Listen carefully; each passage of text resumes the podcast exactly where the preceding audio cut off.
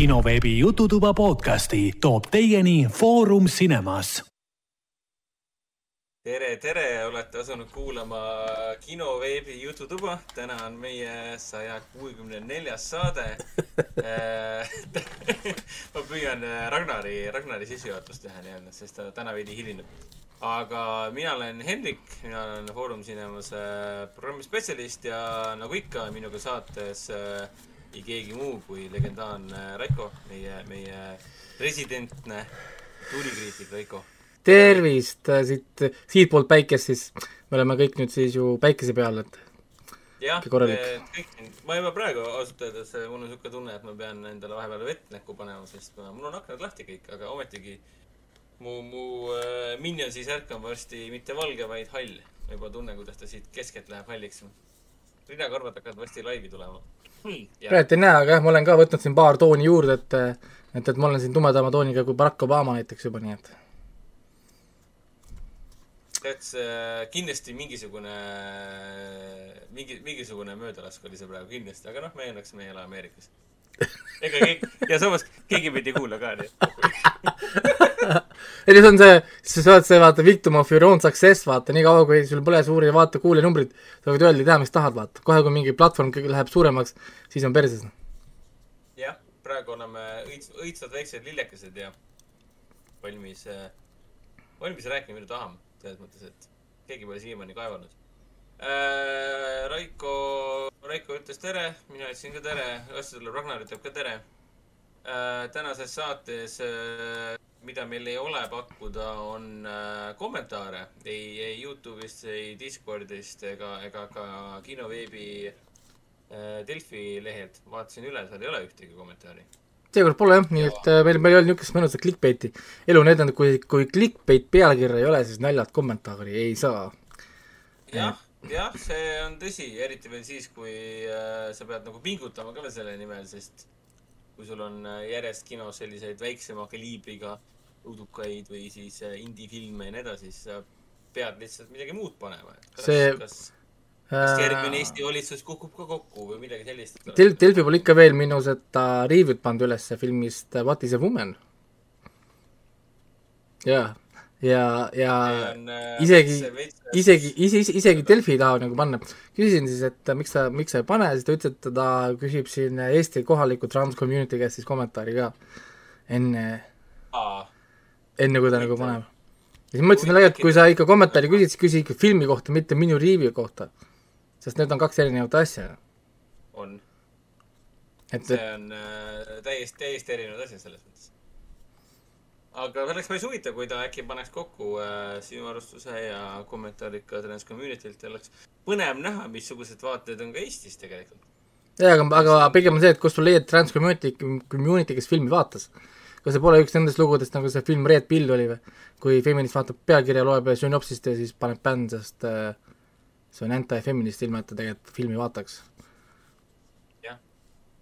noh, nagu ütleme selles mõttes, et äh, mingi, mingi, mingi sarnane story on siin aga äh,, aga kuna meil niikuinii kommentaari pole äh,, me oleme leitav the usual places. jah äh,, kinoveebi Delfi alalehed on leitavad kinosaade.ee, oleme leitavad kõik SoundCloudid, Apple podcast'id, Spotify'd. me oleme Spotify's. kas oleme kunagi üldse kontrollinud, et kas olen küll jaa, olen, mina olen äh, vaadanud ka, ta soovitab mulle pidevalt.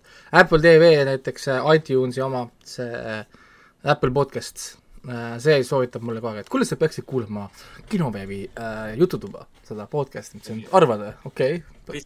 Bitch, I am kinoveebi Jututuba. Jah, I am the danger. jaa, on küll olemas. Äh, probleem on muidugi Delfi taskuga, nii et iga kord, kui ma ütlen midagi Delfi tasku, siis tegelikult mul Delfi taskus ei ole, sest see Delfi tasku see algoritm äh, ja, ja see protsess, kuidas seda siis neid lisatöid toota, sest see automaatne asi võeti maha siin mingi uuendustega, ja no kõik jäävad seal teemaveebi toimetajate kätte ja, ja need asjad ei liigu, meil on seal kokku vist mingi viis saadet, aga me pole ainsad seal, pooled äh, niisugused Ekspress Meedia podcast'id sinna ei jõua, sest äh, jah yeah. yeah selline meie, meie viimane Delfi tasku, mis on üles laetud või noh, üles pandud, oli üheksakümne üheksas episood jah meil on täna saja kuuekümne neljas, just saying, et üldsegi, üldsegi ma tahaksin ka seda öelda, et meil on saja kuuekümne neljas episood. meil on saja kuuekümne neljas episood, mis on üle kolme aasta, üle kolme aasta on see kes, siis kestnud. kes, kes, kes oleks arvanud, et me seda siiamaani teeme nagu, mis toimub tegelikult. aga see on tore. Ja meil on ka püsifännid või nii nagu äh, Stephen King oma äh, laskur või selle Tumeda tonni seeria introdes alati, raamatutes alati kirjutas, et äh, kallis püsilugeja, siis meil on siis nii-öelda püsi, püsikuulajad ja püsivaatajad. nii et äh, Raiko, Raiko higine müts maha teie ees, et te meid vaatate ja kuulate teeb märg ilusti kõik, korralik. sul on see svamm seal all, jah? See müts ongi, ega kuna mul juuksed ei ole, siis ju kõik higi jookseb lihtsalt nagu vihmaveerenn. vaesed kulmud võitlevad nii palju, kui võitlevad ja lõpuks ikka saad seda soolast higi silma endale ja siis silmad kipitavad nii. et kiilakate elu ei ole lihtne. kuule, aga kui järgmine nädal on, me peaksime tegema erisaate väljas lihtsalt. kui järgmine nädal on sama ilm ja kui läheb liiga palavaks, siis otse laivis üks meist läheb, tuleme kõik sinu juurde. Teeme laivis. Te tulete äh, niikuinii süüa ju järgmine nädal ju. jah, ma mõtlen, kuidas seda klapitada, aga võiks olla niimoodi. basseinist, oh, tee, teeme basseinist, paneme sinna selle, sinna keskele selle ja. asja ja istume basseinis basseini eri, me teeme sama asja. basseini eri, siis vahepeal sööd, sööd, vahepeal sööd, sööd grilli natukene. ja, jäätismuugid seal või teine variant on see, kui läheb liiga palavaks, siis keset podcast'i tõused püsti, võtad vooliku, piki nägu. okei, jätkame nice., millest me rääkisime ja kusjuures sellega peab ka ettevaatlik olema, kuna voolikus läheb vesi kuumaks, vaata, peaaegu keevesi on sees seal. pead alguses laskma selle kuuma, kuuma vee eest ära mm. -hmm, mm -hmm, yeah. et, et meil on, lapsed teevad vahepeal seda viga endale, et kõrvetavad ennast. see on jah jõhker, eriti siis, kui sa hakkad jooma jah, tee, see on, see ongi tegelikult surprise, vaata, järgmine laupäev on see sünnipäevapidu ja siis kõik tulevad siia, tegelikult on saade on terve aeg laivis. ma käin kogu aeg mingi telefoni kaameraga ringi kindel nurk valida, strateegiline nurk ja siis, kui keegi hakkab kuskile mujale minema, ei, me peame kõik siin olema. miks? lihtsalt, for reasons.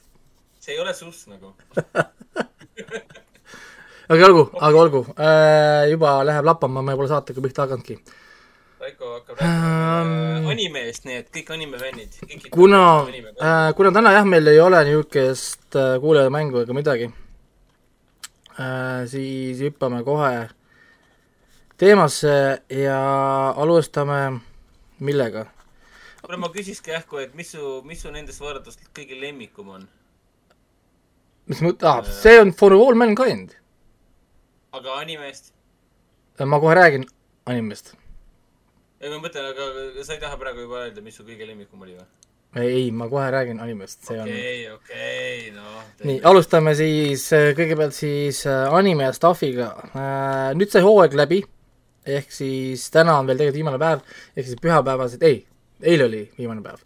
täna juba on siis niisugune lõpetamise päev ja nüüd juulist kohe, ehk siis juba esmaspäevast, teisipäevast algavad juba kakskümmend seitse, kakskümmend niimoodi siin juunis hakkavad juba järgmised pihta siis äh, kevad, äh, mitte kevad, nüüd suvehooajas siis animed ja muidugi osad ju lähevad edasi ja nii edasi. aga vaatame siis korra läbi, mis ma, mis ma siis nüüd siin kevadhooajal ära vaatasin ja mis meil nüüd siis läbi said. mina vaatasin siis äh,, ma olen kõik tegelikult juba, juba rääkinud ka mingil määral, kuivõrd, aga käime korra läbi, et ma vaatasin siis Rising of the Shield Hero teist hooaega, mida ma ootasime paar aastat Skeleton Knight in Another World kaks tuhat kakskümmend kaks omal oli värske. The Great Demon Lord is reborn as a typical nobody uh,, sellel oli esimene hooaeg. Tomodachi Game uh,, Spy X Family ja Trapped in a dating sim the world of Otome games is tough for mobs. ja siis muidugi vaatasin ka spordianimet Ahawashi. nii aga, aga hakkame siis äh, pihta. Äh, üks oodatumaid, mida mina ootasin siis see kevadhooaeg, pikalt oli The Rising of the Shield Hero. kui mina mäletate, see mingi viiskümmend saadet tagasi või mingi aeg, kui ma rääkisin The Rising of the Shield Hero esimesest hooajast, siis see oli väga niisugune hype anime, mille intro oli väga lit. Äh, tegelikult nii kaua ma saangi tegelikult otsida selle intro üles, kohe vaatame, kas meil on kuskil see muusika ka äh....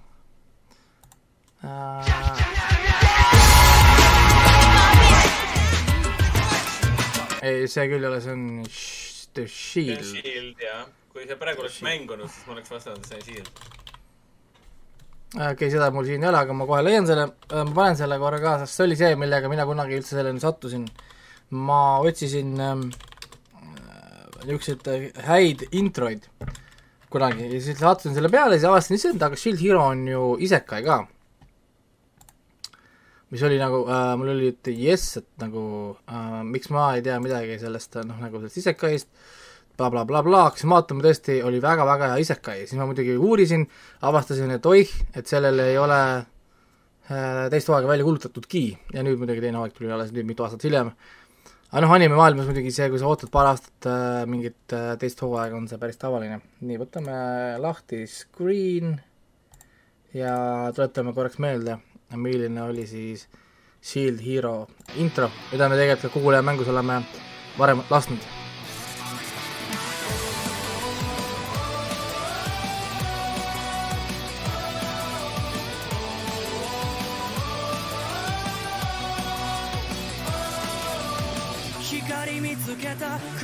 空の時間迷い込んだ宙づりの世界信じられる答え探し求めてよたださまよって Yeah 夜の隙間逃げらないよそ見せてる暇はない受けた傷跡さえが手に静寂切り裂いてく誰も彼も出てはライブ守るだけじゃ can't survive I don't wanna lie to myself Keep on the fight yeah I never heard the cry Keep on the day and night Time to write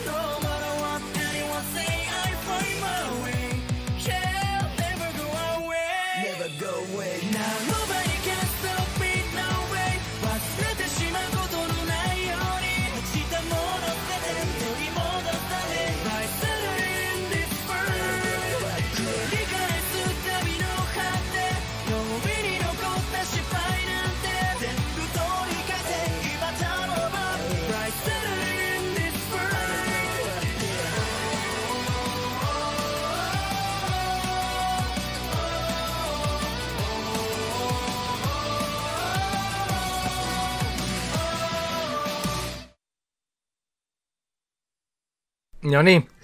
ei, ma, ma mõtlesin, nagu sa lasen väikse klipikese, aga siis jäin nautima ja mõtlesin, et fuck it, teeme siis äh, full intro uh,. jaa, ei, esimene hooaeg tõesti väga hea asi, üheksa, üheksa, üheksa koma viis, tugev niisugune suur isekai, isekai anime, mida siis kõik nautisid, see sai ka pika, see oli kakskümmend viis episoodi niisuguse esimese hooaja. nüüd teine hooaeg oli kaksteist episoodi väga-väga kiirustatud, nad võtsid läbi kaks erinevat arki väga lühikese ajaga ja Äh, põhiline mure ongi, et äh, liiga, liiga kiir-, kiirustatud. ja, ja selle võrra nagu sa ei saanud mitte midagi seda, mis oli siis esimeses hooajas see, mis sind sisse tõmbas, seda niisugust noh, niisugust nagu true underdog story ja, ja kuidagi väga generic. ja ma kardan tegelikult peale seda generic teist hooaega, me, lugu jääb pooleli. arvestades, kui, kui karmilt ja kiiresti antakse anime maailmast cancel'id siis äh, ma kardan, et, et, et Horizon Shield Hero lugu lõpp, lõpp, lõpeb meil siin. aga, aga ma loodan siiski, et, et, et ta suudab edasi minna, aga, aga kuidagi, kuidagi nõrgaks jäi ja noh, võib-olla latt ka liiga kõrgelt, sest esimene hooaeg tõesti, ta tuli niisuguse pauguga sisse, et et, et väga nagu kihvt, hästi palju meeme, hästi head lood, mitte ainult see esimene intro, vaid ka teised introd, teine, kolmas intro, kõik väga-väga head asjad ja, ja tõesti, aga natukene kuskil midagi jäi äh, puudu. Äh, siis äh, järgmine niisugune nimi äh,, mis ma siis äh, vaatasin, kohe võtan äh, listi lahti, on Skeleton Knight in Another World, mis on isekai muidugi, on ju. Äh,, ja, ja täiesti tavaline, ütleme, isekai story.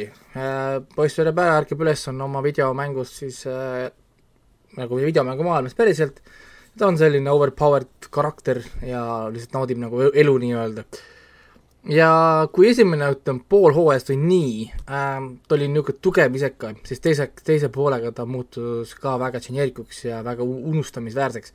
nii et äh, hooaja lõpuks ma pigem ütleksin, et on aeg see cancel ja tõmmake joe välja äh,. lugesin ka seda mangat edasi, et näha, kuhu see story läheb, see ei lähe kuidagi otseselt paremaks, vaid jääbki niisugune natukene nagu kordama, ehk siis oli üks väike hea idee, mis ammendas ennast suhteliselt kiiresti, nii et äh, võib selle skip ida äh,. Siis järgmine isekai ma võin vist öelda järgmine isekai, sest äh, seitsekümmend viis protsenti uutest animetest on niikuinii isekai animed.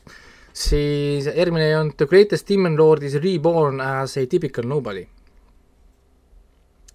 ja siin täpselt sama lugu, mis siis Skeleton Knight in Another World, kus algas väga tugevalt ja, ja teine pool vajus nagu ära, kuigi ma pean nii palju ütlema, et see The Greatest Demon Lord is reborn lõpus tuli tagasi, niisugune kaks tugevat episoodi tegi seda Obi-Wan Kenobit, et äh, päästis natukene lõpus äh, niisuguse hea märuliga ja fanservice'iga ja tõi nagu tagasi.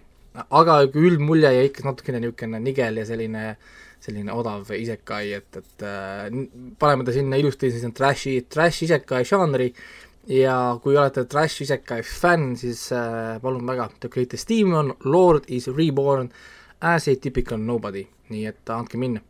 aga nüüd räägime natukene, ma räägin veel, veel ühest äh, Isekaist siis ka, enne kui ma liigun mitte Isekai juurde, oli äh, suur üllatus äh,, mis pidi olema tõeline Trash Isekai, Trash Isekai, nimega Trapped in a dating sim, the world of Otome games is tough for mobs, mis äh, on siis lugu, kuidas poiss satub äh, siis Otoma mängu, kui keegi teab, mis on Otoma mängud, Otoma mängud on äh, nii-öelda need äh, kohtingumängud või noh, nagu romantika valikute mängud, kus kohas ees e, eesmärk on erinevaid karaktereid ära sebida, põhimõtteliselt siis.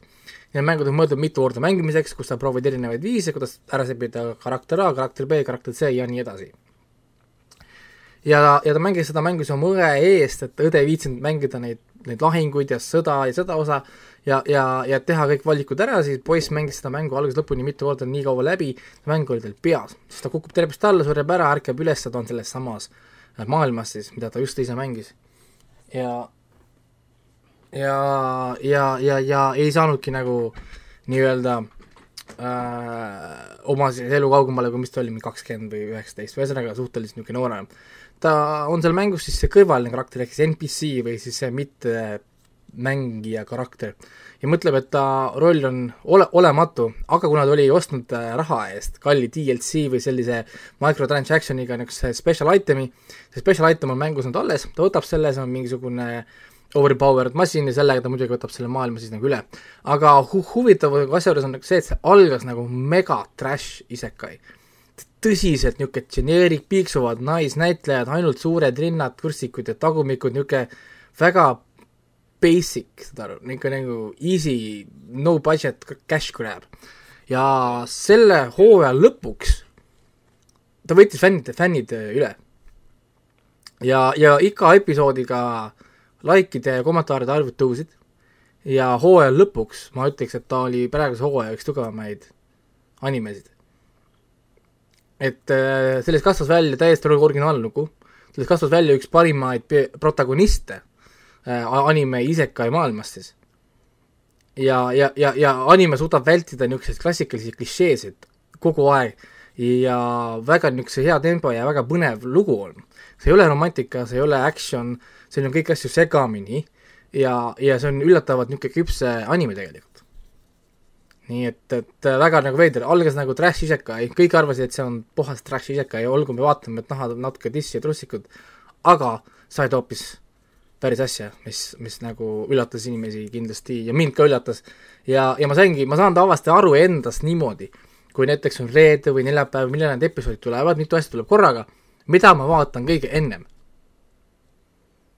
on alati see, mida ma nagu tegelikult nagu noh, tahan näha kõige ennem ja, ja kuidas siis juhtus näiteks, et see Trapped in a Dating Sim tuli samal päeval, kui tuli see äh, kas ta tuli Tomo, Tomodachi Game'iga vist sama päev ja, ja mingi teine oli veel, siis hooaja jooksul ma vaikselt äh, shift isin sellest, et oli ennem viimane, mis ma vaatasin, nüüd muutus esimeseks, mida ma mida ma vaatasin. nii äh,, nüüd räägiks äh, Aoishi äh,, on siis jalgpallianime, kus poiss siis nii-öelda äh, tuleb mitte millestki ja tahab liikuda siis äh, professionaalseks äh, mängijaks. ja Aoishi äh, kurat, ma ei leia seda, aa, sa panid juurde seda praegu? ja mul ei olnud seda siin äh, kirjas. vähe äh,, liiga vähe oli ikkagi. jah et äh, see on niisugune klassikaline spordanime, aga ta ei ole selline niisugune ülefantaseeritud, umbes nagu on see Kung Fu, Kung Fu Hustle ja need, äh, mis oli Shaolin Shock, Shock Soccer stiilis animed. see on niisugune päris anime, ta proovib olla niisugune nagu professionaalne jalgpallur, liikuda profijalgpalluriks ja siis ta värbab, teda värbab Jaapani kõige kuulsam jalgpallur, kes näeb temas potentsiaali ja, ja siis ta, meie näeme tema lugusid läbi selle spordikooli, kogu selle protsessi, on ju. siis äh, esimene hooaeg ei jõua tegelikult mitte kuskile. ta liigub nagu tohutu aeglaselt, nagu spordianime liigub, spordianimet peab vaatama väga kannatlik inimene, sest need võtavad tohutult kaua aega. a la klassikaline spordianime, meil tuleb korvpallimatš, terve hooaeg on see üks korvpallimatš selles mõttes nagu, et, et jaa, et te peate nagu selles mõttes nagu spordianime fännina arvestama, et see ei ole mingi no põlged roosad spordianime umbes on nagu Dragon Ball Z on äh, nii-öelda nagu brawler või kaklus animetele. Et kui Dragon Ball Z-s on, ma ei tea, episood sada kolmkümmend üheksa algab, ma ei tea, Goku versus äh, Friisa fight, siis ära imesta, kui sa vaatad sedasama Friisa fighti veel episood sada kaheksakümmend juures. sest viimased äh, nelikümmend üks e-, episoodi nad kaklevad. nagu nii et, äh, et teatud asjad lihtsalt võtavad kaua aega. siis umbes nii nagu Demon Slayeri teine hooaeg või noh, see kolmas hooaeg nii-öelda. jah. Üks, üks korvpallimatš nii-öelda. ja, ja siis äh, Aoi-, Aoishi nüüd liigub edasi, ehk siis ta jätkab. tema ei jää, jäta pooleli oma hooaja kaheteistkümne peale, vaid lippab edasi kuni kahekümne viieni. ehk siis äh, siin pausi ei tule. ta paneb sujuvalt edasi, kuni ta jõuab siis nii-öelda nagu noh, lõpuni. ma lugesin selle manga juba ära, sest ma ei viitsinud oodata, ma tahtsin näha Äh, kuhu see lugu nagu läheb, ma lõpuks nägin, kuhu see lugu läheb, see on huvitav asi, mida oodata, kuid vaadates, kui kiiresti liiguvad episoodid versus siis peatükid äh, lugudes, siis ma arvan, et see lugu jõuab alles sinna viiendal-kuuendal hooajal, mida see tõenäoliselt ei saa. nii et jah äh,, pigem investeerida võib-olla aega kuskile mujale või vaadata, kas Ao-, see Aoshi üldse jõuab kuskile või, või nagu mitte äh,. Nüüd räägime kahest äh, kõige tugevamast äh, ja populaarsemast siis animest kevade hooajal, mis, mis nüüd olid aa ei, mul on siit veel üks puudu. kurat, ma kus sa, kus sa võtad neid ja kuidas sa jõuad neid vaadata üldse? no anime on kakskümmend minutit, noh, episood, selles mõttes. ja, ja kui sul on, kui sul oleks iga päev kolm animet, millel tuleb kakskümmend episoodi, minutit on tund, tund aega tegelikult ainult. kuule, kas mu mikker on liiga nõrk või? Äh, ta võib-olla natuke kaug-, kaugel oled, aga ma kuulen sind hästi muidugi ähm.... kas sa kuuled, kas sa kuuled mu häält? noh, see oli nüüd palju parem, jah. Aa, okei okay,, mul tuli üks kõr-, üks kõrvalt tuli üks äh... okei okay,, ma just mõtlen, et, et äh, okei okay,, see selleks, ma siis täna Laavis voorist ei räägi, sellest Kagurast. see, tähendab mitte Kagurast, vaid Kagu ja sama Laavis voor, Ultramatic finaali oli ka mis siin pani fänne nutma siin ja, ja kolmanda hooaja suur finaal oli. aga, aga selle äh, Kagu ja Saama loo jätame kunagi mõnda äh, teise saatesse. Äh, täna lõpe, lõpetuseks siis kevadhooajast ma räägiks Spy X Family'st ja räägime Tomodachi Game. nii äh,, Spy X Family on siis selle hooaja nii-öelda nagu võitja, kui me võtame populaarsuskommentaare, vaatenumbrid ja skoori, siis selle skoor IMDB-s on kaheksa koma üheksa ma nüüd mainin, mis on väga-väga-väga kõrge äh, nagu skoor. oota, oota, mis, mis animest sa nüüd räägid? Spy X Family. okei okay,, väga hea. aa, sa oled varem rääkinud sellest? Jaa, mina andsin selle üheksa punkti kümnest, ta on minu selle hooaja lemmik üldse kõikidest. ma ei ole selles mõttes kuidagi mingi unikaalne, vaid see oli tõesti kõikide lemmik oli ja kui vaadata näiteks Crunchyrollis näiteks, kui keskmine tavaline episood saab seal nelisada kommentaari, midagi sellist, siis X Family saab kakskümmend tuhat ja kakskümmend viis tuhat kommentaari. lihtsalt teha nagu võrdluseks. ja, ja siis see väikene Anja, see pere, pere, peretütar võttis kõik äh, igasugused nandgag'id ja meemid ja gifid üle, on ju, see on siis see uus äh, kelle näoilmed ja niisugune stuff'id on kõik uued gifid, mida me igal pool näeme, see roosade juustega väikene mõtete lugeja meil siis. see väike armas tüdruk, jah? jaa, ja, ja ma tuletan meelde, millest kirjast ta räägib, see räägib siis ühest maailma parimast spioonist, kellele antakse põhimõtteliselt võimatu missioon äh,, mille jaoks ta peab äh, ühte kooli saama sisse, et saada ligipääsu ühele mehele, kellest sõltub maailma saatus, see pole oluline, see missioon tegelikult. aga selleks, et sinna kooli sisse saada, tal on vaja tütart, siis ta võtab äh, hoolde, mitte hooldekodust, vaid orbude kodust ühe tütre, talle antakse kõige halvem ja kõige mõttetum äh, nende mõttes tüdruk, kes seal on, kes on tegelikult äh, üleloomulike võimetega mõtete lugeja väikene Anja, kes on siis kuskilt põgenenud a la nagu Eleven Stranger Things'is. ta võtab selle tütre endale ja, ja, ja siis tal on vaja ka naist endale kuskilt leida et äh, olla nii-öelda nagu päris perekond, et hakata seda müüma siis sellele koolile, kes võtab ainult põhimõtteliselt niisugust trad-, traditsioonilist perekonda vastu ja selle jaoks ta leiab oma enda arvates tavalise naise, aga see naine on tegelikult palgamõrtsukas, ehk siis meil on selline Mr and Mrs Smith äh, teema käimas siis. ja see on komöödia, see on niisugune väga südamlik, öelda, öeldakse, südant soojendav komöödia ja tõesti selle möödunud kevadhooaja hitt siis. enne kui ma siit liigun edasi, meil on, Ragnar on tagasi. Tere! Ragnar, tšau! küsimus on ka, kas tal on kaamera, tähendab see mikrofoniga, sest see mikrofon tundub veitsa olevat kaevamat või kaugel, et äkki on mingi muu mikrofon tal. aga ei, vist, vist on ikka õige, lihtsalt oli, tundus, et korraks kajas. pikemalt midagi? oota, nii. siin on, on, siin on kõik õige. kas minu helivenna kõlab ka nagu vaikselt või? no ma ei saa aru, ma keerasin lihtsalt sinu volüümi juurde veits.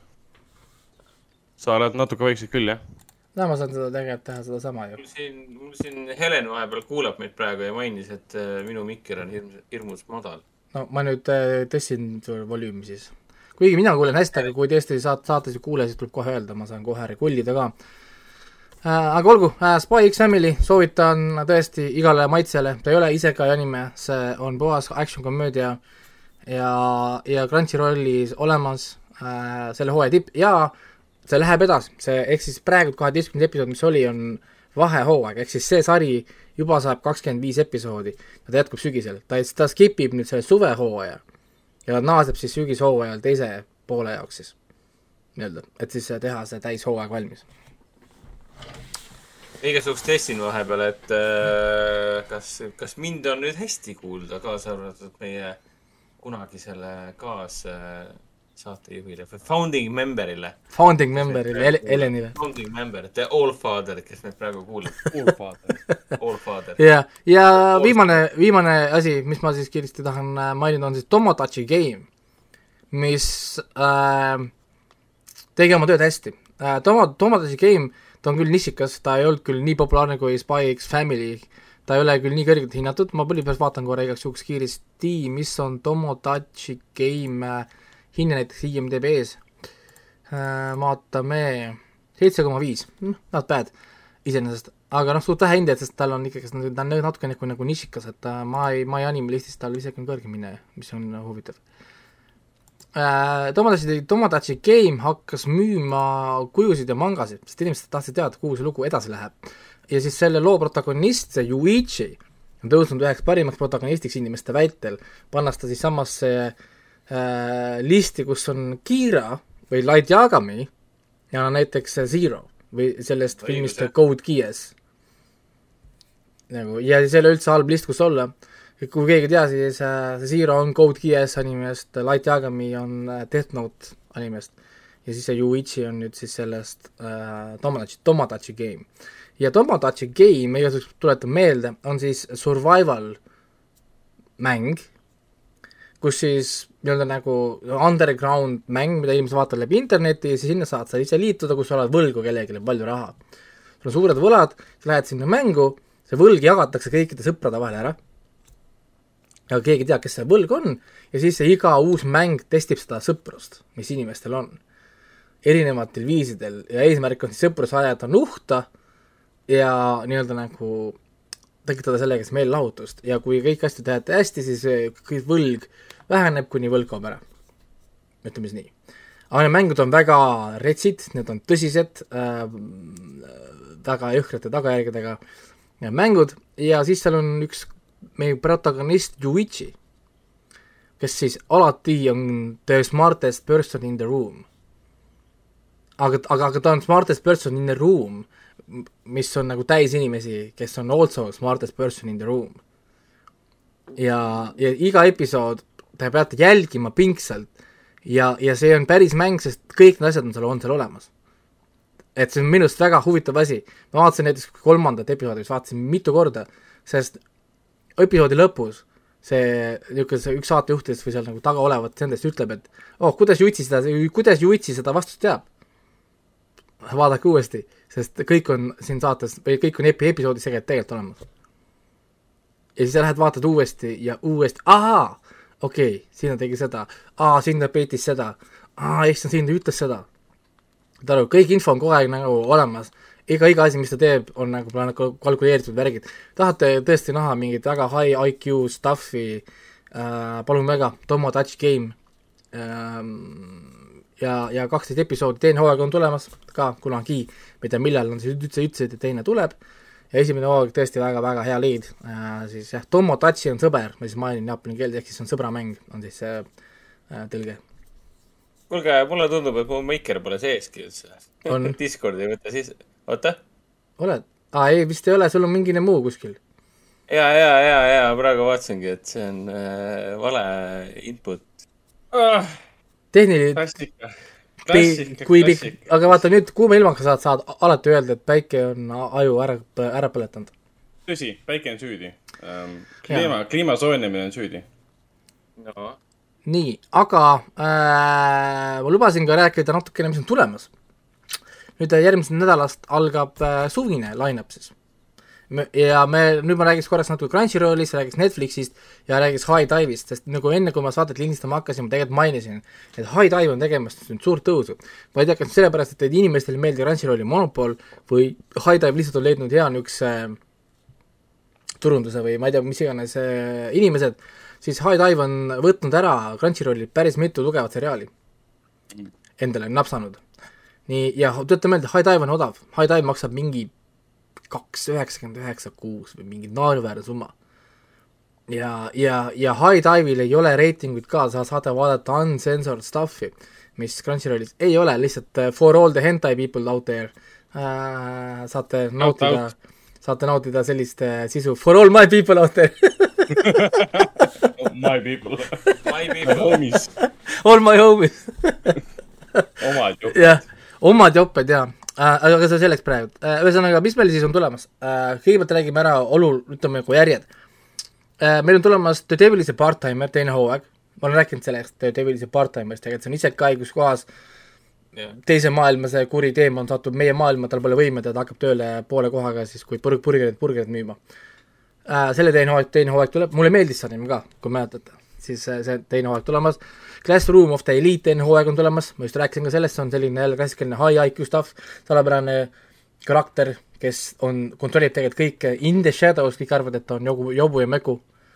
ehk siis see on tulemas, teine hooaeg nii, mis meil veel on siis tulemas, mida kindlasti äh, peaks vaatama? Pole palju, nelikümmend, viiskümmend animet on tulemas, aga ma vaatasin, noppisin välja mõned niisugused, mis, mis pakkusid nagu huvi ähm,. isekai anime, eks. Ma lihtsalt just saying niikuinii tuleb mingi kakskümmend isekaid, aga mis tundub olema üks huvi, huvitavamaid isekaisid, on äh,, mis see ingliskeelne pealkiri on, The girl from the other side.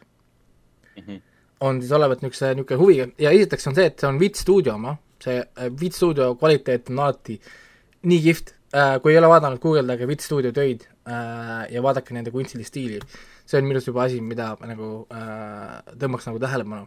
aga, aga mis see meil on, esiteks ta on Cruncyrollis saadaval Euroopas, ehk siis me näeme seda äh, by default ka, ei ole vaja VPN-i ega midagi ja lugu on siis selles, et noor tüdruk, ühesõnaga väikene tüdruk satub siis isekai maailma ja saab selle parimaks sõbraks teemoniga. ja hakkavad siis koos tegema nagu lugu ja, ja ma- miks ma seda tõin selle välja, sellepärast et My Anime Eestis äh, see manga, mille põhjal see põhineb, on mega kõrgelt hinnatud manga. Ehk siis tähendab, tähendab seda, et algmaterjal peab olema tugev. ja, ja Beat Studio pluss tugev algmaterjal nagu why not, et äh, vaatame, kuhu, kuhu see nagu läheb. siis kolmkümmend üks juuli peaks alustama äh,, mis ta oli, Futo BI. ehk siis see on siis see Kamen Rideri äh, universumis olev story. kui Kamen Riderit olete vaadanud, ma ei tea, kas inimesed on tuttavad äh, Kamen Rideriga, mina isiklikult ei ole kahjuks. okei okay,, ühesõnaga ta Kamen Rider on tegelikult tuttav äh, tuttav nagu lugu, siis see on lihtsalt nii-öelda nagu selle universumi siis nagu spin-off, kus kohas siis, mis see oli, Shotaro Hidari, issand, mis teine oli? pean kirja panema endale siia. ühesõnaga, see teine on tema see sõber, mingi Philipp vist või mis ta oli, ühesõnaga nemad laasevad ja siis nendel on oma seriaal Futo BI lihtsalt äh, kui Kamen Rider meeldib, siis ma ei näe ühtegi põhjust, miks ei miks ei peaks vaatama äh, Futo BI, natukene aega ka, sest ta tuleb alles juuli lõpus, nii et selles mõttes ta nagu liigub edasi äh,. mis ma veel panin siia kirja endale on, nüüd tuuakse meile Odd Taxi tuuakse seriaalina tagasi, mis on muidu nagu film, aga nüüd me saame nagu äh, movie adaption into TV series kind of stuff. ma ei oska öelda, Odd Taxi film oli päris hea, aga, aga inimesed on pannud siia niisuguse endale oodatud listi, ma tõin, tõin ta välja, kuigi minu enda listis ta tegelikult otseselt ei ole, et ja muidugi noh, Isekai äh,, Black Sammus, Black Summoner tuleb Isekai, ehk siis Reborn in another world, become powerful summoner bla, bla, blablabla, on ju, aga kuna see on Isekai, ma tean, et Isekaid on populaarsed, inimestele meeldivad Isekaid, kaasa arvatud mulle meeldivad Isekaid, siis äh, mainime ära siis, et Black Summoner on ka siis tulemas äh,. Nii, mis meil oli, Studio Nomadi poolt ma vaatasin välja äh,, ma ei tea, kas on pool Isekai või, aga on Dropkick on my Devil Lily X ehk siis äh, selline nimi äh,. ma tean sellest väga vähe, aga kuna ta oli jälle seal Isekai listis, siis äh, hot, siis äh, mõtlesin, et, et tundub huvitav.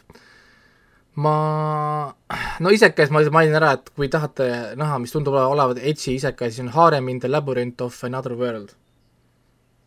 Just saying, et nagu Geni-, geniaalne jälle, väga su-, fantastiline pealkiri, ma tahaks olla seal ruumis, kui nad mõtlevad neid pealkirju ja, ja, ja selle sünopsis on ka lihtsalt nagu nihuke effort on pandud siia, siia taha, et selle sünopsis on selline.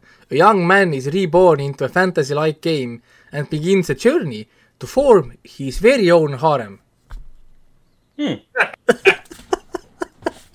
iga noore mehe unistus. lihtsalt ja. nagu ja, ja poster on ka selline, et tšikil on tagumik taga ja tissid ees ja täpselt ei, nii, nagu need bioloogiliselt olema peavad. oota, mis see pealkiri oli? Harem in the labyrinth of another world ah, juba, juba endis okay.. Hendrik juba guugeldab paneb watchlist et äh, aga ei, meil on veel tulemas, meil on äh, teine juuli juba, ehk siis äh, järgmine nädal alustab Engage Kiss, mis on äh, mitte Isekai, aga räägib Demon Hunteritest ja, Monster Hunteritest, mis on alati tere, teretulnud variant, kui ei ole Isekai teema, et saad vähe puhata. Nii, mis meil siis veel oli niisugune pool Isekai jälle, Lucifer and the Biscuit Hammer, ehk siis meil tuleb võõrast maailmast tulevad koletised ja, ja keegi peab need äh, maha võtma Äh, My Hero Academia viienda hooaja ovasid saab vaadata, mis nüüd lõpuks tulevad välja, kui need pakuvad huvi, siis tegelikult Doctor, Doctor Stone'i special episood tuleb ka välja äh,. ma mõtlen, mis see veel on niisugune, niisugune huvitav äh,. Ah, vaatame korra teisi tegelikult, need on kõik praegu Crunchyrolli asjad, mis ma olen kirja pannud. Crunchyrollist tuleb tõesti, issand, kui palju asju tuleb Crunchyrolli väga-väga-väga palju. nii äh,, seda ma mainisin, et Aoshi läheb edasi, Baruto läheb edasi, Baruto ei saa kunagi otsa äh, Kingdomi neljas hooaeg tuleb ja Digimon Ghost Game ka ja muidugi One Piece läheb edasi, no shit. no mida, Digimon, Digimon. Digimon pole kunagi saanud otsa. nii, aga kes mõtleb äh,, kus on Overlord näiteks, siis ma mainiksin ära, et äh, Overlord on äh, high di-, läheb, läheb high dive'i äh,. Overlordi leeras hooaeg, mis on tegelikult selle suvi hooaja kõige oodatum anime ja teine suur asi, mis on oodatud, on siis see Is it wrong to pick up girls in the dungeon, neljas hooaeg, see läheb ka high dive'i. Crunchyroll neid, neid ei saa Ar. arvatavasti. kui nüüd, kui nad muidugi nüüd seda kuidagi regi-, regiooniti ei hakka ära nagu jagama. mis on selles mõttes noh, nagu ka. aga vaatame, mis veel tuleb, High Dive tuleb Cardfight Vanguardi äh, kolmas hooaeg, Made in Abyss, Golden City of the Scorching Sun teine hooaeg uh,, Call of the Night, Tokyo Mew Mew Mew Tokyo Mew Mew Mew. ei, see on Mew Mew New ah.. Tokyo Mew, nagu Mew Mew New, nagu Mew Mew uus. Uh, Prima Doll, Doomsday with my dog, My Isekai life, I gained the second character class and became the strongest sage in the world uh,. siis tuleb Vermilling Gold, League of Nations, Air Force, Aviation, Magic Band, Luminous Witches kaks tuleb tuleb ka, tuleb ka sinna. Netflixi tuleb äh, see, mis oli, Kagekuru Twin tuleb äh, animest, Cyberpunk Edge Runnerisse tuleb jälle, ehk siis järgmine Cyberpunki ootan oma yeah, Cyber yeah., Cyberpunk kaks tuhat seitsekümmend seitse forever. jah, siis tuleb Drifting Home, Uncle, Uncle from another world ehk siis äh, Isekai äh,, Äh, Bastard, Heavy Metal, äh, Dark Fantasy kolm ja Disneysse tuleb ka esimene anime, Disneysse tuleb Tatami Time Machine Blues, mis on siis Disney plussis.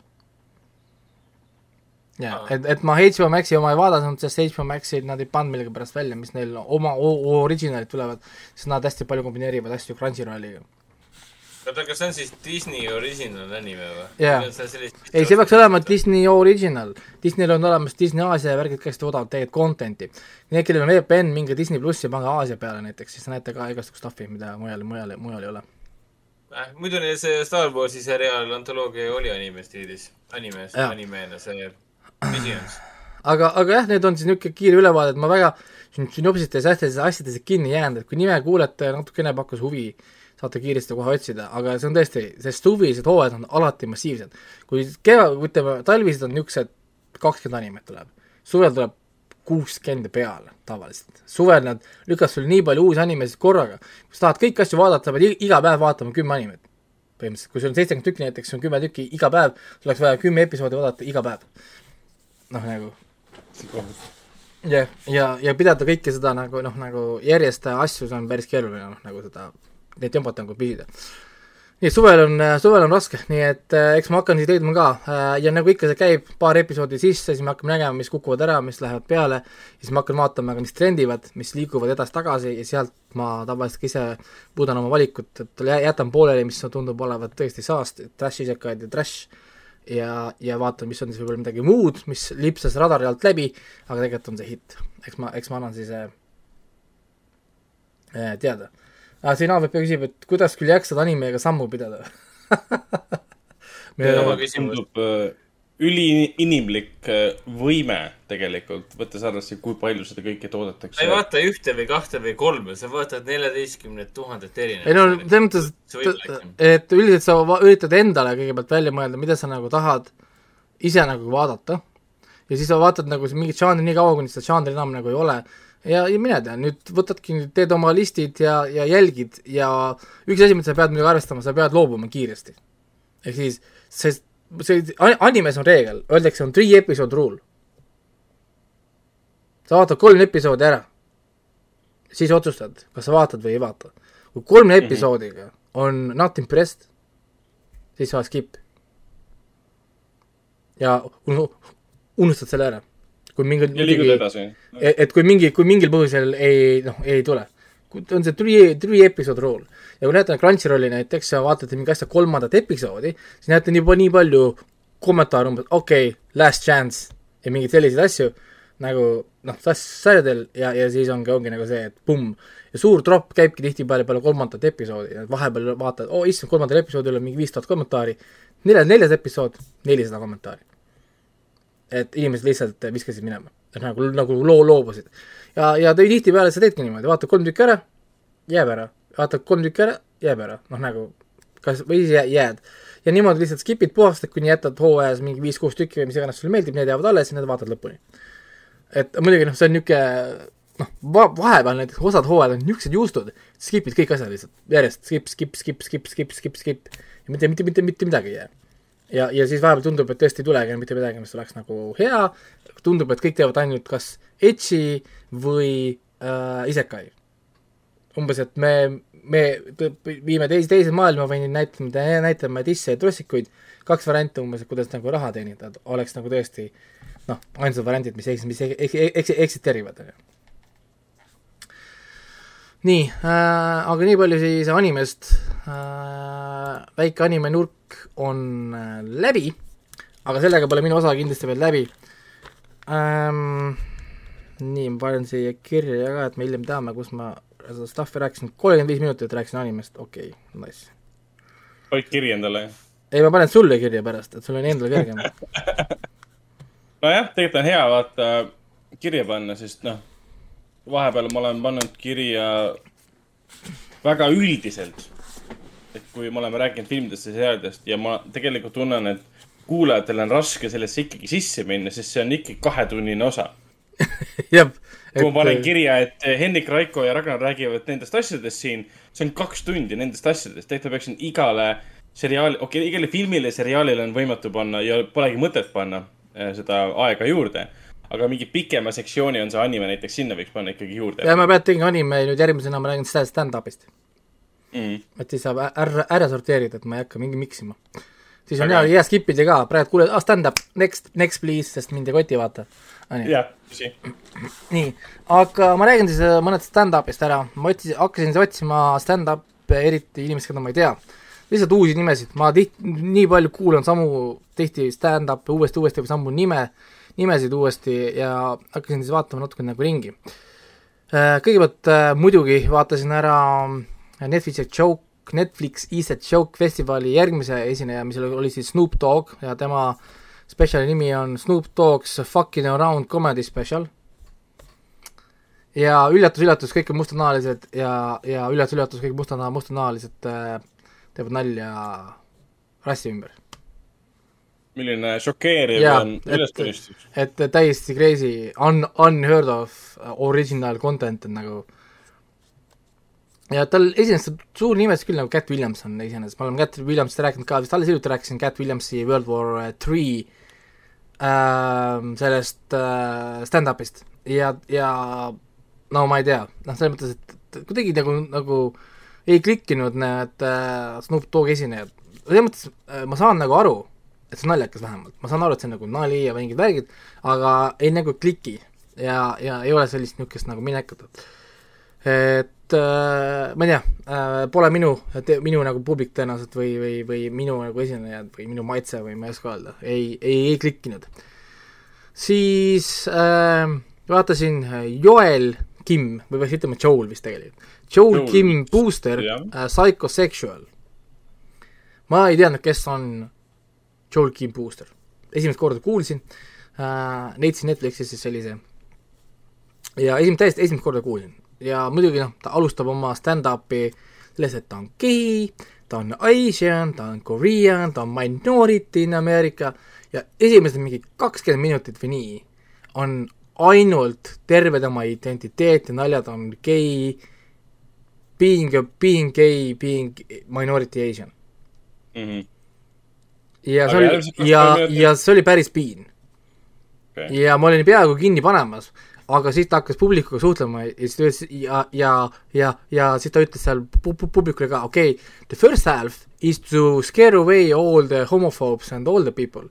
Now the, now the, now the second uh, part is jokes for everybody. That everybody can relate to. ja, ja seal ma hakkasin ka naerma, seal tegelikult tulid head naljad, seal ta võitis mind ümber ja kolmas mulle meeldis kõige rohkem, ta keeras veel nagu vunki juurde, aga al-, algus oli tõesti nagu niisugune väga cringe, niisugune, lihtsalt mitte naljakas, aga niisugune awkward, niisugune piinlik pigem. aga mulle tohutult meeldis esiteks punkt üks, see Joel Kim Booster, kes iganes ta on, ta on ebanormaalselt enesekindel. sa, sa, sorry, nagu, nagu nii, nii enesekindel ikka olla, ma ei tea ebanormaalselt enesekindel. jaa, ikka nagu next levels nagu, nagu confident on ju. teiseks, ta oskab suhelda rahvaga mega hästi. põhimõtteliselt ma olen vaadanud, ma tea stand-up'e, ma ei tea, kui kuradi palju stand-up'e ma olen vaadanud, siis väga harva sa näed neid, kes suhtlevad publikuga väga hästi, see on see, mida näiteks Jimmy Carr teeb minu arust oma, omajagu hästi, ta suhtleb publikuga.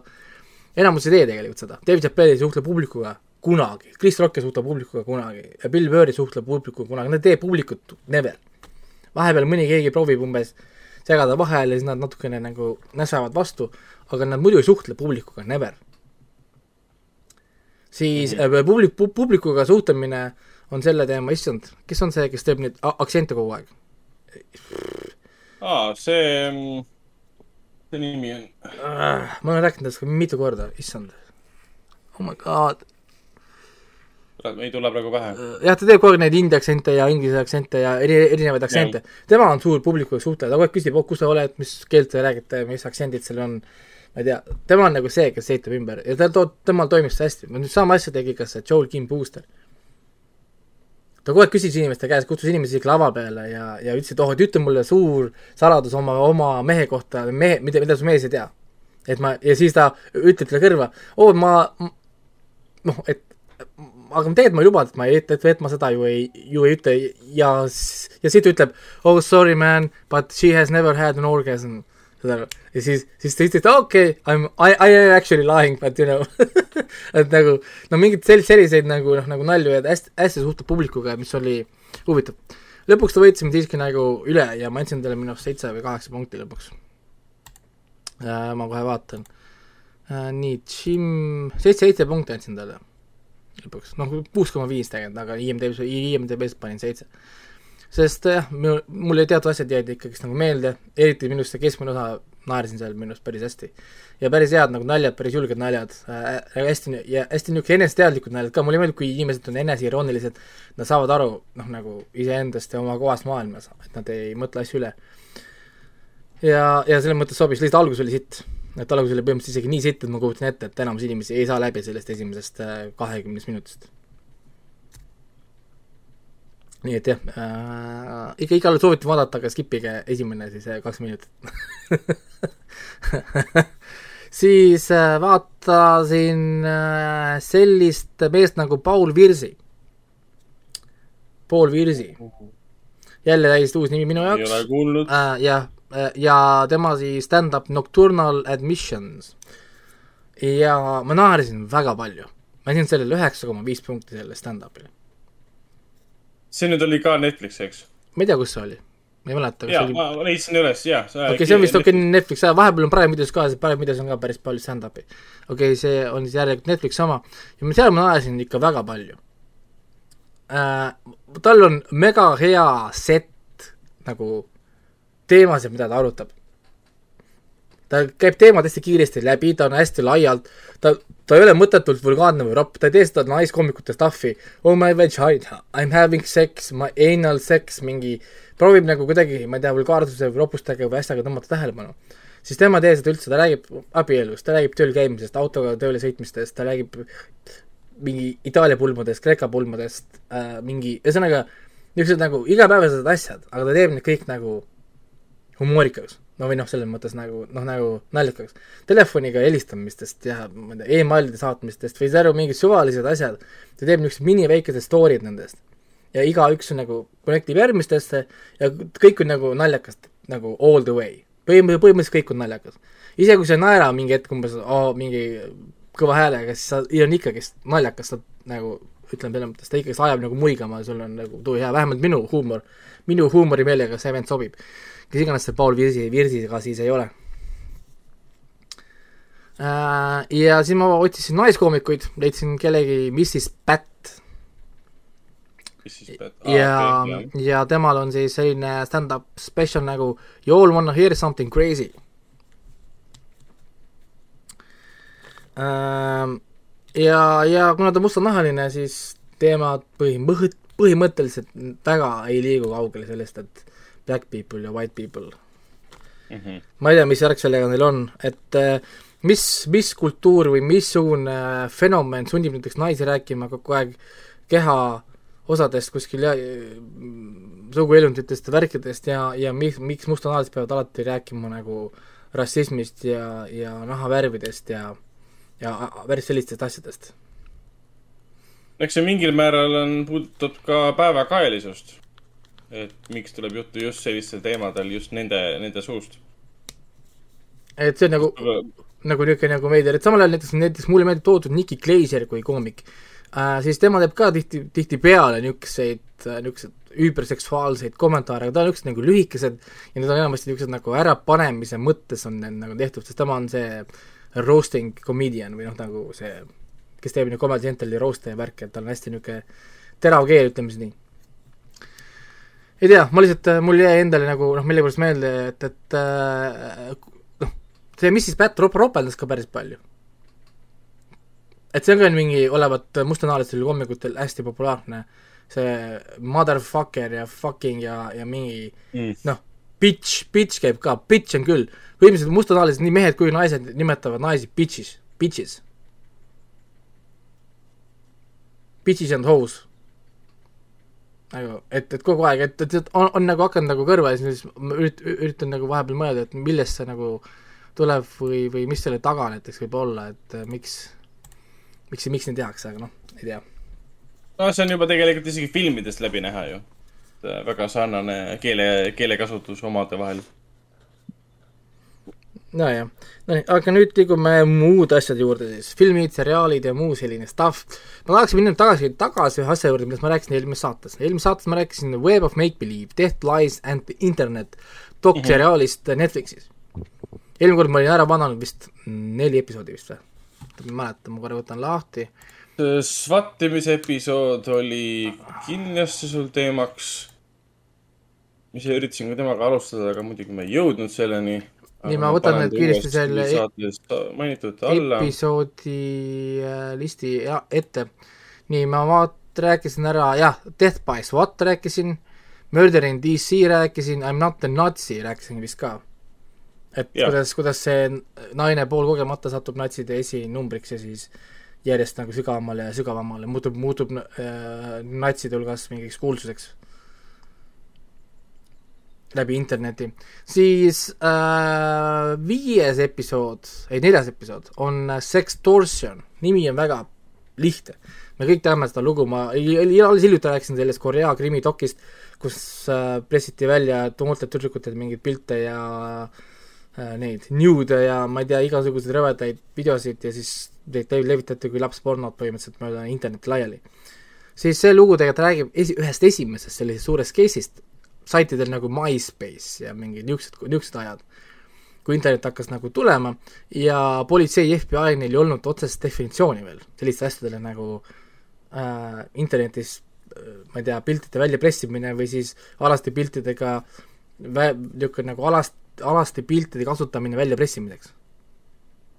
Neil ei olnud väga niisugust nagu infot ja siis see Sextortioni lugu tegelikult räägib, kuidas kõik need esimesed siis niisugused ohvrid läksid nagu politseisse, nad korjasid nagu infot ja siis tekkis üks politseinik, kes mõtles, et olgu, et ma hakkan seda uurima, korjas palju infot ja siis selle infoga läks siis Homeland Security juurde, kes siis lõpuks, kui nägi, et issand, siin on nii palju infot, siin on tegelikult nii palju stuff'i, hakkas seda lugu nagu uurima ja sealt nagu tegema. noh, nagu põhimõtteliselt, siin tegelikult midagi uut ei ole ja see ei olnud, arvestades neid lugusid, mis me oleme kuulnud, see oli väga leebe. mingi vend häkkis naiste email'e ja siis põhimõtteliselt küsis pilte või, või, või ta juba leidis mingid pildid ja siis kasutas neid pilte umbes, et teha mingeid fake, fake kontosid ja, ja asju ja värke. aga olgu äh,, tegelikult, mis ma tahtsin rääkida sellest on äh, see viimaselt kaks osa, The Stingray, mis on siis ka kõrge, kõrgemalt hinnatud siis episoodid, ütleme sellel äh,, sellest siis äh, äh, dokumentaalseriaalil siis. Ja need on pikad episoodid, no mõlemad mingi tund aega episoodideks kokku, mingi põhimõtteliselt kahetunnine põhimõtteliselt dokumentaalfilm siis, ja The Stingray. ja, ja see on tõesti, see on väga crazy lugu, millest peaks tegema Hollywood filmi see on uskumatu tõsieluline lugu, mis on nagu, nagu noh, raske uskuda, et see on nagu tõsi, aga kõik osalejad on seal, kõik asjad on nagu seal ähm,. lugu algab siis väga lihtsast asjast, et internet on tõusuteel ähm,, e-Bay'd ja või need asjad kõik järjest tõusevad ja siis üks mees ükspäev mõtleb, et äh, ei, vaatab telekat kodus ja siis näeb, et üht, ühed mingid nukud, Beanie Baby nukud olid vist äh,, on, on, on kõik välja, välja müüdud, aga lapsevanemad tahavad neid osta ja nad maksavad tuhat viissada dollarit, kaks tuhat dollarit e-base nende eest. On mingid karunukud või? mingisugused nukud olid, mingi va-, va-, va, nagu whatever ja siis mees mõtleb, mis on, aga see on läbi interneti. Läheb, ostab mingid suvalised koopiad, värvi, värvib neid sama värvi, need äh, nukud, ja müüb seda kui nagu päris, kasutab valet pilti, et müüa e-base tood-, toodet. Ja inim-, üks inimene ostab nagu ära selle, äh, saadab talle siis vale, vale nagu toote ja, ja siis äh, tema lihtsalt vastab sellele pärast kliendile, kui klient kurdab, et see on, pole vale, see on vale, vale toode, aga tal on ju tootekirjeldus kirjas, et see on ju äh, Beanie Baby like product. okei okay. ja, ja siis, siis ta hiljem kirjeldab, et aga hiljem hakkas mõtlema, miks ma üldse neile saadan midagi. et ma ei pea tegelikult üldse midagi saatma ju, ma lihtsalt võtan ju raha ära. okei okay.. jah, ja, ja siis äh, sellest algas niisugune huvitav lugu, et otsis omale partnereid siis kuriteos, siis ta leidis ühe häkkeri, häkkerite foorumitest ja gruppidest, kus nad siis arutasid omavahel skeeme või trikke, kuidas mida läbi interneti teha. leidis ühe, ühe huvitava venna, kes siis oli niisugune nagu aldis ja osavam siis võib-olla teatud asjadega kui nagu teised. ja siis seesama vend äh, aastaid hiljem, noh muidugi ta SKS eskaleeruvad, ta peagi see noh, kaotas Bondi on ju, see lugu, need väiksed skeemid siin ja väiksed skeemid seal, erinevad mingid müügid ja värgid, müüs seal piraatmänge ja piraatsaite, igasuguseid niisuguseid stuff'e tegi internetis, no ta- tegid ka torrenteid ja levitasid filme ja asju. proovisid kõiki asju läbi interneti noh, nagu teha oma väikse niisuguse grupiga. ja siis ta jõudis ühe huvitava ideeni, vaatas jälle telekast või nägi mingit, et surnud, nägi mingit surnuaeda, hakkas mõtlema hmm,, kas surnud inimeste eest saaks esitada tuludeklaratsiooni ja küsida makse tagasi. Ja, ja tuleb välja, et saab küll. ja, ja, ja siis ta hakkas neid esi-, neid esitama, neid tulu, tulu, tuludeklaratsioone, korjas sealt raha, sai sada tuhat, kakssada tuhat ja summad läksid muidugi suuremaks, suuremad summad muidugi tõmbasid ka tähelepanu ja peagi, peagi FBI sai selle venna kätte.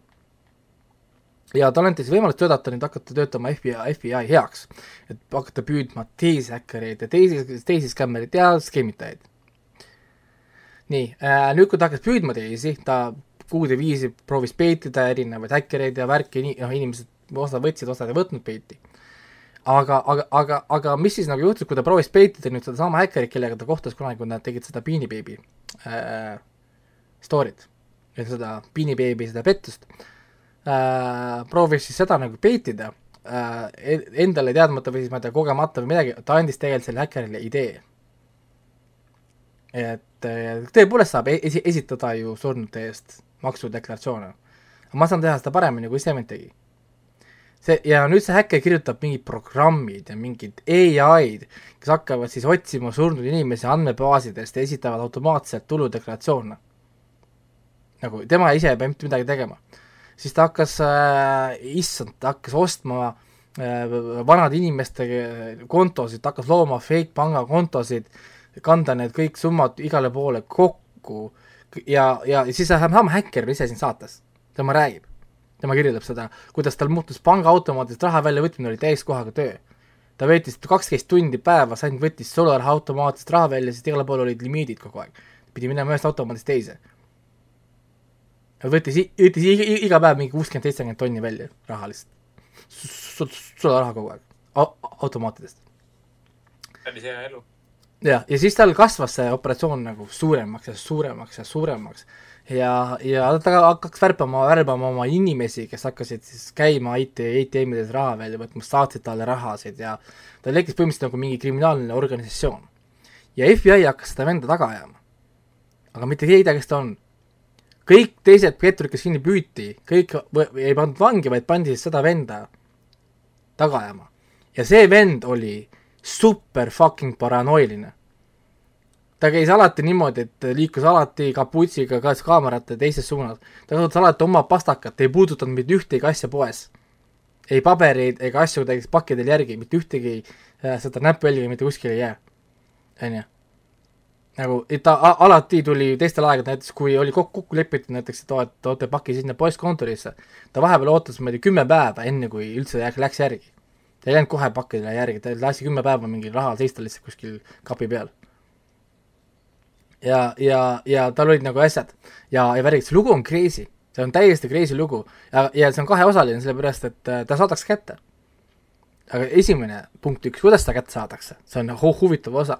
tegelikult ta pole nii, see pole spoiler tegelikult, see on päris eluline lugu. aga põhimõtteliselt see käib niimoodi, ma siis äh, ja jagan teile infot, et minu arust see on nii geniaalne lugu. See nimi, The Stingray, on hästi-hästi oluline punkt siin niimoodi, äh, siin on nüüd kolm sündmust pidi juhtuma, et see häkker jääks vahele.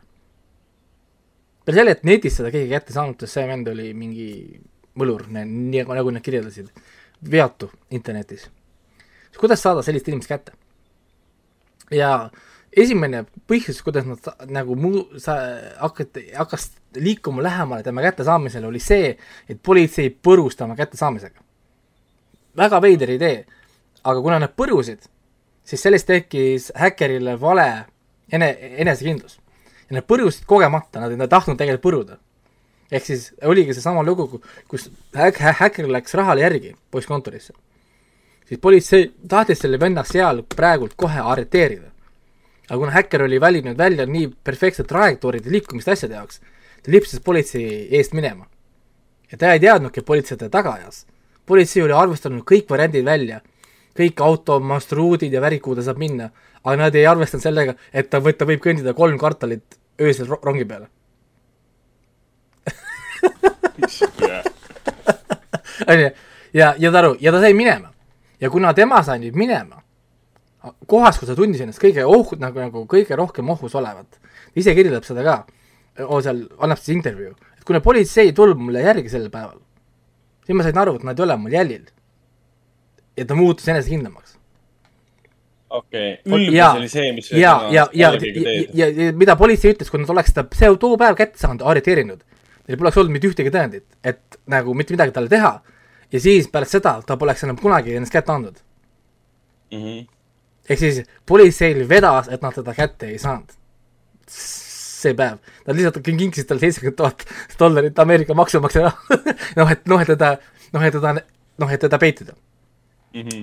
nii, siis järgmine viga, mis tuli sellest ene-, ene-, enesekindlusest, nad said ühe IP aadressi, ühe korra mingist kümnetest tuhandetest ülekannetest või asjadest, keegi avastas, kuulge, meil on üks äkki IP, IP aadress tekkinud. ja siis nad a- a- avastasid, et see IP aadress on kasutu, sellepärast et see kuulus sellele wifi kaardile, kunagi olid wifi, wifi kaardid arv-, arvutitesse käisid, vanal jälle ajal, täna on hotspotid ja muud asjad, wifi kaart. mida sa teed selle wifi, wifi, kaardiga, kui ta net- näitab, näitab sulle, oo, et ta on kuskil, ma ei tea, Harjumaal nice, aga mida ma selle infoga teen? ja häkker teadis seda. et tore, et sa tead, et ma olen kuskil, ma ei tea, Lõuna-Californias on ju, good luck with that on ju, noh nagu, noh, nagu mida see sulle annab, noh nagu. ja, ja siis, mis siis juhtus, oli siis see, et äh, politsei võttis täpse ordeni venna kortermajasse ainult selle IP aadressi järgi ja saa-, ja ta saadi kätte. ja siis kohe seesama päev, kui ta istus, istus õhtul kongis, ta ei olnud isegi nagu flustered, vaid ta istus, istus maha, mõtles, kuidas? kuidas politsei mind kätte sai? ja ta joonistas kogu terve politsei case'i paberi peal lahti. Algusest lõpuni informatsioon, mida politsei sai teada, mida ta ei saanud teada ja paberi pealt ta sai aru, et siin peab olema mingisugune salajane te tehnoloogia mida ametlikult ei tohi kasutada. sest täiesti ametliku tehnoloogiaga nad poleks kunagi saanud teada, kus ta asub. ja ta otsustas ise hakata iseennast esindama kohtus. ja siis sest ta teadis, et ta saab politsei võtta vahele sellega, et nad ei saa kasutada. jaa, aga küsi-, küsimus, küsimus oligi, mis asi see oli? Ja siis otsustas iseennast hakata esindama kohtus ja siis iseenda advokaadina ta hakkas küsima kõikvõimalikke dokumente ja uurimisdokumente. ta luges läbi iga viimse kui kogu uurimisega seotud dokumendi ja ühest emailist mingi ajakirjaniku või mingisuguse inimese vahel käis, käis läbi sõnapaar The Stingray. et, et me kasutame mingit asja, mis on The Stingray ehk siis see nimi ja siis ta hakkas uurima seda The Stingray'd ja Stingray on tegelikult selline seade, et, kui sa paned selle auto, auto, auto, politseiauto külge, siis see muutub nagu selleks äh, telefonipostiks või telefonijaamaks. ja kui sa sõidad sellega läbi, läbi, läbi naabruskonna, sa korjad kõik telefonid korraks iseenda külge. ja sa saad kontrollida, kus mingi IP aadress on ja kui sa sõidad ümber natuke aega ringi, sa korjata seda informatsiooni nii palju, et sa saad põhimõtteliselt korteri teada kus ta nagu asub. jaa, ja, ja, ja, ja point selles, see vend mõtles selle välja, selle, et milline, kuidas tehnoloogia pidi toimima, et ta vahele jääks. ja, ja nüüd tal oli olemas alus, millega minna kohtusse iseennast kaitsma, sest pro-, pro-, pro-, probleem oli selles, et orden võeti ainult tema jaoks, siis kuidas politseil oli õigus kuulata tavakodanike telefone, et teda leida ja, ja sellest tekkis suur skandaal Ameerikas, see oli ennem, kui oli ju see Edward Snowden ütles, et Ameerika valitsus sind kuulab. Siis äh, see oli enne, ennem seda, NSA teema vist. jah, ja see oli ennem seda, saad aru. ja, ja täiesti crazy oli nagu see, ta läks sellega kohtusse. ma ei, ma ei ütle, kuidas see kohus nagu läks, aga tulemuseks oli see, et see vend kõndis välja vanglast. jah. vend lihtsalt kõndis vanglast välja. täiesti uskumatu tegelikult. ja ta läks Ameerika valitsuse vastu, USA valitsuse vastu läks, läks kohtusse. ja, ja aga nad olid nii lootusetus olukorras, et nad olid sunnitud kasutama midagi sellist, et ta kätte saada. tegelikult see näitab nagu seda, kui, kui nurka surutud nad olid. ja, ja, ja, ja, ja kõik, kõik tõendid, mis leiti, tulid sealt korterist. mm. -hmm. aga kui korterit sa poleks tohtinud leida, sul ei ole tõendeid. nagu ütleme siis nii. ja, ja point oli selles, siis tema korterist leiti rohkem raha kuna, kui ta oli Ameerika valitsused varastanud, sellepärast et oli nii tark investor, et oli rohkem, et ta oli selle rahaga teeninud rohkem raha, kui ta võttis, ehk siis riik jäi plussi ah. USA riik jäi plussi tema äh, vargustega täiesti uskumatu. ja, ja, ja ta on ise siin saates ja ta ise räägib sellest, tema on väljas, ta tegelebki nüüd petturistega ja petturitega, ta aitab kaitsta inimeste isikuandmeid, ta ongi nüüd mingi isikuandmete krüpteerija ja töötab mingi sellise stuff'ina. aga ta no mis ta nimi oli? äh,, issand, mis ta nimi on, ma ei tea, see peaks olema see Daniel Ring-, Riigmeiden või? oota ma kohe ütlen. jah, Daniel jah, Daniel Riigmeiden on ta nimi jah. Ja minu arust see on nii crazy story, siin on nii palju nüansse ja nii palju nagu niisugust stuff'i ja ja seda julgust ja see venna nagu ülbust, vend võetakse vahele. ja tema esimene küsimus on, kuidas? This couldn't happen. Something is wrong. ja, ja vend siis mõtleb selle paberi peal välja enne, enne kui ta leiab tõendeid, siin peab olema mingi asi. sest ainult selle järgi, mida, mida saab teha ja mida on võimalik saada olevat, ei, poleks kuna- kuna- kunagi me pidanud leidma. Mis oli minu arust nagu nii nagu crazy, siis ülbust ka, fuck it, ma esindan ennast ise. et, et äh, päris, päris nagu crazy ja ma saan muidugi öelda ka, et kui enamasti inimesed iseennast esindavad, see on jumala failure, nad põruvad, on ju, noh nagu asjad on vaata paigast nagu ära, siis see vend esindas ennast nagu professionaalne advokaat. kõik argumendid, kõik asjad õigel ajal, õiges kohas, paberid täidetud, kõik perfecto, et tal oleks olnud nagu, nagu nad seal ütlesid, et, et, et uh, high paid as uh, lawyer. Et kõik oli õige ja fancy. et millal teeb Hollywood filmi sellest? et see oleks minu arust nagu noh, see tüüp on üsna noor mees, et äh, selles mõttes, et äh, see summa, mis ta küsib oma loo eest kindlasti on päris korralik. võib-olla sellepärast ei olegi veel filmi tehtud. noh, võib-olla, võib-olla keegi siis äh, aj- ajab seda nagu noh, nagu taga, et siin on ka mingid kohe peale seda Netflixi doki on need erinevad artiklid. Where is uh, Daniel right now ja mingid värgid mm.. Mm -hmm. kuigi ma vaatan, et nagu peavoolumeedia temast üldse ei kirjuta. no neile ei meeldi ikkagi see, et nad ei taha võib-olla promoda neid äh, elukutselisi kurjategijaid, et ta oli ikkagist ju skämmer. ja, ja proovisin äh, guugeldada ka selle Netflixi doki pealkirjaga seda antud episoodi ja küllaltki raske oli, ma ei tea, teada-tuntud saite leida. Mis on nagu veider. no see oli näiteks, nagu keeravad selja sellele. aga lihtsalt noh, nii nagu crazy on minu arust nagu see, et, et, et teda ähvardati eluaegse vangistusega. ah, fuck it, ma esindan ennast ise. julge, julge vend ikka. noh, nagu, et noh, niisugused, niisugused asjad noh, nagu, et ja, ja ei, tema kommentaarid ka asjad, on ikkagist väga selle vastu muidugi, isikukaitse, kaitse ja värkide vastu ja, ja nope, et sellised seadmed ei tohiks üldse eksisteerida. Sest eh, noh, vabandus oli see, et me otsime ühte inimest, et me siis selle asemel rikume, ma ei tea, saja tuhande teise inimese privaatsust, et noh, nagu no kahtlane. see on põhimõtteliselt sama asi, mis juhtus äh, Nolani Dark Knightis. kus ta kasutas seda, põhimõtteliselt sama Stingray. ja, ja seda, seda seadet, et ta leid üles ju. kogu linna. kaardistamine oli vist. Jaa, kogu linna kaardistamine, kõik telefonid, jaa. oli jah selline värk. Okei okay,, nii, aga selge uh,, ma ra- raskan aega siin uh,. nii uh,, võtame mingid crap'i siin, mis ma kilistasin kokku, nii, Netflixist Snowflake Mountain uh,. nii, nüüd vist uh, Discord otsustas, et on uh, pange vaja panna. kohe on tagasi pilt. selle saate Discord lihtsalt vajab puhkust. ja ta uh,, Äh. ta tegi puhkuse korraks nüüd siin, ma tulen tagasi. see Discordil on küll viimasel ajal järjest rohkem teeb seda, et ta paneb kogu aeg äh, pange lampi lihtsalt. aga olgu äh,, nii, Snowflake Mountain on mingi uus reality tv show, mis on eriti kringel, üks episood me koos naisega vaatasime ja me ei suutnud rohkem, rohkem enam äh,. mingisugused kahekümne viiesed, kolmekümne aastased, kes elavad kodus vanematega koos, mingid ekstra Twitter, kolme Twitteri kontoga, mingi he, he, she pronounce idega, whatever äh, kontod, need on kõik siis pandud kokku ja viidud metsa umbes, et nad oleks siis nii-öelda nagu võimelised enda eest siis äh, seisma vaatasin selle treilerit. ja see on päris halb, väga suurt kannatust on vaja, et sellest nagu rääkida, et huh. mitte, mitte rääkida, tähendab äh, suurt kannatust on vaja, et vaadata, ütleme siis nii, see on äh, ah, halb idee minu arust, ütleme. ra raske, raske vaate, vaatepilt vist või?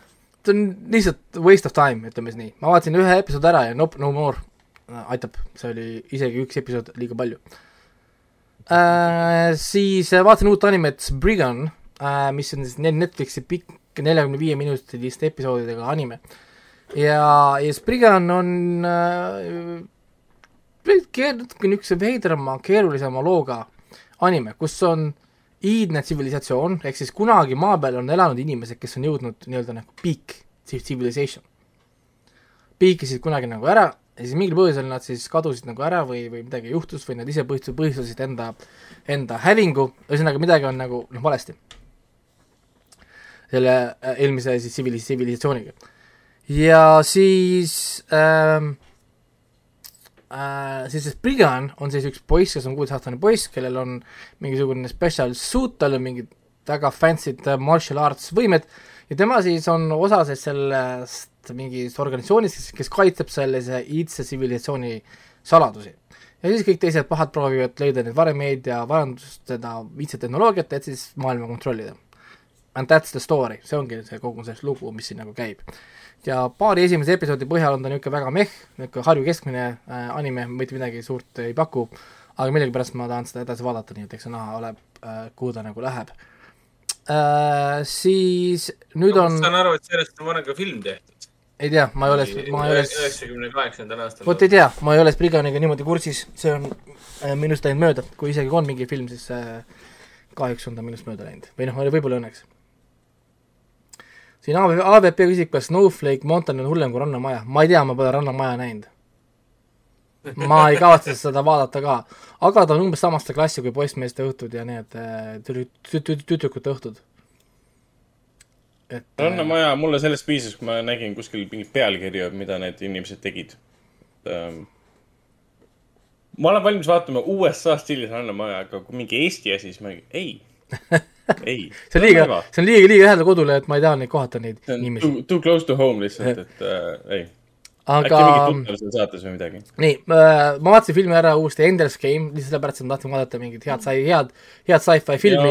ma vaatasin teda ilusti suurel ekraanil, ta on selles HBO Maxis olemas ja väga kihvt, ilus, mõnus action, action äh, packed on tõesti. film, lõpp on ikka nii powerful, see viina, viimane battle seal.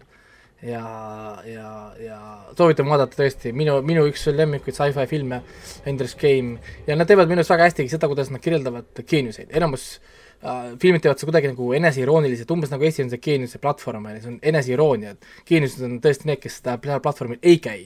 kõik ülejäänud võivad seal käia, see on umbes nagu, ma ei tea, meil on see äh, mis meil veel on see, uued uudised, mis tegelikult on kõike muud kui uued uudised, on ju, ehk siis niisugune lõputu eneseirooonia käib kogu aeg nagu läbi.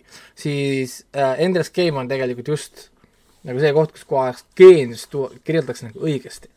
ehk siis it's not about what you, what you think you are, it's about what you do. või noh, kuidagi ku, ku, ku, ku, kuidas see siis nagu käib nii-öelda um,. mulle meeldis see, aga ma ei, ma ei mäleta sellest filmist eriti midagi. ma käisin kinos vaatamas. tähendab, tähendab, ma mäletan seda filmi küll, ma lugesin enne seda ka selle Orson Scott Cardi filmi ära. raamatu. raamatu lugesin läbi isegi. ja ma mäletan, et nad midagi muutsid seal. ma lugesin selle raamatu ammu läbi, isegi enne seda, kui see jaa, aga sellel on ju mitu järge tegelikult ka, et aga, aga, Jaa, aga, aga nagu aga, aga nagu filmil ei ole ju tulnud järge, film jääb pooleli tegelikult, et äh, film, mis tal oli, kas ta oli flop, mis seal teema oli? aa ah, jaa, budget sada viisteist teenis sada kakskümmend viis. Ai. ai, ta ei olnud väga edukas film lihtsalt. ei, olnud jätku, ei olnud jätkusuutlik, võib vist nii öelda. no teenis korralikult, aga ta oli lihtsalt liiga kallis. jaa, pa-, palju CGI-d oli seal aga ilus oli küll, see, see poiss mängis hästi ja Harrison Ford oli seal äge. jaa, siin mängib ju see ju, see äh,, see tšikk sellest äh, Hawkeye'st, issand. Hailey, Hailey, Hailey Stenfield Jaa, Hailey. Stenfield Stanfield on siin jah, koos selle Eisa Pat-, Pat-, Butterfieldiga. mm. -hmm. aga ei äh,, tõesti äh, väga hea sci-fi film, ajale ei pidanud vastu ilma ühegi pro-, probleemita, 4K tuleb välja, kindlasti tahan saada seda, see on äh, see on, see on easy pie, minu arust no nii nagu puhas sci-fi lugu, nad üldse ei raiska aega. Nad keskenduvad ainult nagu noh, meil on see, see, see, meil on, meil on vaja seda, seda, seda teha. nii, aga nüüd liigume Enders Game'i 4K Blu-ray on täitsa olemas ju. okei okay,, siis äh, peaks vaatama äh,, kas ta kuskil kodule lähemal ka kuskil on olemas. Amazonis on ta mm, aga on. HBO Maxis on ta 4K-s olemas niikuinii ju, ei ole või? ei, HBO Maxist ei olnud nelikast, oli tuhat kaheksakümmend. issand, kui tolmuaeglik, okei okay. no jah, pettumus. Väga suur pettumus. pesend, Peasant fuckers. jah, nii, aga olgu äh,, liigume edasi, aeg läheb äh,. siis ma vaatasin ära kõik Umbrella Akadeemia kolmanda hooaja kohe, juba. kohe, Ah, ma ah, ei ah,, kohe, sama päev lihtsalt hakkasin vaatama nii kaua, kuni kuradi torus tuli Mm. mis mõttes ma hakkasin ootama äh,? nii palju ma ütlen, et Umbrella Akadeemia kolmas hooaeg on kõige nõrgem hooaeg aa, äh,. aga äh, kolmandal hooajal on siis uus oht jälle äh,. teine hooaeg lõppes siis cliffhangeriga, kus nad siis hüppasid tagasi oma aega, omasse ajajoonde, see oli, sorry, kui te nüüd tänasel pole hakanud vaatama, siis äh, see on kuradi main premise okei, no jah. et nad hüppasid äh, tagasi omasse aega ja nägid, et asjad on muutunud ja Umbrella Akadeemiast on saanud Sparrow Akadeemia ja seal elavad hoopis teised inimesed. et what the fuck is going on. Nüüd siis see hooaeg siis lahendab seda muret, meil on see Umbrella Akadeemia versus Sparrow Akadeemia ja uus maailma hävitav või potentsiaalselt universumit hävitav oht, millega nad peavad siis kõik tegelema äh,. hea uudis on see äh,, hea uudis on äh, see, et Viis enam ei kanna seda sarja üksinda. kui esimese kahe hooaja järgi selle venna selg on kuradi terasest, et ta seda, kogu seda sarja kannab, siis Viis saab lõpuks omale seltsi ja Klaus, Klaus kõikidest kõik, kõikvõimalikest karakteritest hoopis Klaus on see, kes tõuseb ta kõrvale ja hakkab koos temaga kandma. aga kõik ülejäänud karakterid on endiselt mingi mõttetu paperweight nagu, see ei tähenda, et see sari on halb äh,, kindlasti mitte, selles mõttes, et äh, Viis on lihtsalt nii hea karakter, et ta võib tõesti kanda ja just jo- jooksutada nii palju. Aga nad pidid teda nerfima päris palju, et seda lugu rääkida, sest kui ta oleks esimese ja teise hooaja viis, see main story oleks läbi mingi teise episoodi lõpuks. ja, ja nad, ja nad tegid ta ise tegelikult natukene nagu mõistlikumaks ka, sest ta on väsinud ja ta on vana, ta on kõige vanem karakter, kuigi ta on poiss, on ju, seal sarjas. ta tegelikult on kõige vanem karakter, spoiler, ta on väsinud ja ta on, ta tahab nagu minna erru. siis äh, Awkward oli siin muidugi see, et äh, Ellen Page Elliot. läks üle Elliot Page'iks, sarjas läks ta Vanjast üle Victoriks ja selle asemel, et teha seda sci-fi stiilis, ehk siis me oleme universumis, kus nad saavad hüpata ajas, nad hüppa vahetavad dimensioone, nad on ajajoones, kus neil on topeltgängerid, siis äh, ei, nad otsustasid teha seda sellega, et oo oh,, kuulge, meil universum on otsas, et aga sa pead mulle ütlema nüüd hi ja siis me pidime kuulama seda viis korda, kuidas ta kõikidele erinevatele oma õdedele ja vendadele pidi seletama, mida see tähendab. ja siis mul oli, siis mul oli küll nii, et äh, timing, people. Timing. The universe is fucking dying, it's not important. It doesn't matter. ja ja, ja, ja Vanja karakter nüüd siis on ka mega nörfitud ka, et siis ennem oli ta nii all powerful, mis iganes, nüüd on ta pets. et jah, kolmas hooaeg andis kõvasti järgi, väga palju tegelikult järgi, ütleme siis nii. kui teine hooaeg oli võib-olla kõige parem hooaeg, esimene oli niisugune tugev kaheksa koma viis, teine hooaeg niisugune üheksa, võib-olla üheksa koma viis, siis ma ütleksin, et äh, kolmas on mingi kuus koma viis. et korralikult tõmbas, tõmbas ikkagi tagasi et äh, päris korralikult tõmbas nagu tagasi ja, ja suur kadu tegelikult ongi nüüd see, et viis ei ole enam nagu pukis. ma, see on nagu hea, et viis pole pukis, aga teistel karakteritel ei ole tegelikult seda nagu, nagu sisu, et seda üle, üle, üle, üle, üle, üle võtta. see sari võiks olla niimoodi, et sul on ainult viis ja see oleks sama hea sari. kui see terve, võtad selle terve ülejäänud Umbrella Ak- Akadeemia ära, see on ikkagi sama hea sari ja siis sul on terve hunnik karaktereid, kes lihtsalt on nagu arendamata, tegemata kolme hooaja jooksul, mis on nagu noh, nõrk, millega te, millega te tegelete seal. aga Klaus nüüd, ma räägin, kolmanda hooaja niisugune üllatus on see, et Klaus on nüüd nagu päris karakter lõpuks. et meil on nüüd lõpuks kaks, kaks karakterit siis sarjas, kus, mis räägib kuradi tervest kuradi ansamblist karakteritest, meil on nüüd Klaus ja meil on nüüd viis. Sa ütled, et päris karakter, kas siis varasemalt äh, kahe hooaja jooksul tema karakter oli kuidagi välja arendamata? täiesti ära arendamatu ah, okay. ja teised on siiamaani te tegemata. Vanja, Viktor tegemata, kõik see Luhter tegemata, kõik on lihtsalt tegemata, neil pole isegi ti- kohati ideed, mida karakteritega edasi teha mm. -hmm. nii et selles mõttes Umbrella Akadeemia, ma arvan, on on its way out, ütleme siis nii. Kui nad tõesti neljandal hooajal mingit ime ei tee, mis on tulemas väidetavalt äh,, siis, siis, siis, siis äh, ei tea. kurb natukene, ma olen suur Umbrella Akadeemia fänn, ega ma ilmaasjata seda esimesel päeval ära ei binge inud. ilus pilt ja, ja väga kihvtid story'd, storyline'id, aga natukene hakkas väsitama see, et tõesti liiga ühe karakteri ümber on erinevalt The Boys'ist, mis tõesti suudab nii palju karaktereid noh, toita samal ajal ja see ei ole ainult Karl, Karl Urbani ja Anthony Starri teema. Muidugi, rääkides The Boys'ist äh,, kuna te pole vist viimast episoodi veel vaadanud, siis äh, kaks osa ainult vaadatud. sorry, see viimane e- episood, see Hero Gasm, no nii palju kuulnud sellest juba. iga kord, kui sa mõtled, okei okay,, et kuulge, et poiss, et see, ma olen juba kõike näinud, on ju, või noh, nagu et et, et, et ma juba tean, mis siin kõik tuleb ja siis tuleb oh,, oodake poisid, check this out Hold my beer ja vaatad episoodi, see on nagu holy shit, see on äh, päris crazy.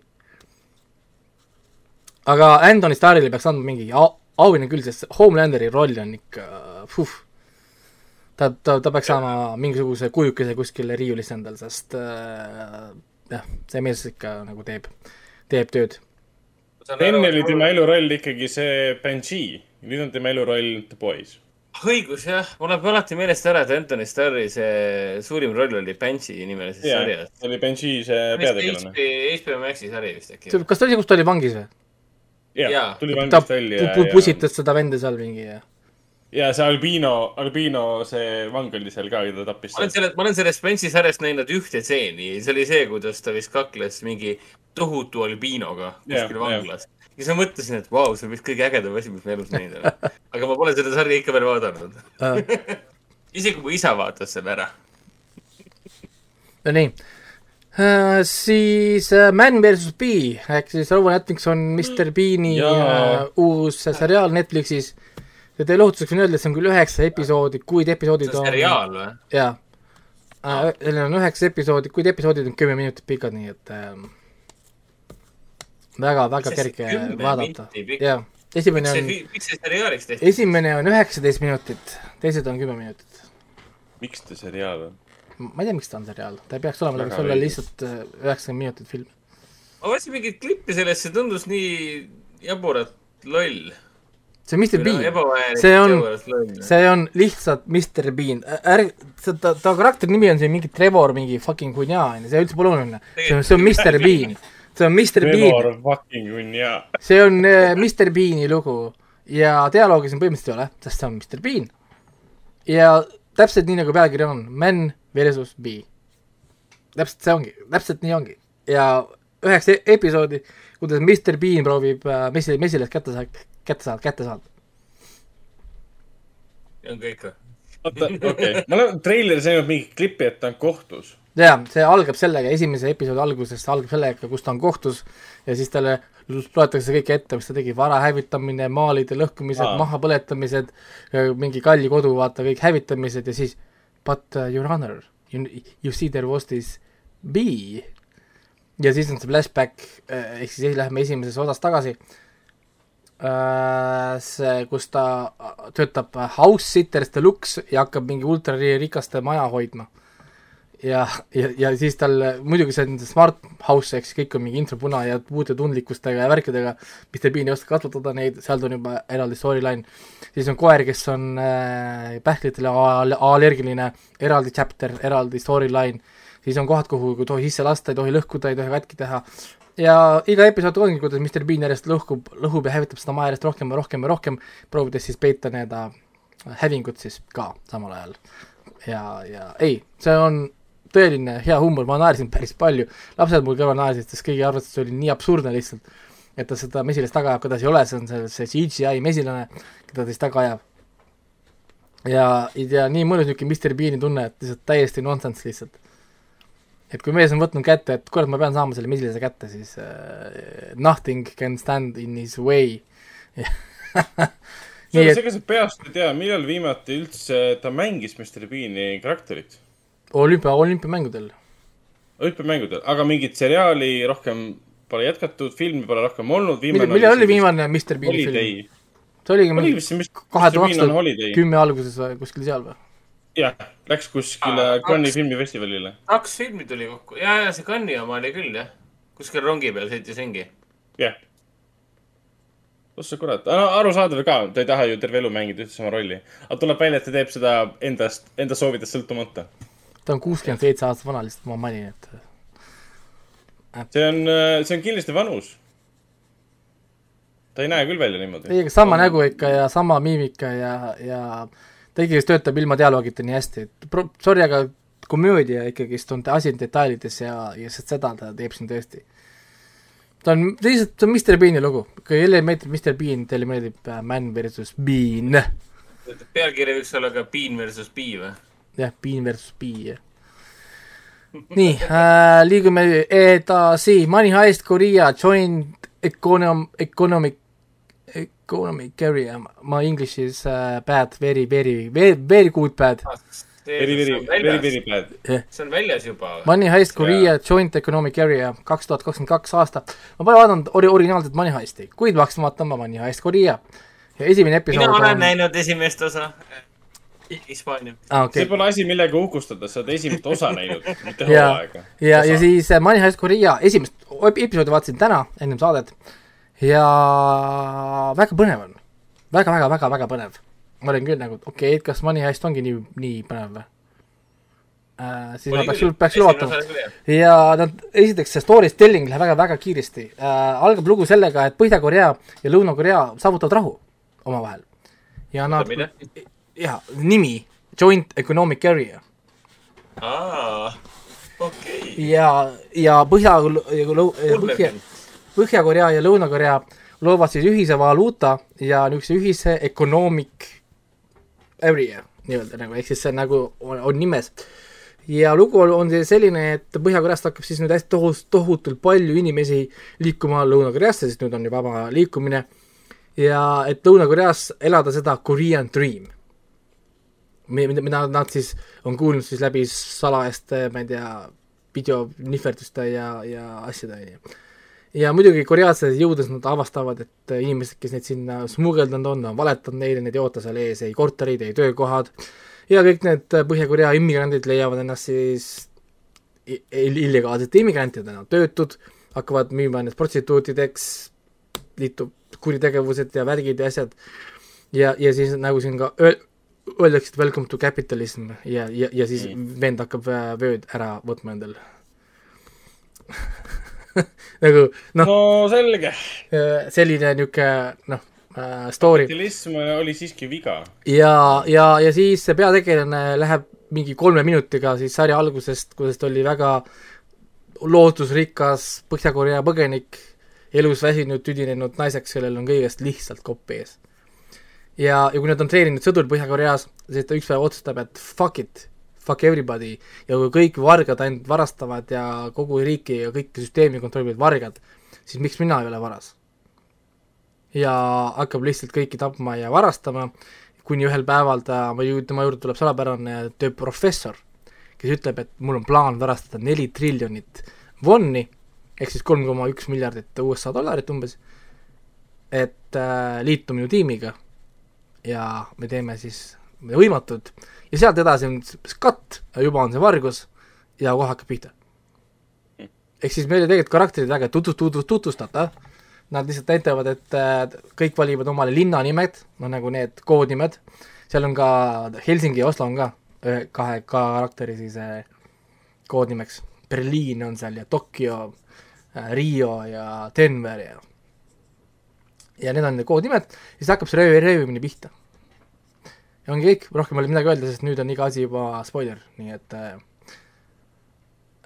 ma vaatan selle lõpuni kindlasti, sest esimene episood oli palju põnevam, kui ma ootasin seda. nii et äh, jah mm,, muud, muud pole ka öelda, kui see Money Heist teine on ka nii hea, ma us- ma usun, et on, ta ilmaasjata ei oleks igal pool tippudes olnud, siis ma peale seda hakkan ka vaatama siis seda originaalset, seda õiget Money Heisti. lõpuks siis äh, kõrvaldan selle suure võla siin äh,, mis on siis siia jäänud. ja nüüd on viimane asi täna siis. kinofilm on tegelikult ka veel, aga olgu. ja on meil For All Mankind on taga-, on Jaa. tagasi Apple TV-s, season kolm, iga reede läks just paremaks, sest ma nüüd ma saan vaadata hommikuti For All Mankind ja The Boys järjest. nagu, millised fucking reeded lihtsalt, täiesti crazy. ja For All, For All Mankind kolmandal hooajal on nüüd võitlus Marsile lendamisega. et esimesed kaks hooaega me tegelesime siis kuuga, kuu teema on läbi, nüüd meil on äh, võit, võidusõit Marsile, aga mitte enam Venemaa ja, ja Nõukogude Liidu vahel, vaid liitub ka kolmas osapool. ma ei ütle, kes, aga nüüd on siis three-way race to Mars. Ja aasta on üheksakümmend kaks juba. Ja juba esimese paari episoodiga me oleme aastas üheksakümmend neli juba, et äh, For All Mankind liigub ajas selles mõttes väga kiiresti, karakterid vananevad väga-väga-väga kiiresti, Joel, Joel Kinnaman on juba hallid juuksed ja lonkab juba ja hoiab selga kinni ja issand jumal, kas seal on juba mingi noorem põlvkond ka peale tulemas? jaa, muidugi, nende, nende, nende lapsed on juba uued nagu astronaudid ja nende lapsed on nende tiimides järgmised äh, põlvkonnad. tohutu pika, suure, laia narratiiviga lugu siis ju. ta liigub hästi kiiresti jah, et nendel on väga teatud fookused, nad lihtsalt nagu teevad kiire, kiireid hüppeid. ja esimesed kolm episoodi on nii fucking head ma vaatan seda silmad punnist täiega, kurat, kui, kui hea asi on ikka kokku pandud. ja reeded on alati nii kaugel, noh. et mis ma pean ootama, kuradi, mis ma ei saa pinsida seda korraga, kuradi Apple TV raisk, kõik korraga üles aga kui keegi pole, pole veel vaadanud For All Mankind'i, siis ma ei tea, noh, ma ei oska midagi öelda teile lihtsalt. miks, miks te, miks te ei vaata? Mankind ja nii edasi. esimese hooaja vist neli episoodi ma olen. Võtan ette. kunagi, kuna, kuna kunagi ammu ei mäletagi enam, mis, mis seal oli. enam mälu ei tööta, vaata ka ja siis, mida ma pean vaatama. kindlasti võtan ette, aga noh, jah. praegu, kui poiss äkki hakkab äh, põhikoolis käima, äkki siis on. ära aja. jah, siis tal on kõik hoo-, hoo-, hooajad väljas, jah, siis on hea mugav vaadata. saab pinsida ära kõik. aga need on pikad episoodid ka muidugi, For All Mankind on, enamus episood on mingi tund ja tund kümme, midagi, midagi sellist. Nice tegelikult. Väga hea. vahendus on päris hea. jah, ja Apple TV-s on tegelikult üldse palju uusi asju, nii et ma nüüd äh, jaga, hakkan jagama ikkagist ära, pean minema seda teed pidi, et tegema teatud äh, stream service ite nädalad endale. et, et ma tahan ikkagist nii palju asju vaadata Apple TV-s, seal on nii palju stuff'i, seal on see Tom Hiddlestoni see uus sari ja ja see New World vist oli või või mis iganes see oli seal ja Tom Hiddlestoni uus seriaal. jah, oota, ma panen selle kirja, siis ma saan selle panna saates mainitud alla. Krimka või? Ei olnud Krimka, oota, mis tal oli, oli ma kohe, kohe Ei, ütleme. üks oli mingi Krimka ka, kus ta seal ühe tuntud naisnäitlejaga. äkki oli Krimka, ma, ma nägin, et see oli tal see uus, uus, mis just tuli. The Westex Serpent. jah, vot see mingi mini, miniseriaal või, Briti miniseriaal äkki või? Briti oma on ta küll jah, kuus episoodi ja mingi uurimise teema, teema on küll. Romance Period Drama miniseries, vau. jah, et see on ka seal ja Apple TV-s on terve hunnik asju tulnud välja, mis Claire nagu Danes, issand jumal, Cleo Bernard. okei okay,, ma panen selle, panen selle siis, see on Apple TV pluss, eks, okei okay.. jah. uh, Clemens. Posey mängib ka siin. I like me some posing. ja, et Apple TV-s on tõesti palju asju ja ma pean hakkama natuke nagu split ima oma tähelepanu siin erinevate vahel, kui ma üritan kõik korraga vaadata, siis on nagu aah, vaatad, mis Marveleid ja Obi-Wan Kenobisid ja värk. ja viimane asi, millest ma tahangi rääkida, on Obi-Wan Kenobi finaal ja me, oota, Ragnar, sa vaatasid lõpuni või? nähtud ja ja et see on siis väga väga hea, koht, kus minna üle uh,. Obi-Wani siis, Obi-Wan Kenobi, ah, nüüd on Disney pluss Eestis ka näha, nii et palju õnne kõigile, kellel on nüüd Disney pluss ka, liitusite lõpuks uh, maa, maailmaga nii-öelda, äkki kunagi saate ka HBO Maxid ja Hulud ja muud värgid ka siis lõpuks järgi võib-olla kunagi. aga, aga Obi-Wan Kenobis on nüüd läbi, kuus episoodi möödas, Star Wars on endiselt möh, aga äh, Obi-Wan Kenobi on äh, overpowered ja vajab nerfi, seepärast et viimased kaks episoodi äh, läks ikka päris käima seal, selles asjas. peale selle ikka väga, ikka väga käima läks, jah. Peale, et nad seda Darth Vaderit ikkagi mõnusalt äh, upitasid, ma arvan ikkagist, mina, minu enda teooria on see, et nad up-, upitasid Darth Vaderit ja Obi-Wan Kenobit selle jaoks, et seda Rey'd tasakaalustada, sest see Rey filmide kontekstis on ikka absurdne, mingi jumal seal kõnnib, kõnnib seal nende, keskel siis nüüd, kui sa hakkad vaatama seda uut äh, Darth Vaderit ja seda Obi-Wan Kenobi skill'e kui Jedi, siis see Rey enam ei tundugi nii yeah. powerful. Nad isegi isegi meelega panid sinna sisse siukse, ütleme, kivide stseeni, ütleme nii. kivise stseeni või? ja see oli küll definite callback sellele, sellele Last Jedi ühele stseenile. see on, see on okei okay,, et siukest asja tehakse, aga see on natuke lihtsalt, kui hiljem nad ei tee ühtegi niisugust asja ja varem on teinud, see tekitab väga palju küsimusi, miks nad hiljem seda kordagi ei teinud? kas nad jäid vanaks või, või nagu, see tekitab nii palju küsimusi juurde lihtsalt, et ma saan aru, miks nad seda teevad, aga lihtsalt äh,. sama hästi võib küsida seda, et huvitav, kas, kas Leia, kas me võime spoilerdada vist või, või ma ei tea. igatahes, kas, kas noh. ei, see, ei, see on, see oli varem teada juba no, vaata, sest, sest kas Leia, Leia ju. kas Leia ei tahtnud kunagi Luke'ile rääkida, et, et tal on nagu seiklused olnud või? tal oli ju. Leia saadab ju Obi-Wan Kenobile ju abikutse ju, kuidas sa teadsid seda. Obi, Obi, ma mõtlen, et aga kas ta Luke'ile ei tahtnud kunagi rääkida sellest, et, et, et tal nagu oli seiklused see on canon, et neil, et nad, et nad tegid läbi selle, see seikluse rääkis? aga esialgses triloogias ei tulnud kunagi jutuks seda ühelgi kujul ju. jaa, aga ega me ei ole ei saanudki iga... tulla, nad said aru, et nad on õde ja vend alles kuuendas filmis ju. aa, oli või? ja, ja, ja, ja, ja, ja neil pole otsest põhjust nagu rääkida omavahel, mida ta on teinud Obi-Wan Kenobiga. kuuenda filmi äh, lõpus alles oli, kus Luke ütleb, et I know, et sa oled mu õde päriselt või? jaa. ma mõtlesin, et see oli mingi teise, teise sihukese alates juba. ta hakkas talle lambist rääkima, et Obi-Wan oli vanas emu selles mõttes, et äh, ta ei teadnud, kes see Luke üldse on, suvaline poiss kuskilt planeedilt. aa, okei okay,, aga siis makes sense, et ma pean kontrollima üle nüüd. Ja, sest Leia sai väga, või nad said üksteisest nagu väga hilja teada, vaata. kogu see armukolmnurk seisnes selles, et uh, will they incest or will they not incest ja siis oli George Lucas te... mingi mm,, I like my bible as a, as a reference ja ei, nii et selles mõttes küll äh,, minu arust need kaks päästsid, viimast episoodi päästsid seda sarja, sest keskel ta hakkas juba ummerdama ja mul oli väga niisugune juba haigutus peale. No ma ei tea, see viimane episood mulle väga meeldis, see oli nii äh, ilus kohati, need teatud stseenid äh, tegelaste vahel, callback'i triloogiale. Väga kenad, ma tundsin erinevaid emotsioone, ma sain aru, mida nad üritasid sellega nagu saavutada.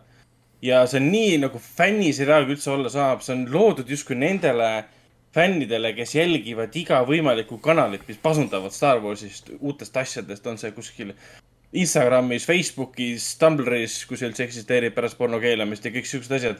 et see ei olegi nagu, see on huvi, huvitav projekt, et ta on lihtsalt fännidele, puht, puhast verd fännidele tehtud aga isegi mina tajusin teatud hetkedel, ma ei hakka midagi spoilerdama, seal oli nagu siuksed ilusad momendid, kus sa, nad ütlesid mingeid lauseid välja, sa tundsid seal seda hetke, et, et ta lõpuks saab edasi liikuda. Aga saab aru, kas teil... valesti tegi, mida valesti ei teinud. et kas teil, kas teil ei olnud kurb, kui ta ütles, et uh, oh my friend is dead no,? kui see kui see Ivan McGregori nä-, näitamine, mul oli küll, et silmad peaaegu niiskus, what the fuck, et keerake selle näite, keerake seda näit-, näitamise kraani tagasi natuke jaa, kui ta ütles, kui, kui ta, kui ta vaatasid üksteist ja ta ütles selle lause Then my friend you, you are truly dead, siis ma mingi, ma tõesti tundsin, et nagu miski minus nagu hakkas ennast kõvasti liigutama ja ta nii hästi fucking näitles ka. ja, ja, ja, ja, ja, ei, see oli minu arust fucking powerful stseen. ja siis seesama, näiteks sama, mida see Taavet ütles, et see seriaal pani mõistma, miks Kenobi ei, ei öelnud tõde Luke'ile, ongi see, et ta ütles teda, Luke, your father yeah. is dead. see vastas tõele. Yeah, because my friend see is dead. korrutas selle üle. Yeah, because my friend is dead, your father is dead. Darth Vader is alive, yes, but your father is dead. et siuksed momendid, just see seriaal nagu särab just siis, kui meil on, meil on Darth Vader slaš Anakin versus Obi-Wan, kui on nendest kahest, kui kõik muu tuleb sinna sisse, siis ta oli siukene Star Wars seiklus, mis iganes, aga kui oled nend-, nendest kahest, siis see oli kõige tugevam, kõige, kõige dramaatilisem ja, ja vägevam. aga need kõrvallood, mis sinna tehti, mingi heist äh, episood ja Reva karakterina mulle tegelikult isegi, isegi meeldis. mulle Re- Reeva on väga tore, mulle tema twistid ja turn'id väga meeldisid. ja AVP siin nagu mainis ka seda praegu kommentaariumis, et see on tegelikult hea point, et nüüd me saame ju selles äh, A New Hope'i filmis, neljandas filmis, nüüd me saame ju sellest vanast Obi-Wanist, Anakin S-i Obi-Wanist palju paremini aru.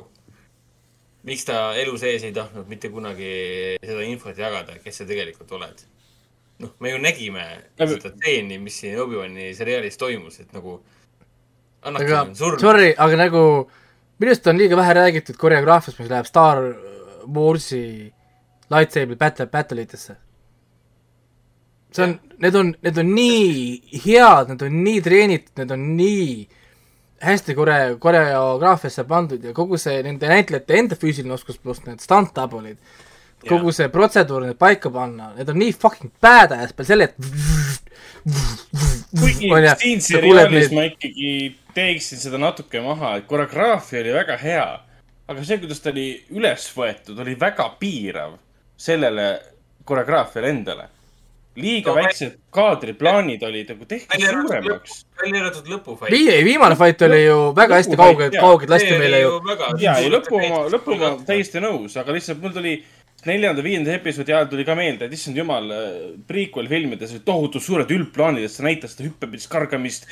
võitlust. Nende, nende esimene omavaheline võitlus, see mul tekitas endal, endal ka küsimuse, et kas, ma ei tea, direktor või fotograafi miskipärast oli laisa käega või mis, mis no tegelikult seal toimus nagu?, seal oli isegi okei okay,, sest see oli. kuigi temaatiliselt ta nagu sobis, sest noh, Obi on äh, ju grown old äh, in this ten years ja ei no, jaa, ei no, mitte niikuinii, Darth Mauli fight'is paremat ei ole. Ja see Duel of the Fates tuleb peale. See on lihtsalt, see on nii üle prahi. see on lihtsalt, mis asi see on? see kiirused, need hüpped, need trikid, kahepoolne mõõk, kaks versus, kardus versus üks. kuradi nagu noh, ei sellest, seda ei tee üle, see on lightsaber battle'ite kuradi nagu latt noh. aga, aga lisaks ma räägin, et see, et nad kasutasid Force'i kogu aeg, mulle meeldis see. vaata, vaata kui vähe nad kasutasid Force'i tegelikult näiteks seesama see kaks versus üks fight. Mm. enamus fight'ist oli neil lihtsalt tavaline nagu noh, nagu mõõga skill, siis vaata, kuidas nad tegid kogu aeg force. lükkas lükkas vastu, vastu seina, vahepeal mingi kivide stuff on ju. kogu see nagu stuff või kuidas nad blokkisid mõõka kogu aeg. sellega saad aru, nad tegid mõõgablokke force'iga. noh, nagu mõõk seisma. Et seda nad kasutasid nagu palju, et mulle meeldis, meeldis nagu see, et nad tegid seda videomängu stuff'i, mida tegi see Fallen Order tegi. no täpselt, et isegi, isegi kui see tundub nagu OP asi, mida sisse panna võrreldes algupärase triloogiaga, siis see oli ikkagi äge nägi välja. et lõpuks meile, me näeme duelle, kus kasutatakse jõudu. aina rohkem ja rohkem ja rohkem, olgugi et tulevastes filmides neli, viis, kuus seda väga palju ei ole. keegi hüppab kõrgemale kaks meetrit kui tavaliselt ja nii edasi. Aga nüüd oli seda nii ilus vaadata lihtsalt, sest noh, Darth Vader on OP vend, lihtsalt me ei ole teda väga OP-mas näinud. ja, ja, ja kuna me nägime, kui OP on Darth Vader, nüüd nägime, kui OP on Obi-Wan.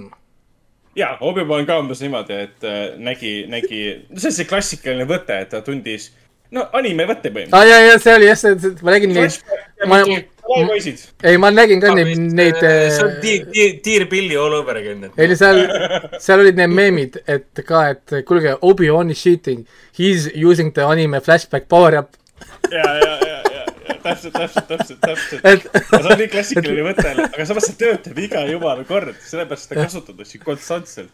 see on jah, et kui sa hakkad kasutama flashback power up'i, siis sa tead, okei okay,, shit is about to go down, oota, mis sa ütlesid, anime? anime, anime flashback power. et see on on, termin, mis on kasutuses ka, et ma saan No. Vikipeediast. aga no mi- minu meelest oli see, et kuna see, minu meelest Obi-Wani seriaal algas väga-väga tugevalt. puht, puhtalt tänu sellele, kui palju nad keskendusid äh, Obi-Wani nagu, nagu psühholoogilisele seisundile, mis on temaga toimunud kümne aasta jooksul ja see kõik nagu, see, see, see payoff, mis sellele järgnes siin hooaja jooksul, minu meelest see toimis nii hästi, emotsionaalses mõttes ta toimis nii hästi, eriti kui see, ta, ta on seal kivihunniku all nii-öelda ja ta mm. -hmm. saab seda anime, anime upgrade'i nii-öelda. see on naljakas küll, sest noh, me oleme seda varem näinud juba ühel või teisel kujul erinevates kohtades, aga aga, aga see toimib sellepärast, et äh, kui me näeme, et ta näeb, flashback ib seal äh, Leiat ja teisi ja nii edasi, noh, põhimõtteliselt siis Leiat, siis me ju mõistame seda täielikult jah, miks ta peab edasi võitlema. ja eriti just see, ma ei, ma ei jõua ära kiita just seda nende, nende omavaheline vestlus Mm. minu meelest, eriti see fucking hääl ka veel. Darth Vaderi hääl.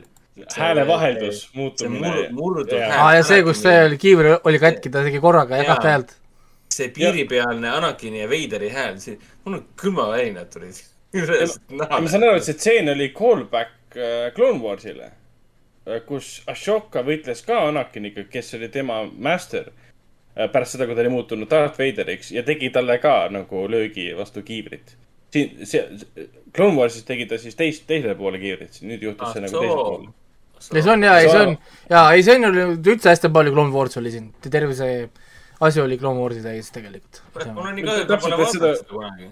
ja täpselt, ma saangi aru, et, et seda Obi-Wan'i nautida, sa peadki kogu selle Clone Warsi seriaaliga kursis olema, see Rebels, Clone Wars ja kõik see, et muidu, muidu ma vaatan seda nagu mingi äh,. kuidas see karakter oli, see Inquisitor Reva, see musta, mustanahaline, kes tal lõpuks siis sellele äh, Luke'ile andeks andis või päästis või, või mida iganes ta seal tegi. You can, you can be what you want to, want to be. Mulle ta meeldis selles mõttes, mulle, mulle meeldis see, et see oli, see oli ju no ilmselge äh, vastandumine äh, Veideri ja Reivaga nii-öelda. et kuidas üks langes täielikult pimedusse ja teine ei langenud nii-öelda. Mm. ma, mina, mul, mul veel tekkis sihuke tunne lõpus, et, et, et ta võtab selle lightsaberi, paneb endale rinna peale ja paneb tööle selle. mul oli lõpus sihuke tunne. aga ma mõtlesin, et Disney seriaal, nad ei tee seda niikuinii ja nad ei teinud ka aga ma isiklikult, ma vaimusilmas vaatasin seda, et kuule, see oleks nii lahe praegu, kui ta nagu suurest ahastusest omaenda ta on niivõrd konfliktne iseendaga, et ta lihtsalt võtaks praegu, paneks selle südame peale. aga kusjuures, kui ma, ma naersin kõva häälega sellest stseenist, kus see Obi, see Obi-Wan ja seesama sama see Reeva räägivad omavahel läbi selle angaari ukse, mida nad on proovinud seal, ma ei tea, lõhki jah. lasta mingi pool tundi. ja siis ta lihtsalt lõ- lõikab palgamõõgaga selle katki. siin lõikab võid natukene, ma tulen läbi. samal ajal mingi. miks sa üldse siis, miks sa, miks sa üldse seda siis tulistad seda usku, sa võid lihtsalt meil oli siin neli tanki, me tulistasime uste sisse, ei saanud. aga kas üldse lightsaberit saab kasutada niimoodi, et sa paned rinna peale ja paned tööle? miks seda varem pole kasutatud siis? sest see on äh, esiteks äh, uue ajastu, uue ajastu Star Wars on Disney oma. Mis sa mõtled, et Disney No, no kuidas teha suitsiidi äh, lightsaberiga või? muidu kasutaks ju mingi stealth backstabber, kasutaks seda kohe, väikse, väike lightsaber. muidu, muidu lightsaberi võitlus läheks tüübi, ka tüübi niimoodi, juurde, suts, läheb minema. ongi, et kujutad Ei, ette, kui sa aga lightsaberi kuulge, võitluseks siin on- terreidis siin on üks oluline asi, mida te ei saa aru. Lightsaber is activated by force. Need inimesed, kellel ei ole jõudu, ei saa kasutada lightsabereid. okei, okei. Ehk siis need on ainult Jedi'dele ja Sithidele. ja neid ei saa kasutada ju, kui mina võtan kätte. see ei tee mitte. midagi. okei, okei, seda ma, selle peale ma möönan praegu jah. ehk siis sa pead olema üks nendest kahest, siis sa võid teha jah, muidu mida, mida sa tahad sellega, sa võid lüüa nagu käsi maha seal ja mida iganes sa tahad teha.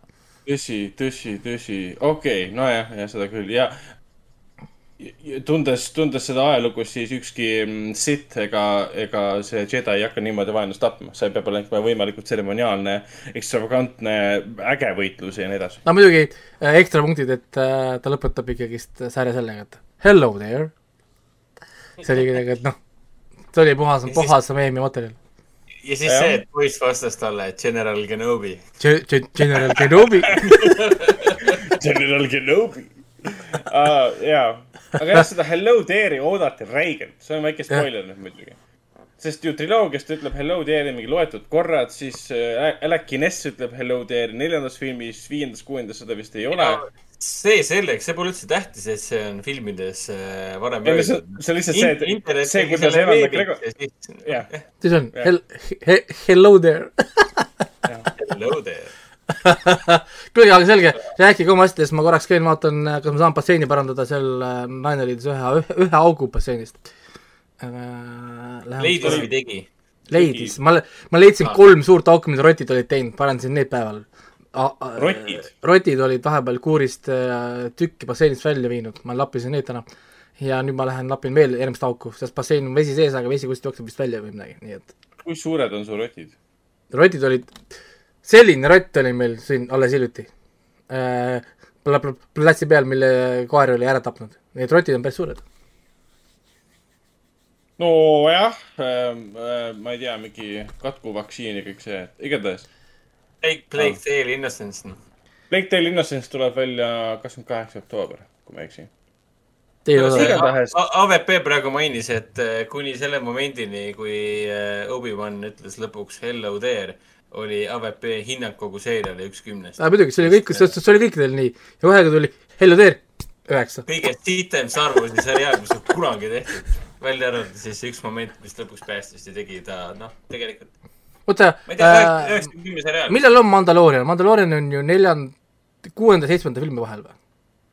Mandalorian on äh, Jaa. jaa, kuus-seitse. vana, vana triloogia ja, ja uue triloogia vahel. langus ja siis äh, Republicu uuesti peale tuleb okei okay,, siis nemad ei saa O- Obi-Waniga kohtuda, ma mõtlesin, et kas saab teha mingit crossover'it. ei saa jah, siis Obi-Wan on jah surnud selleks ajaks juba. või noh, surnud Force Ghost imes kuskil vaatamas pealt asju. praegu on ai- ainult kolm Star Warsi seriaali õnneks, nii et äh, Boba ja. No kolm seriaali, aga ühel seriaalil on kaks mis see hooaega. Man-, Mando nimi oli, Jinjarin või midagi sellist? Dinjarin või Dinjarin Nemad, nemad juba tšillivad koos, et. mingi Chinchilla oli. Ahsoka seriaal peaks see aasta vist välja tulema. Ashoka Mandalooriani uus hooaeg on tegemises äh, ja siin tuleb veel hunnik asju, mida siin Star Warsi nädalal või päeval ja oli ja seal oli issand, terve list oli mingi oma, oma suur Star Warsi universum. Ja mingi Star Wars Legends on tulemas või midagi laadset. No ja, ei ja neil oli see Jedi School oli vist ka ju, see Jedi School oli või mingi selline oli vist ka või, mingi, mingi, aga see mingi tähendab, et, see tähendab, et ma ei saa, ma ei, ma ei saa ju Umbrella Academy't või, või For All Mankind'i vaatama hakata, ma pean Clone Warsi vaatama.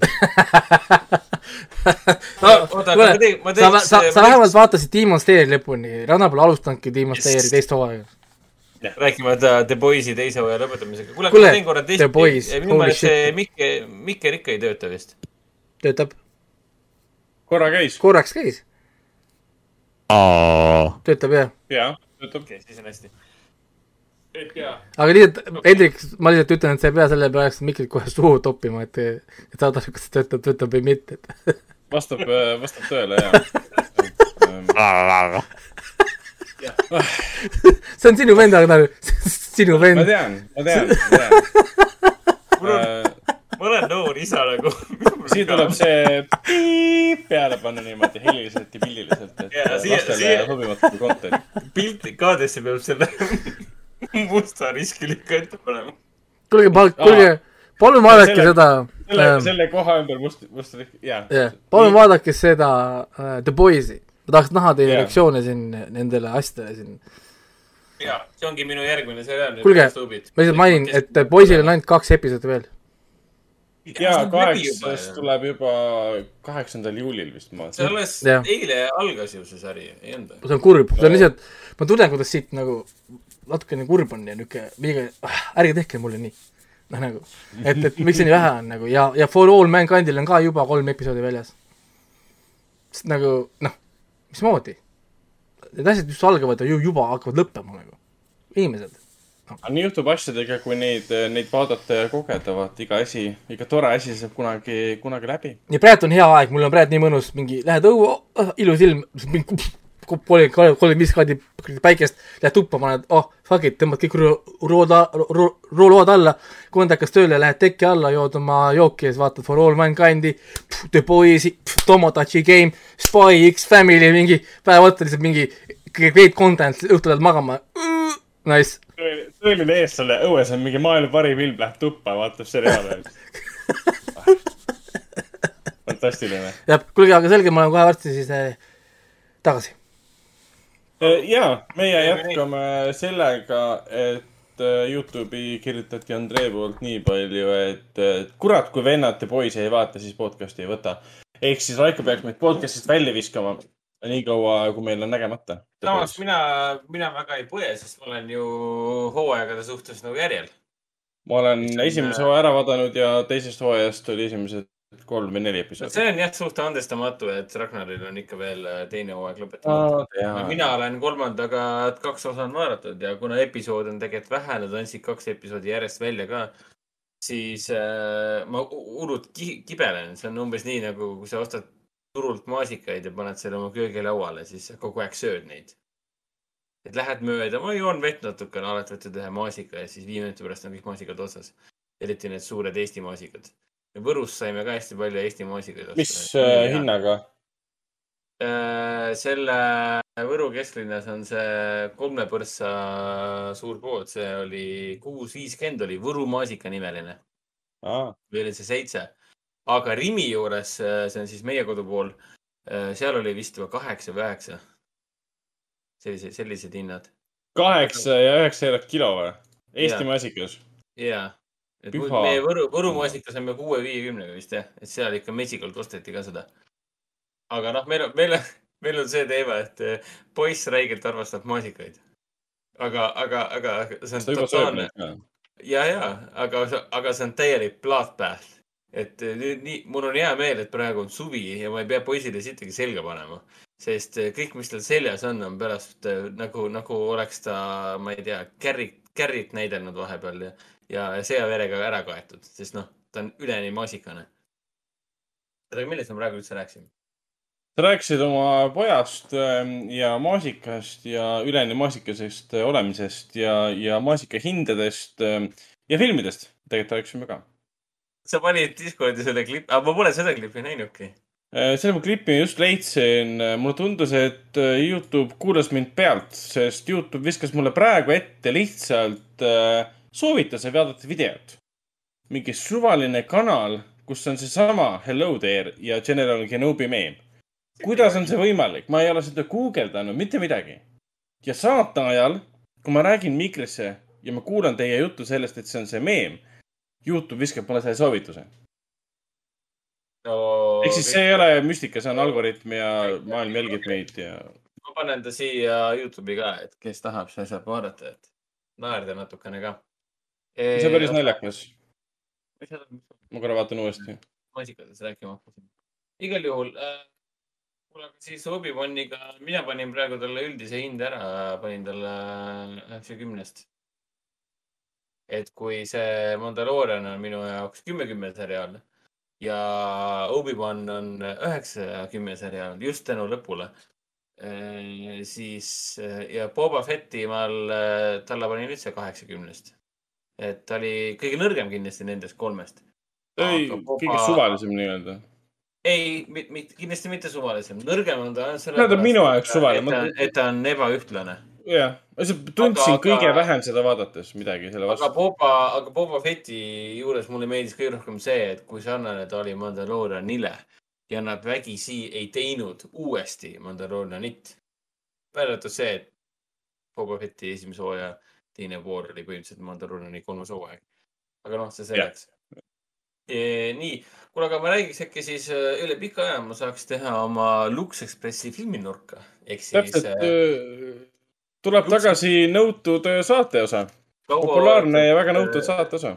kauaoodatud, palavalt armastatud äh, kinoveebi jututuba, jututoa või siis meie kinosaate filminurk, Lux Expressi filminurk. Mis asi on Lux Expressi filminurk, et mina sõidan Lux Expressiga üldjoontes ainult siis, kui ma sõidan oma, oma, oma Võru koju, nii-öelda meie, meie pere Võru koju. ja sinna me sõidame ju äh, kolm pool, kolm, kolm pool tundi, kolm nelikümmend viis minutit kolm tundi nelikümmend viis minutit. ehk siis Tallinn-Võru liin bussiga sõita on üks päris, päris, päris, päris rets, rets tegemine tegelikult. aga bussidega on see tore asi, et Lux Express, sul on olemas konditsioneer, sul on olemas äh, äh, veepudeli ostmise võimalus, sul on olemas WC-d, sul on olemas kohvi, sul on olemas kõrvaklappide ostmise võimalus. Vipi, Vipi busse miskipärast pole enam pikka aega olnud või vähemalt ma ei ole pikka aega sõitnud ka. see oli mingi meie... koroona, koroona teema ju. See oli kusjuures meie esimene pikk, väga pikk sõit siis kolmekesti koos ja me sõitsime muidugi kell seitse viisteist hommikul äh, Võrust Tallinnasse.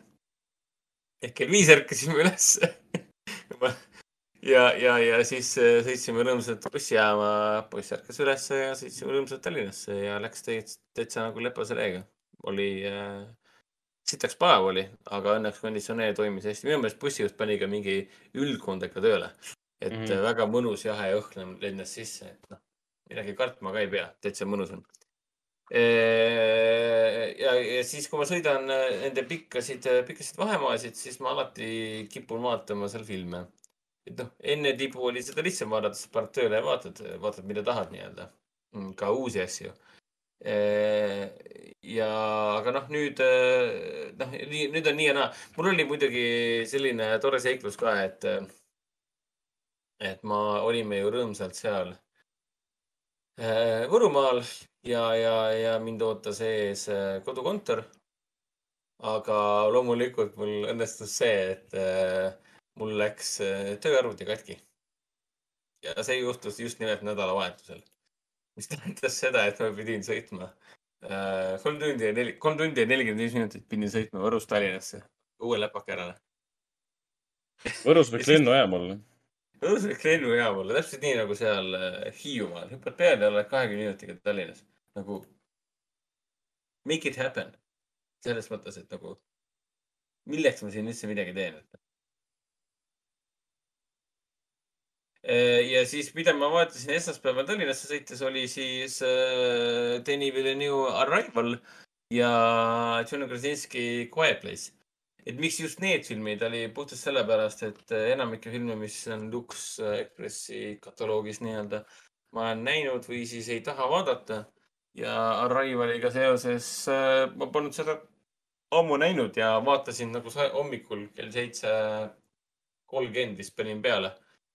Jõin oma kohvi ja sõin oma võikut ja, ja sajaprotsendilise pühendumisega vaatasin Arrivalit. ja noh, taaskord sain talle siis äh, kümme, kümme ära laksida seal IMDB-s. et äh, ma ei, ma ei suuda, sellele filmile ei ole nagu midagi nagu juurde lisada otseselt. täiesti võimatu, kõik on sellest nii, nii ära rääkinud. aga, aga see on, kindlasti on see film näide selles, et, näide selles, et kuidas äh,, kuidas on võimalik publikule pakkuda midagi ääretult äh, harjumuspärast. kogu see kontseptsioon on harjumuspärane, aga samal ajal pakutakse midagi ääretult liigutavat keerulist, originaalset äh,, unikaalset ja, ja, ja, ja uue mõtlemisviisiga või? seoses ka nagu filmi enda teemaga, et kui sa eh, hakkadki mõtlema äraõpitud keeles nii-öelda. ja siin on samamoodi, kogu filmi võti seisneb selles, et õpi ära keel ja sa hakkad mõtlema selle keel, keel, selle, selles keeles hakkad sa mõtlema ka ja tänu sellele sa saadki äh, vahendi vahendi, millega muuta maailma nii-öelda. No täpselt ja suhtlus ja keel on ju kõige alus, kui me omavahel suhelda ei oska, siis tekivadki valearusaamad, konfliktid, mida tegelikult filmis välja toodi kohe ka. saadi kohe valesti aru, öeldi sõna, ma ei tea, weapon, sõjavägi kohe, ahah, peaksime siis sõtta minema. no täpselt ja, ja see filmi sõnum on ju väga selline patsifistlik selles mõttes, et igal võimalusel ikkagi meie peategelased püüavad ära hoida sõda ehk siis, miks te võtate igat eh, esimest eh, tõlget kui, kui rünnakut teie vastu või teiste vastu, vaid võtke seda hoopis kui võimalust tõlgendada. ehk siis enne õppige kedagi tundma ja siis hakake õiendama. mitte nii, et keegi ütleb kogemata sõna, ma ei tea, sõna, mis kõlab nagu relv või gun ja siis sinu esimene reaktsioon on see, et järelikult nad on meie vaenlased, me peame neid ründama. igatahes ega ma pikalt ei taha siin peatuda. suurepärane film, mitte midagi pole selle filmi juures muutunud, ta on, läheb ainult paremaks. mida ma mõtlesin selle all on see, et mis mõttes midagi pole muutunud, on kvaliteet, mis ta on, kaks tuhat kuusteist aasta film, see on päris ammu. jah. mille nõu on siin vahepeal ju, oligi ju siis Blade Runner kaks tuhat nelikümmend üheksa ja, ja Dune või, kui ma nüüd ei eksi. ja kaks filmi. lihtsalt mainin vahele, et Arrivalit ei ole praegu hetkel Netflixis, aga ta kindlasti on igal pool siin filmiriiulites, Telias, kus iganes um,. renditavates kanalites ja nii edasi. Quiet Place'i ka ei ole Netflixis. vähemalt mitte Eesti omas uh,. VPN-iga ilmselt kuskilt saab. siin Youtube'is praegu tuli kommentaar ka, et äh, Arrival aastas korra ikka, siis jah, ma oleks sellega täitsa nõus. Et ma olen seda filmi vähemalt, ma arvan, et kolm-neli korda vaadanud. tol aastal oli ta mul absoluutne, absoluutne, absoluutne lemmik. ja ta kindlasti üks nendest filmidest, et äh, seda võiks vabalt vaadata mingi kord aastas uuesti. umbes nii, nagu meil vanasti oli äh, Lord of the Ringsiga. ja vanasti jah. vana ja me, ma ei tea, minu meelest meil oli ühel hetkel ka Matrixid, esimesed kolm Matrixit. neljandast me ei räägi, sest neljandat filmi pole tehtud. Kippusime neid uuesti vaatama kord aastas, puhtalt sellepärast, et äh, aasta hakkab lõppema, sa tahad ikkagi ko- kosti- kostitada ennast millegi väga kvaliteetsega ja imelisega nii-öelda. ja Raiveliga on täpselt sama lugu. ja äh, rääkimata muidugi Max Richteri, no muidugi Johan Johansoni äh, muusika, see on üks asi, üks tema viimastest soundtrack idest, mis oli ju üks viimastest, jah. Mändi, kas Sicario ja Mändi oli üks, oli tõesti viimane, kas Sicario oli enne oh,? ma olen täitsa sassis omadega. enne surma, jaa. kaks tuhat viisteist, aa, Sicario oli enne Arrivalit, okei okay,, selge. ja mul läks praegu sassi, et kumb esimesena tuli, kas äh, Arrival või Sicario. see on nagu kana ja Sicario muna. Sicario oli ka ju äh, Villeneuve oma. Tema Jaa. viimane film, Mary Magdalene, Mandy, kuule, Mary Magdalene, see film, mis mulle üldse ei meeldinud, oli Johansoni, Johan Johnsoni viimane soundtrack. täitsa viimane, okei okay.. ja, aga ja, ja, ja lisaks Johansoni soundtrack'ile, mis on absurdselt hea, nagu külmavärinad kogu aeg, kui mingigi heliline põnge siin filmis toimub. ja, ja, ja, ja samamoodi ka Max Richteri nende valitud paladega, mis on siis filmi algusesse ja lõppu välja toodud. et, et ol-, ol-, olle, olles ka nüüd äh, ütleme niimoodi tuttavates positsioonides, siis, siis, siis see Mm. film äh, mõjub ikka tõelise, Arrival mõjub ikka tõelise siukse issi ja emme filmina, filmi ka. et, et, et kui sa oled ikka värske issi ja vaatad Arrivalit, siis sa võid tunda ennast väga emotsionaalselt. Okei okay., ja aga siis Quiet Place ka, et äh, ma mäletan seda, et teine osa mulle nüüd, mis nüüd eelmisel aastal ilmus, kui ma nüüd ei eksi. teine osa jättis nagu soovida, ma mäletan, et ma ei olnud tema vastu väga helde. kuigi Jah, pigem nii, see- ma vaatan jah, seitsekümnes andsin talle. kuigi esimest osa ma hindasin nüüd uuesti, noh, IMDB-d hakkasin kasutama alles hiljuti tegelikult. et see esimest filmi hindasin üheksaga. Kindlasti ei ole Quiet Place nagu täiuslik film. mittegi üheski, üheski mõttes, aga ta on nii, noh, emotsionaalses mõttes on Quiet Place äh, ääretult äh, ilus, ääretult veenev, ääretult rikkalik äh, õudusdraama selles suhtes. noh, oota korraks. Igatahes Hennikul on selle kohta õigus.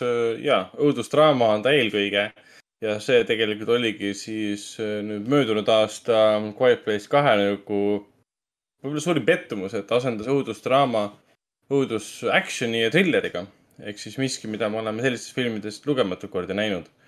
aga sellist äh, perekeskset draamat me näeme aina vähem tegelikult ja sellega esimene film pigem üllataski ja see oli ka põhjus, miks ta nii meeldejäävaks äh, tegelikult no kujunes. teine film äh, mulle ka tegelikult nagu sitaks meeldis, ärge minust vale- valesti aru, aru saage, aga kui sulle midagi ikkagi väga meeldib, siis sa hakkad talle ka puid alla panema.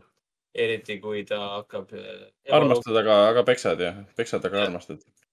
peksad, aga armastad, armastad. valge, valge maika selga ja väike õlu pärast ööd ja väike vaip Peter selga ja hallis. et armastad, aga, aga vahepeal ööd. Backhanded stroke. okei okay.. kurat. aga kena uh! vaikne kohake oli siis eestikeelne tõlge, see on pealkirja tõlge, mulle see väga meeldis, et see ilu, väga ilus eestikeelne tõlge. Eesti keel on ilus, lihtsalt ei ole midagi öelda. jah, et müts maha levitajate ees, kes sellele filmile eestikeelse pealkirja andis. ma sain klassikaid vaatan jah, sul on siin kaadriväline, kaadriväline jõud. See on Deus, see on Eesti masik, masikas, see on praegu Deus Ex Machina tuli praegu sisse mm.. Mm. Mm, jah, aga siis äh, mm, Võrru tagasi sõites äh, mõtlesin, et annan sellele James Gray äh, Ad Astrale uue võimaluse. Ad Astra ehk siis Tähtede poole, mille peaosas on Brad Pitt ehk siis selline interstellari laadne, mõtlik äh,, filosoofiline, emotsionaalne, raskete teemadega varustatud, võib vist nii öelda äh,. ehk siis film, mida filmid, mida lavastab James Gray põhimõtteliselt. jah, põhimõtteliselt, no see on lühikokkuvõte jah, James Gray tegi ulmefilmi, mis on enough seed selles mõttes ma mäletan, et esimesel korral äh,, ma vist isegi jäin esimesel korral lõpus magama. Mulle väga meeldis, ma olin nii sillast sellest. kui ma nüüd vaatasin seda teist korda elus, see oli kaks tuhat üheksateist aasta film äkki või? jah, üheksateist. siis ma vaatasin seda filmi viimast kolmandikku ja ma olen tõesti veendunud, et äh, ma pole seda viimast kolmandikku näinudki väga piinlik seda otse-eetris tunnistada muidugi. ma mäletan, et, et ma olen seda, kui, kui ta sai oma isa, keda kehastas siis eh, Tom Lee Jones, ta sai temaga kokku, isa rääkis oma probleemid ära, aga kõik see, mis sellele järgnes, minu meelest on täielikult null. minu meelest ma esimesel korral ikka kinosaalis ikka mõnusalt magasin. Mm. ja, ja, aga teisel korral eh, mulle film eh, väga meeldis, sobis väga hästi minu, minu Tallinn-Võru vibe'iga nii-öelda, et istusin ja vaatasin, nautisin ta on siis Netflixis nüüd olemas täitsa. aa, aa, super. nojah, mina vaatasin, mina vaatasin Lux, Lux, Luxflixist nii-öelda. Lux, Luxflix. Luxflix, see kestis jah kaks tundi ja kolm minutit, et see on, ta on suurepärase väljanägemisega draama, ta on väga hea karakteridraama, ta on väga haarav inimlik draama. Ta on äh, autori, režissööri tehtud, ta on totaalne autöörsinema selles mõttes, et umbes nii nagu Interstellar. aga kui Interstellar on nagu särav tähteos, mis võib tegeleda täpselt samade raskete teemadega nagu Tähtede poole tegeleb, sest Tähtede poole põhiteema oli see, mida ka tõenäoliselt peategelase mm, pealelugemine või jutustaja, mina jutustaja ka ütles, on see isade patud, mis lähevad siis eh, lastele nii-öelda üle.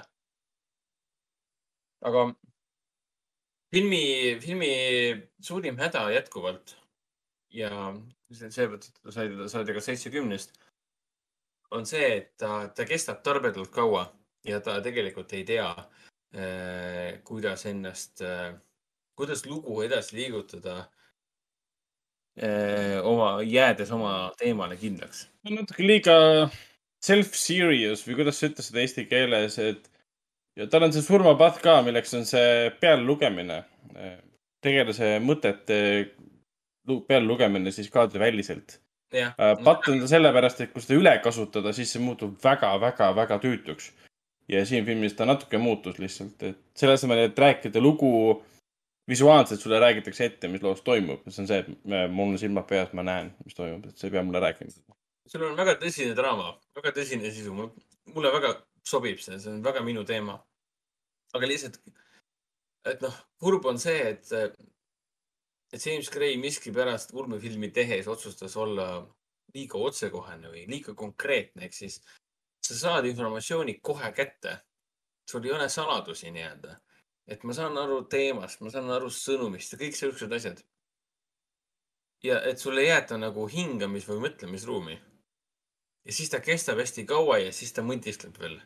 ja siis sa samal ajal mõtled, et no ma sain umbes nelikümmend viis minutit tagasi aru, millest sa räägid, millest film räägib ja kõik on nagu hästi, aga sa, et see film jätkab täpselt nagu, nagu jonnakalt läheb edasi, et siis see kahetunnine time, runtime kätte saada, et noh, kuidagi selline tunne, tunne jäi. kuigi see on täpselt selline film, mida ma tahaks armastada. et noh, tubli saavutus igal juhul. nii, kell on kakskümmend üks null kaheksa, nii äh,, siis äh, tagasi sõites Võru-Tallinn äh, vaatasin siis Kokot uuesti. mida ma siis, ehk siis see on siis Disney, Disney Pixari Coco äh,, mida ma olen ka siis tõenäoliselt äkki kolmandat, neljandat korda elus näinud. mis on täiesti nähtav Disney plussis, küll inglise keeles, ilmselt Telia siia mujalt leiab ta ka eesti keeles. tõenäoliselt peaks ta Telia tv-s või no teistes ka Go3-d ja mis iganes kõik Eestis saadaval on.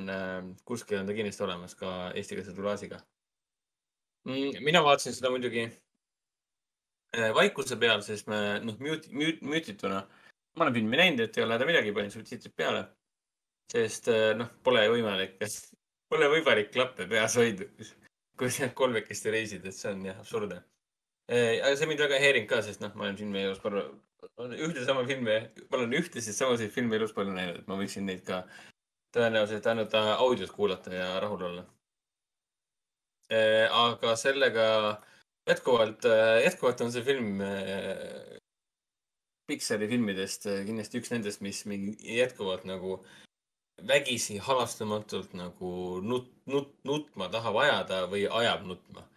sest kogu see Coco teema, see vanaema Coco äh, või vanavanaema Coco, mamma Coco teema, kogu, kogu see filmi sisu ja kogu selle filmi traagika ja kogu selle filmi suured äh, twistid ja pöörded ja, ja see suur, mis see eesti keele tõlge võiks olla, mäleta mind või? mäleta mind. ei, pea meeles mind. ja Minu meeles meelest- mind, jah. minu meelest oli selle jalgpalluri Poomi poeg ka veel, kes eestikeelses versioonis selle sisse laulis. Mart Poomi poeg või? rääkis ja laulis äh, Migueli tegelase sisse. pea meeles mind eesti keeles Coco in Estonian, kohe vaatame. Kas siin on kirjas, kes laulis? ei ole kirjas. et nii eestikeelne versioon Pea meeles mind kui ka ka Remember me inglise keeles on äh, nagu südantlõhestavalt ilus laul. eriti just selle ühe, selle ühe stseeni kontekstis. kui, kui siis Miguel Mama Kokole seda laulu laulab. see on alati see moment, kus ma nagu, kus ma nagu, nagu, nagu lihtsalt nagu mõtlen, et issand jumal. et nagu ma, ma lihtsalt tahaks nagu bussitäis inimeste ees nagu nutma puhkeda lihtsalt noh. aga gotta keep it strong lihtsalt, et noh, jah. ääretult ilus, et see on üks äh,, et Pixar on natukene ennast noh, jah, käest ära lasknud, et teeb siin igast Lightyear'e ja muid asju. eks ta on pigem siin Disney ori rohkem praegu või midagi muud, et. sa panid eestikeelse versiooni või? ja Youtube'is oli isegi olemas üks kasutaja, mis iganes kasutaja nimi, on äh, pannud üles need anime, animelaulud. On eestikeelse versiooni üles pannud sinna. kogu eesti keeles. kas sa, meie kodukal peaks täitsa kirjas olema, Foorum Cinemas kodukal. kes selle poisi siis äh, laulis? Andreas Poom, jah. see peaks olema siis äh, Poomi poeg äh,. Remember me.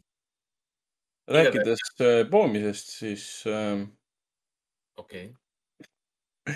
mis, mis sul veel on? okei okay.. aa, siis ma sattusin, aa, siis me hakkasime katsetama äh, mitte ingliskeelseid seriaale Netflixis ja ainult Netflixis. leidsime ühe Norra seriaali ja ühe Hollandi seriaali äh,. ei, Hollandi seriaali ja Norra seriaali. Baby Fever, mis meil Netflixis olemas, on siis äh, Hollandi seriaal ja Home for Christmas on siis äh, Norra seriaal. Ja me tahtsime nagu leida mingit äh, armast äh,, sellist äh, armsat ja võluvat äh, eneseleidmise lugu komöödia vormis, kõik on siuksed kolmekümneminutilised ka. ja muidugi me tahtsime ühe, ühe õhtu jooksul katsetada umbes niimoodi, et me vaatame igast sarjast noh, pilooti, et katsetada, kas, kas ja mida me üldse edasi vaatame. et see Hollandi seriaal Baby Fever, mida IMDB-s hinnatud ainult neljasaja viie inimese poolt ja see tuli alles hiljuti Netflixi. ja see on hinnaga kuus koma üks, aga see on ainult neljasaja viie inimese poolt, ehk siis mulle tundub, et siin on mingi, mingi räme dissonants käimas. see tuli mm -hmm. just eelmisel nädalal tuli Netflixi ja tundub, et siis järelikult Netflixi vaatajate arv sellel Baby Feveril on täiesti olematu. Et miks muidu on net, selles IMDB-s nii väike hinnang.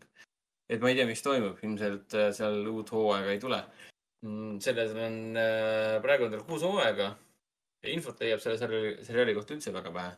aga Baby Feveri esimene osa mulle väga meeldis see on niisugune äh, mõnus draamakomöödia äh, viljakuskliiniku äh, pea, peatöötajast, peastaarist nii-öelda, kelle käte all on siis terve hunnik naisi äh, rasedaks jäänud. see on siis äh, vilja, vilja kunstliku viljastamise teel. ja, ja kui esimene piloodi idee seisneb siis selles, et ühel hetkel oma parima sõbrannaga koos avastab, et äh, tal endal pole lapsi ja ta avastab, et tema aeg on kohe-kohe möödas. et põhimõtteliselt järgmised kuue-kaheksa kuu jooksul ta juba peab. Nad saavad uue skänneri ja selle abil ta avastabki kogemata, et tal on mingi pool aastat ja natuke peale aega, et lapsi saada, sest muidu ta enam ei ole võimalik neid saada. et on kolmekümne seitsme aastane ja miskipärast tema, tema, tema geenivaramus nii-öelda, tema perekonnas asi hakkab õige varakult ära lõppema. Ja siis ta satub paanikasse. Ja mida ta muidugi esimeses osas äh, lisaks äh, oma vanade armsamate ülesotsimisega tegeleb, on ka see, et ta joob koos oma sõbrannaga ennast täielikult pilgeni täis omaenda viljakuskliinikus. ja okay. siis ta saab teada, et tema vana äh, The One Who Got Away äh, on seal äh, kõrval äh, spermadoonorpangas andnud, äh, andnud oma, oma, oma poisse üle nii-öelda, oma, oma mehikesi äh, lainuks, mitte lainuks, vaid selleks annetanud, kuna ta on suur, suur annetaja ja suur humanitaar ja nii edasi. ja siis ta on maani täis, põhimõtteliselt kommerdab sperm-, spermatorbapanka mõistlik murrab sinna sisse ja kuna ta on äh, viljakus äh, noh, kunstniku vilja, viljastamise, viljastamise vallas totaalne spets ja professionaal, siis ta viljastab ennast oma kunagise äh, boyfriend'iga issand jumal. ja tal hommikul teise osa alguses siis tuleb meelde, et oota, mida kuradit ma tegin. et äh, see on vähetuntud seriaal soovitan ta üles otsida. mina vaatasin, me vaatasime ainult esimest osa. ja sarja huumor, sarja draama, sarja äkiline iseloom äh, ja, ja väga-väga äge peategelane ka. sihuke mõnus äh, rokkiv äh, kolmekümne seitsme aastane viljakus kuninganna nii-öelda. et väga vinge seriaal oli, vähemalt esimese episoodi põhjal. see oli väga suur üllatus. et nii vähe tuntud seriaal ja järsku nii, nii kuidagi nii, nii noh, Hollandi seriaal ka, nii et mõni ime, et me oleme sinuga ju, Ragnar, palju näinud ka Hollandi äh, lühifilme. ja üks asi, mida ma lühifilme läbi vaadates alati ootan, on see, et sa saaks mõnda Hollandi see lühifilmi näha, sest need on alati väga head. Jah, nad on nagu õudukate mõttes on alati väga head olnud. ja, eriti. ühte patta alati perekonnaga seotud ja kõik see teema, aga ja, kvaliteet on alati laes ja siis me võtsime ette üllatava pealkirjaga sarja nimega Home for Christmas. jõulud on veel küll kaugel, aga. juba igatsete jah? ja juba igatseme ja see kuubus lihtsalt tahab nagu ajab sinna vastandi poole nii-öelda. Aga see on küllaltki tuntud seriaal olnud, neliteist tuhat hääletajat, äh, jooksis äh, kaksteist episoodi kahe aasta jooksul, kaks hooaega.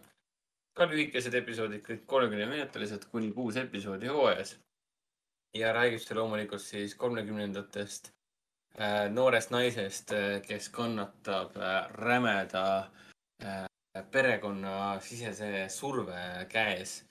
Sest kõikidel teistel tema vendadel ja õdedel on naised, mehed, lapsed ja juba mitmes tulemas ja tema on ainukene, kel ei ole mitte midagi. ja, ja ehk siis tema, põhimõtteliselt tema enda ema ja enda perekond noh, hästi pehmelt ja sõbralikult ja perekondlikult kiusab teda põhimõtteliselt selle eest, et tal ei ole lapsi ega isegi boyfriend'i.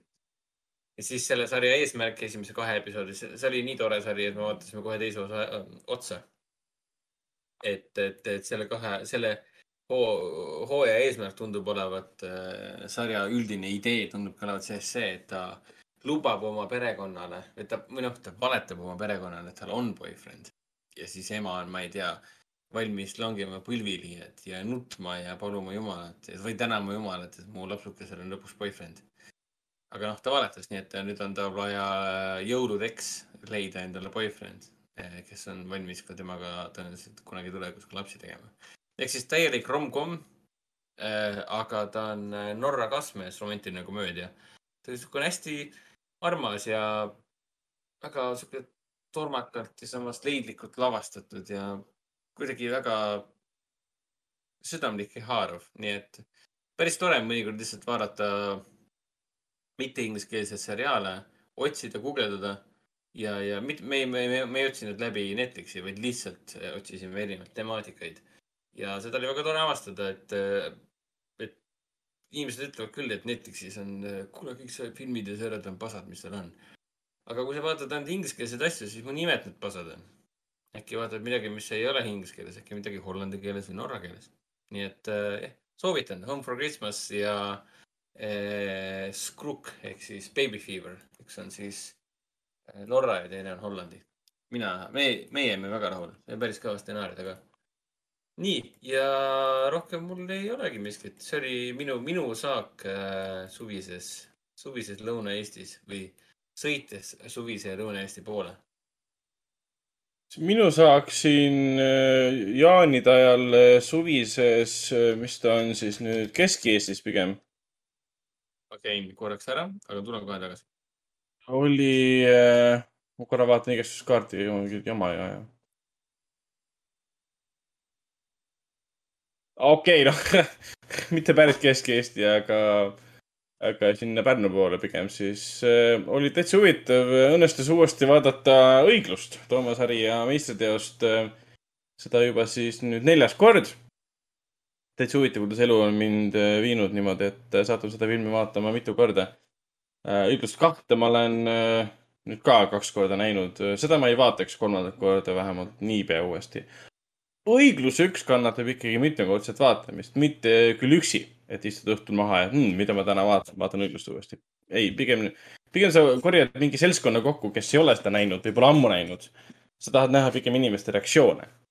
ja õiglus on nii puhas, siiras film selle koha pealt tehtud, endiselt tehtud inimeste poolt, kes ei tea midagi eriti filmi tegemisest näitlemisest, stsenaariumist, monteerimisest, operaatoritööst, ühesõnaga.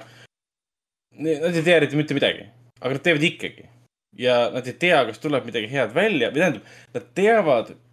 Nad arvavad, et tuleb midagi head välja ja see, mida nad teevad, on nagu tõeline šedööver. ja see siirus, see usk sellesse, et nad teevad midagi head, sõltumata ilmselgelt oskuste puudumisest, tuleb, paistab välja filmist ja see on nagu tore õiglus kahes see läks natukene kaduma, sest filmitegijad, ma ei tea, lugesid Sirbi artikleid, mis analüüsisid neid äh, filme ja siis siin hiljem tehti ka seda, mis oli see nüüd äh, rikutud ning viirus. Nad hakkasid aru saama sellest, et see, mida nad, mida nad teevad, on teatud kategooria film, C-kategooria, B-kategooria, F-kategooria, mida iganes.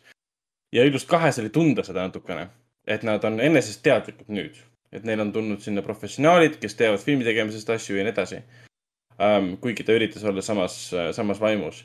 Toomas Harija ei ole kaotanud seda võlu, tema on endiselt puhas poiss, ta on siiras, siiras režissöör, kes ei tea.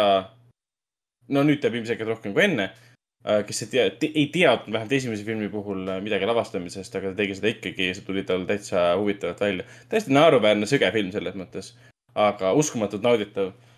Toredad Eesti näitlejad, maffiaboss Mart on minu lemmik tahaks uskuda, ma ei tea seda fakti küll, aga võib-olla see pidev oliivide söömine oli siis Mardi äh, karakteri, selle näitleja, ma ei mäleta, mis ta nimi oli, välja mõeldud äh, selline karakteri aspekt. et tema nüüd õgib hommikust õhtuni ainult oliive, minu arust midagi muud filmi jooksul ei söönud kui ainult neid. mul hakkas juba süda pahaks seda vaadates. Igatahes see oli hu huvitav elamus, mida siis äh, seltskonnaga vaadata äh, siin Kesk, mitte Kesk-Eestis, aga siin Kivi-Vigala, Vana-Vigala kandis. mida oli hea vaadata? õiglust, õiglust, eriti veel koos inimestega, kes ei ole seda varem näinud, kellele sa oled kirjeldanud seda filmi, et mida sa vaatama hakkad? Ja sa saad aru, et ükskõik, mida sa ütled, sa ei suuda neid ikkagi ette valmistada tegelikult selleks, mida nad näevad um,. ja mis oli tore, tore reaktsioon. samuti tuli vaatamisele Midsommar, Ari Asteri jõudlusfilm aastast kaks tuhat üheksateist um, ehk siis jaanipäev. kuidas? mis versioon? tavaline versioon. siis kinoversioon. pigem Ähm, ähm, selles vastuses, aga okei okay.. ma olen juba pikendatud versiooni niikuinii näinud, selles mõttes ma olen seda tava kinoversiooni näinud, ma olen seda filmi nüüd kaks või kolm korda nüüd näinud ja see oli võib-olla kolmas või neljas kord. endiselt meistriteos, fantastiline film, pikendatud versioon on ka väga hea. Florence Pugh on lihtsalt geniaalne näitleja, Ari Aster on lihtsalt äh, tõeline, kuidas nüüd öelda, õhkkonnataju ja tõeline pingestaja. tõeline nagu veidruse boss lihtsalt, see, mida ta tegi pärilikkus oli ülimalt veider, see, mis ta teeb nüüd, tegi nüüd siis Midsommaris on veel hullem um,. selle filmi suurim võlu on kindlasti tema algus, ehk siis pärilik tegelikult algas ka üsna sarnaselt, et šokeeritakse vaataja ära, raputatakse läbi ja siis võetakse hoog maha, aga siis sa oled juba nii nagu hooked kogu selles asjas um,. et sa enam välja ei taha tulla. ma olen kuulnud midagi Ari Asteri uue filmi kohta, mis on ka A24 alt, ma ei tea, mis selle nimi on, ma ei tea, mis selle sisu on. ja see on Joaquin Phoenixiga. jah, aga mingi teema käis sellega nüüd seoses läbi, et A24 ei tahtnud seda filmi nagu välja lasta, sellepärast et äh, ta on liiga pikk. ja natuke mulle tundub, et äh, kas siis tõesti A24 on hakanud oma suurimaid autoreid, kes ta nagu kaardile pani lõplikult, võib-olla siukse punkti nagu kaardile äh, piirama. ma sain ise aru, et nad olid äh,, A24 andis äh, pigem juhtnöörid või, või, või piirangud ikkagi, et ta normaalseks pikkuseks jääks. muidu vist no. mulle tundub, et äh, A24-l ei ole pikkustega mingit probleemi. no eks ma saan stuudiost nagu aru selles mõttes, et mida rohkem film saab päeva jooksul kinot linastuda, seda rohkem vaatajaid saab seda näha ja see on kõik arusaadav. aga. ja, aga kui film hakkab ikkagi mingit, mingit nelja tundi ületama, siis on veidi problemaatiline. selle pealkiri on Disappointment Boulevard. aa, no vot. Ja eks sellega nüüd ongi see, et ta laseb selle ilmselt välja lühe, lühe, lühe, lühemalt ja siis tuleb jälle nii nagu Midsommariga pikendatud versioon. Midsommari pikendatud versioon oli vist kakskümmend minutit pikem. aga peaaegu, peaaegu kolm tundi. Will Poulter on fantastiline näitleja, ei ole midagi öelda. ta mängib seal täielikku sellist suurlinna ossi, kes pole elus sääske näinud ja vihkab sääski ja ei austa mitte kedagi ja mitte midagi. ta, ta, ta suudab seda tüüpi nii kenasti välja mängida, et sa lausa hakkad teda südamest nagu vihkama. vahepeal jutustaja siin uuris ka Youtube'i chatis, kas Midsommari siis pikendatud versioon, film ise on niikuinii kaks kolmkümmend ja Midsommari pikendatud versioon siis kaks viiskümmend, kas see muudab äh, filmi paremaks? mina ütleks, et jaa Jaa. seal on äh, rohkem vestlusi suhete teemal, eriti mis puudutab siis peategelast Danit ja seda Kristjani. ja minu jaoks see oli väga vajalik, et see, ta süvendab veel seda enam, et Kristjan on täielik molkus, mis on ka arusaadav. kuigi mulle süvend- kino, kinoversioon mulle väga meeldis, mul ei ole kinoversiooni vastu mitte midagi., ja ta veits süvendab ka seda, et Kristjan on mölkus oma sõprade vastu, eriti kui ta võtab üle selle, et hakkab oma lõputööd tegema sellesama Härga, Harga küla teemal. seal on rohkem vestlusi ja natuke on rohkem arutelusid äh, nende õ- õuduste ja jubeduste üle, mida nad al- esialgu kogevad ja neil palu-, mida neil palutakse siis nagu normaalsusena võtta. Et natuke on süvendatud neid äh, üleminekuid ähm, õudustelt, mis on minu jaoks oli vajalik, ma ei mäleta, kas seal oli õudustseene rohkem või veretseene rohkem või veristamist, kõike seda oli juures või mitte, aga minu arust enamjaolt olid dialoogid. aga film muutus palju sujuvamaks ja palju kuidagi loogilisemaks. Mitte nagu sisuliselt loogiline, vaid äh, tegelaste vahelised suhted muutusid palju noh, teravamaks tänu sellele, et see hädavajalik mingi kakskümmend minti juurde pandi. et ja kindlasti soovitan Midsommari teetuskatte ette võtta. jah, minu meelest, minu meelest on see, et nagu definitive versioon ka umbes nii nagu tulnukatega. teetuskatt on see, mida peab vaatama. Ja samas vaimus vaatasin uuesti siis Annihilationi ehk siis Hävingut, Alex Garlandi siis eelmist filmi. tema uusim film Mehed, menn on siis hetkel kinos, soovitan vaatama, minna fantastiline film., mul on mõlemad siiamaani vaatamata. täiesti hale, naeruväärne inimene oled sa. ma armastan sind, kallis vend, aga. ütleb tüüp, kellel on The Boys'i teine hooaeg pooleli. okei okay., igatahes point on selles, et sul on Having nägemata, see on Netflixis olemas, saad vaadata 2K-s, 4K-s, mis iganes K-s. ja ma vaatasin seda nüüd teist korda uuesti. ja endiselt suurepärane, ta on ikkagi, ikkagi selline mõistu mõistu ulmeõudusfilm, kust ei puudu veristamine, kust ei puudu haiged sündmused. ta ei ole, ta, ta, ta, ta esialgu võib-olla algab mõistufilmina, mistõttu ta võib ära peletada äh, mõned vaatajad, ehk siis ei tasu teda vaadata kell kaksteist öösel pärast pikka väsitavat päeva. teda tasub vaadata kell seitse õhtul, kus sa võtad suvel näiteks külma joogi kõrvale või midagi laadset um, ta näeb vapustav välja, tal on vapustavad osatäitmised, ta paneb sind nii sügavalt mõtlema nende teemade üle, mida ta üritab lahata. mitte ei ürita lahata, vaid lahat-, lahkabki. ja teatud momendid jäävad, jäävad ikka pikalt kummitama. ma ei saa sulle spoil ida midagi, aga seal on mõned kohad, mis puudutavad äh, loomi. Äh, ja, ja jah, ütleme nii, et loomi ikka, ikka väga meelde jäävad, äh, eriti just heliliselt ja selle filmi lõpp koos muusikaga on ka umbes selline, et püha jumal, mida ma praegu vaatan. vot see film viib sind rännakule, sind jut-, sulle jutustatakse mingit lugu ja sul on väga raske nagu ette ennustada. isegi asi, isegi asi pole ette ennustamises, vaid sa näed, et sulle jututatakse lugu. Ja, ja seda oli nii tore uuesti vaadata, see muusika, mis lõpus tuleb ka teatud stseenide ajal, ma ei saa jälle midagi öelda, on ka, ka külmavärinaid tekitav. ütleme, jah. ja siis äh, vaatasin ära lõpuks The Void'i Äh, The Void, mis oli siin kaks tuhat kuusteist aastas, siis PÖFFil. Äh, Hendrik, sina vist käisid vaatamas seda? Steven äh, Konstantski The Void. sina ei olnud siis meiega samal seansil? ei olnud. Ma kohe vaatan, kas ma olen näinud. mitte, mitte, mitte, et ma sellest filmist üldse midagi mäletan või tahaks mäletada, sest ma mäletan, et mulle see film üldse korda ei läinud. Aga tegemist on Steven Kostanski filmiga, režissöör, üsna noor režissöör, kelle siis esimesed filmid äh, Manborg äh, ja siis Bajakov äh, olid siis ka HÖFFil, mida me ka nägime ja armasime kohe tema töödesse ära, sest ta on ise oma kätega, oma meeskonnaga need kostüümid, efektid, praktilised efektid, ma ei tea, The Thingi ja kõiki muud meenutavad efektid teinud hiljem ta siis äh, on teinud siin veel Leprechaun Returnsi, mis on selle Leprechauни seeria, jumal teab mitmes osa, pakun seitse või midagi. ta tegi ka Psycho Gormani, mis oli siis nüüd äh, kaks tuhat kakskümmend HÖFFil, ei, kaks tuhat kakskümmend üks HÖFFil. ja, ja vahepeal siis kaks tuhat kuusteist tegi The Void'i, mis on sihuke puhas cosmic horror äh,. lihtsalt sul on haigla kuhu satuvad hunnik tegelasi, satuvad kokku. haiglat hakkavad piirama mingisugused kostüümides äh, tegelased, kes on kõik valges nagu pikas kostüümis, mis meenutab Google klanni. kõigil on niisugune kolmnurk, must kolmnurk siin ees ja piiravad selles mõttes, et neil on noad kaasas, kõik, kes välja tulevad, äh, tapetakse ära.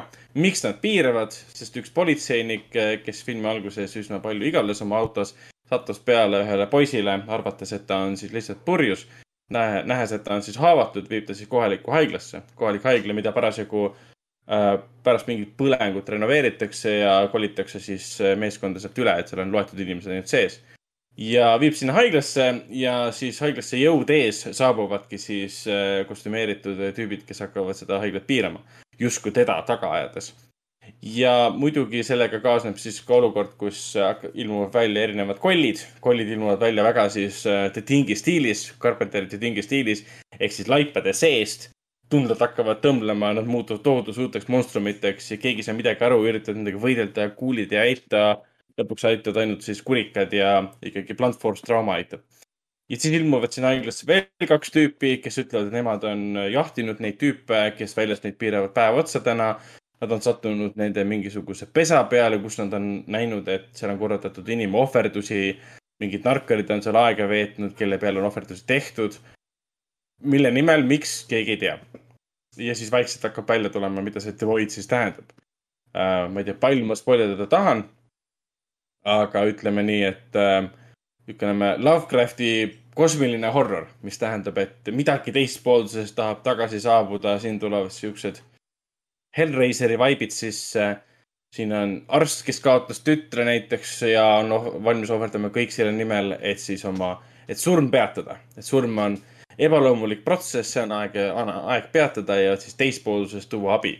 vahet pole, et see on mingi Cthulhu, kes tuleb siiapoole ja hävitab kõik ära. ja sa ise näed välja nagu Hellraiseri koll. ühesõnaga, mulle meeldis. ta, ta ei ole ainult Konstantski enda lavastatud, ta on kellegi, kellegi Jeremy Gillespie'ga koos kaasa tehtud uh,. tema töid ma ei tea. aga mulle meeldis, ta väga hea nägi välja, väga madala eelarvega ilmselgelt aga nagu visuaalselt sa ei saa aru, tihtipeale sa saad USA indie-filme vaadates aru, et eelarve on madal olnud ja see veits nagu, vähemalt minu puhul paistab silma. valgus on sihuke kehva ja umbes niimoodi, siin seda ei olnud. näitlejad olid kenad, suhted olid kenasti paika pandud, lõpp oli lahe, meeldejääv, kollid olid tõesti ägedad, sest noh, see Konstantski oma meeskonna ise, ise teeb neid. kõik nägi väga selline Dead Space'i laadne, The Thing eriti Äh, välja ja kui need kollid sealt taoti või kui kollid üksteist sealt taga ajasid, oli kõik väga, väga meeldejääv. et äh, otsige see film üles ja vaadake kindlasti ära, et äh, korralik kosmiline õudus äh, sellisel soojal suvepäeval tasub ikkagi ära. vot, aga ega mul rohkem ei olegi midagi. Obi-Wanist me juba äh, rääkisimegi. saamegi edasi liikuda selle juurde, et mis alustasid siis Jaani, Jaani, jaanipühadel kinodes kahekümne neljandal juunil no tegelikult ja mitte sittagi hakanud tegelikult peale. tahtsin sama asja öelda, mitte sittagi. mitte sittagi, kõik puhkasid kinod puhkasid. Ametlikult Eesti linastuskammas ei alustanud kahekümne neljandal äh, juunil ehk siis eelmise nädala reedel mitte ühtegi filmi. mis aga alustasid, olid siis kogu pere nukufilmi Põrsas Ruudi ja Scott Derricksoni, Robert C. Cargilli ja Ethan Hawke'i uus ühine äh, minu poolt palavalt oodatud õudusfilm nimega Must telefon. ja selle Rotteni tulemus tuli ka vast vist juba välja ja kõik ütlevad, et. väljas jah, et arvustused on juba väljas ka, midagi ma lugenud ei ole, kriitikat ma olen küll näinud ja kõik siuksed asjad. aga, aga ma olen väga suur äh, Scott Ericksoni austaja. eriti just tänu äh, Sinisteri nimelisele filmile ja, ja Exorcism of Emily Rose millega ta temaga omal ajal lavastas. seal mängis äh, Jennifer Carpenter, kes siis äh, Raiko jaoks on household name. Ma kasutan võimalust, et saates mainitud alla panna Jennifer Carpenteri äh, parim rollisooritus ah,. see on tseen, mis ta kunagi on ja. maailmale kinkinud, see on Six Names et kui mõni, kui mõni mees vaatab Arrivalit kord aastas, siis mina vaatan kord aastas seda seeni uuesti filmist nimega. Six Names, Emily Rose. What sick, et see on enne magamaminekut soovitan kindlasti vaadata, hästi positiivne, jääb meelde. pööraselt hea rolli teeb äh, Jennifer Carpenter selles filmis. õpite, õpite ladina keelt äh,.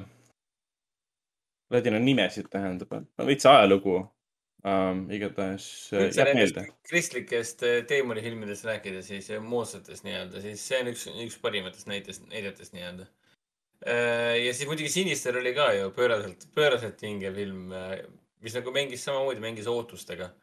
Sinister no,? Sinister, jah. aga ma olen Insidiusega sassi praegu. ja, need on sarnased pealkirjad, üks on sinist, ma ei tea, mis see Sinisteri, pahaendeline. pahaendeline, jah. ja mis selle Astraal, Sinister kaks tuli ka vahepeal välja, ma keeldusin seda vaatama, sest see tundus jama. mingi suvaline kusi nii-öelda suvaline no,. ja siis muidugi see Scott äh, Derrickson ju lavastas vahepeal ju selle Doctor Strange'i esimese osa. tõsi? ja, ja, ja tema ja Robert C. Cargill, Cargill on siis äh, stsenarist, kellega ta tihedalt koostööd teeb. Nemad olid ühel hetkel isegi Deus Exi filmi versiooni küljes. ma ei, kas ja kas nad seda enam, kas nad enam on projekti küljes, seda ma enam ei tea aga vähemalt Cargill oli, kui nüüd pärast mäletan, et Robert C. Cargill oli ühel hetkel, või oli ta C. Robert Cargill, tal on mingi imelik nimi endal. Äh, ta oli otseselt seotud stsenaariumi kirjutamisega, mis sellest Deus Exi filmist on saanud, seda ei tea vist enam mitte keegi. C. Robert Cargill on ta nimi, jah, ta on sihuke veider nimi. Äh, jah, igatahes Black Phone äh, õudusfilm, mida mina olen juba, see on pidevalt edasi lükatud, ehk siis juba aastaid oodanud. Nii äh,, kas, kas, kas, mis toimub äh, kinos Artis? Ragnar? mis sinna tuleb uut äh,? Äh, Artises ka kahekümne neljandal tegelikult jah, midagi ei alustanud, küll aga meil on ka tulemas siin Baz Luhrmanni Elvise eellinastus kolmekümnendal juunil, film, mis alustab esimesel juulil ja siis mis see poster oli, väga hea lause, oota. filmi nimi on Mõnele meeldib äh, toorelt, Some äh, like it äh, rare.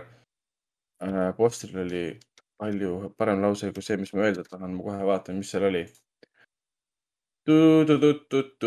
Ah, siin postril muidugi pole, igatahes füüsilisel postril kinos Artis on väga hästi oli kokku võetud, vist verine romantiline komöödia või midagi laadset, mingi parem sõnastus, igatahes äh, ja võib öelda, et verine ähm, selline õuduskomöödia äh, prantsuse, prantsuse moodi, väga lõbus, väga tore film, täis äh, väristamist. aga samas, mis sa siis teed, kui sa oled lihunik olnud viimased, oma kaasaga oled olnud lihunik viimased kolmkümmend aastat ja siis su ettevõte hakkab pankrotti minema, sa ei saa endale midagi enam lubada, eriti just liha. ja siis sa hakkadki äh, kohalikke sõpraid ja, ja äh, veganeid tapma ja äh, serveerid seda siis kohalikele elanikele. puhastad- puhastad komöödia. täpselt, puhastad kõntsast väikseid alevikke gentrification'i koha pealt ja, ja annad selle rahvale tagasi. kõik, kõigile liha meeldib, ütleme niimoodi. vaadake treilerit kindlasti Artise kodulehel, mõnele meeldib toorelt äh,. hästi lõbusalt kokku võetud film, ütleks selle kohta. suviselt tore, ütleme nii. aga ega rohkem nagu midagi olnudki äh, peale selle, et Raiko vaatas ära klooni, Duali, millest me siis eelmises saates Hennikuga rääkisime Äh, Raiko, mis äh, muljed äh, sinul selle filmi suhtes tekkisid? mm. -hmm. mul oli plaan teha duaalfilmi päev, et vaadata ära ka Lightyear, aga ei saanud klappima jälle äh, filmi aegu. aa, okei. aa, Man from Toronto jäi rääkimata ka ja siia tuleb õige. nüüd timecode, et äh, sellel momendil hakkasime rääkima Man from Torontost, siis ma pean selle sisu korda panema. selge Eh., aga ma räägin siis Man from Toronto ka õige jah. see on ka film Man from Toronto oli ka film, mis oli pikalt ka linastuskavas, Eesti kinodel. ma mõtlen, kas ma ei pannud kirja või, Man from Torontot või? mu kravaat on, on küll kirjas jah, aga kas sa tõesti ei ta rääkinud? jäi lihtsalt äh, vahele siis. jaa, ma vaatasin ära tõesti Kevin Harti ja siis äh, Woody Harrelsoni uus film Netflixi tuli. ja ma olen varem rääkinud, et Kevin Hart mulle stand-up'ina üldse meeldib, väga kuiv, väga vähe na-, naeran, kui üldse naeran, enamus korda see on niisugune nagu cringe, et issand, see peaks olema huumor, on ju. ja, ja samal ajal tema filmid mind siiski ajavad naerma, et mina olen Kevin Harti, ütleme, fänn rohkem kui näitlejana, ütleme tema näitleja, näitleja rollid, siiski mitte tema niisugune stand-up.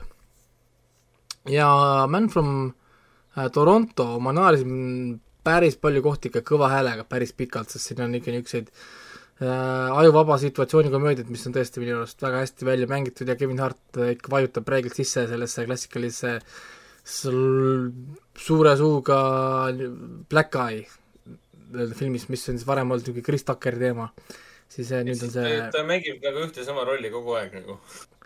Äh, mitte alati, see, mis tal oli vi- viimane seriaal Netflixis nüüd, mis tal oli see aa, see, jaa, seda küll. see krimitriller, seal ta oli ikka hoopis teine. Alles stuudiofilmid kipuvad tal olema samasugused rollid. siis see film oli jah, niisugune täpselt nagu sa ootad Kevin Harti, ütleme, filmilt siis täpselt selline, sellise äh, sa nagu ka siit äh, saad äh,. Woody Harrelson sobib väga hästi niisuguseks äh, külmavereliseks äh, kiilakaks palgamõrvariks. et, et see, et see osa on tal küll nagu noh, nagu paigas. aga ei äh,, Kevin Hartil ja Woodyl on mingisugune oma niisugune veider ekraanikeemia täitsa olemas, et see toimiks ja huumor sel- tegelikult äh, sealt ka tegelikult tuleb. just see niisugused naljakad kohad, kus nende pilgud vahetuvad või neil on mingid niisugused naljad. aga millest film räägib, õige ka äh,, lähme vaatame ki- kiiresti korra äh, niisuguse minisünopsis on siis selline, et Kevin Hart on äh, luuser, tal on oma mingi äh, Youtube äh, channel, kus ta proovib eriti debiilseid ja lolle ideesid müüa kogu aeg uuesti noh, nagu maha, et tal tuleb kogu aeg mingid uued tooteideed, mis on siis seotud äh, äh, siis äh, treenimisega. ta töötab siis mingis kohalikus väikeses jõusaalis või mingis poksiklubis või mingi niisuguses kohas, siis ta proovib mõelda uusi tooteid välja ja siis seda promoda ja need on üks lollim kui teine idee.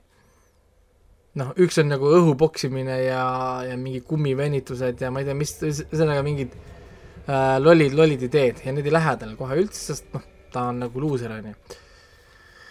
ja siis tal äh, tuleb äh, ma ei tea, naisega äkki pulma-aastapäev või no naise sünnipäev tähendab vist on tulemas. ja siis ta planeerib äh, reisi Äh, kuskile väiksesse majakesse, et naut-, nautida romantilist aega. ja samal ajal muidugi on siis teisel, teisel pool Ameerikat toimub siis lugu, kuidas ähm, piinatakse kedagi, siis kut-, kutsutakse kurikuulus piinaja, kes saab alati informatsiooni kätte, et man from Toronto, kes on siis äh, Woody Harrelson. Või siis nagu siin kommentaaris meile öeldi, ehk siis äh, Jason Statham. Põhimõtteliselt, põhimõtteliselt ta mängib, siin rollis siis Jason Stathamit siis. Ja me näeme, kuidas ta tuleb ja ta saab kohe info kätte ja, ja ühesõnaga talle antakse uus töö, mis on siis sealsamas lähedal sellele, kus kohas siis Kevin Hart äh, peab oma seda äh, sünnipäeva siis naisega. Ja kuna Kevin Hartil on raha vähe, siis tal pole ka raha, et vahetada printeris doonorit. Ja ta ei leia, ta, ta ei saa täpselt, päris täpselt aru sellest aadressist mis tal seal on ja läheb valesse, valele aadressile. kuna keegi teab, milline see man äh, from Toronto on, kuidas ta välja peaks nägema, siis kõik arvavad, et Kevin Hart on nüüd see man from Toronto ja siis ta läheb oma toidukotiga ja siis ta võtab toidukotist erinevaid asju välja, et siis piinata seda, seda meest siis ja saada seda infot kätte. ja talle muidugi ka õnnestub ja sealt edasi siis talle antakse kohe suur järgmine töö, peale, peale mida FBI siis võtab selle Kevin Harti enda kätte, et, et kõik nüüd teavad, et sina oled nüüd see man from Toronto selle järgmise olulise töö jaoks, sa pead edasi ka olema nüüd see man from Toronto. aga muidugi see ei sobi sellele man from Torontole endale, et keegi teda kehastab. ja nüüd Kevin Hart jääb nii-öelda nagu kahe tule vahele siis, ühel pool on siis FBI, kes ütleb, et sa pead edasi, edasi olema see man from Toronto ja teisel pool on siis see man from Toronto kes siis äh,, või esitab see Woody Harrelsoni karakter, kes siis ei ole siis äh, rahul ja hakkab siis Kevin Harti ise õpetama ja neil tekib mingi äh, padi-padi suhe, ehk siis meil tekib niisugune padifilm. ja täpselt muud, muud ei olegi, ta on niisugune, põhimõtteliselt võiks olla nagu Rush Hour ilma action, action'ita Rush Hour ilma action'ita või? see on päris kurb väljend natuke kurb, kurvalt kõlab see, aga noh. ei no siin on küll, siin on küll tegelikult. Jackie Chan ja pole action'it. et siin on küll tegelikult natukene action'it nagu, veidikene tulistamist ja natukene kaklemist ja, ja niisugust äh, mini, minimaalset, aga mitte eriti. ta on ikka suhteliselt family friendly, et kõik asjad, niisugused verised asjad on off-screen. et äh, jah, aga arvestades, et see on mingi suvaline film, mis tuli mingi ilma erilise kõmmuta ja, ja tõenäoliselt ka läheb ilma erilise kõmmuta, on ta minu arust väga mõnus niisugune ühe õhtu film, ei pea mõtlema. ma vaatangi täna pärast saadet ära. istud ja, istud ja naudid ja saad natuke naerda ja, ja, ja eks nad ven-, ven-, venitavad seda kummi siin siis ka, et, et mängida sinu selle äh, believability'ga, et palju sa suudad siis seda vaataja, vaatajat äh, veenda oma selles story's, mida, mida siin tegelikult taga ei ole. ei, mina naersin ja mina olen rahul filmiga, selles mõttes ta ei ole küll midagi nagu super head, aga noh äh,, piisavalt, piis-, piisavalt hea, et, et äh, oma aega siis äh, väärt olla. nii, räägime filmist Dual.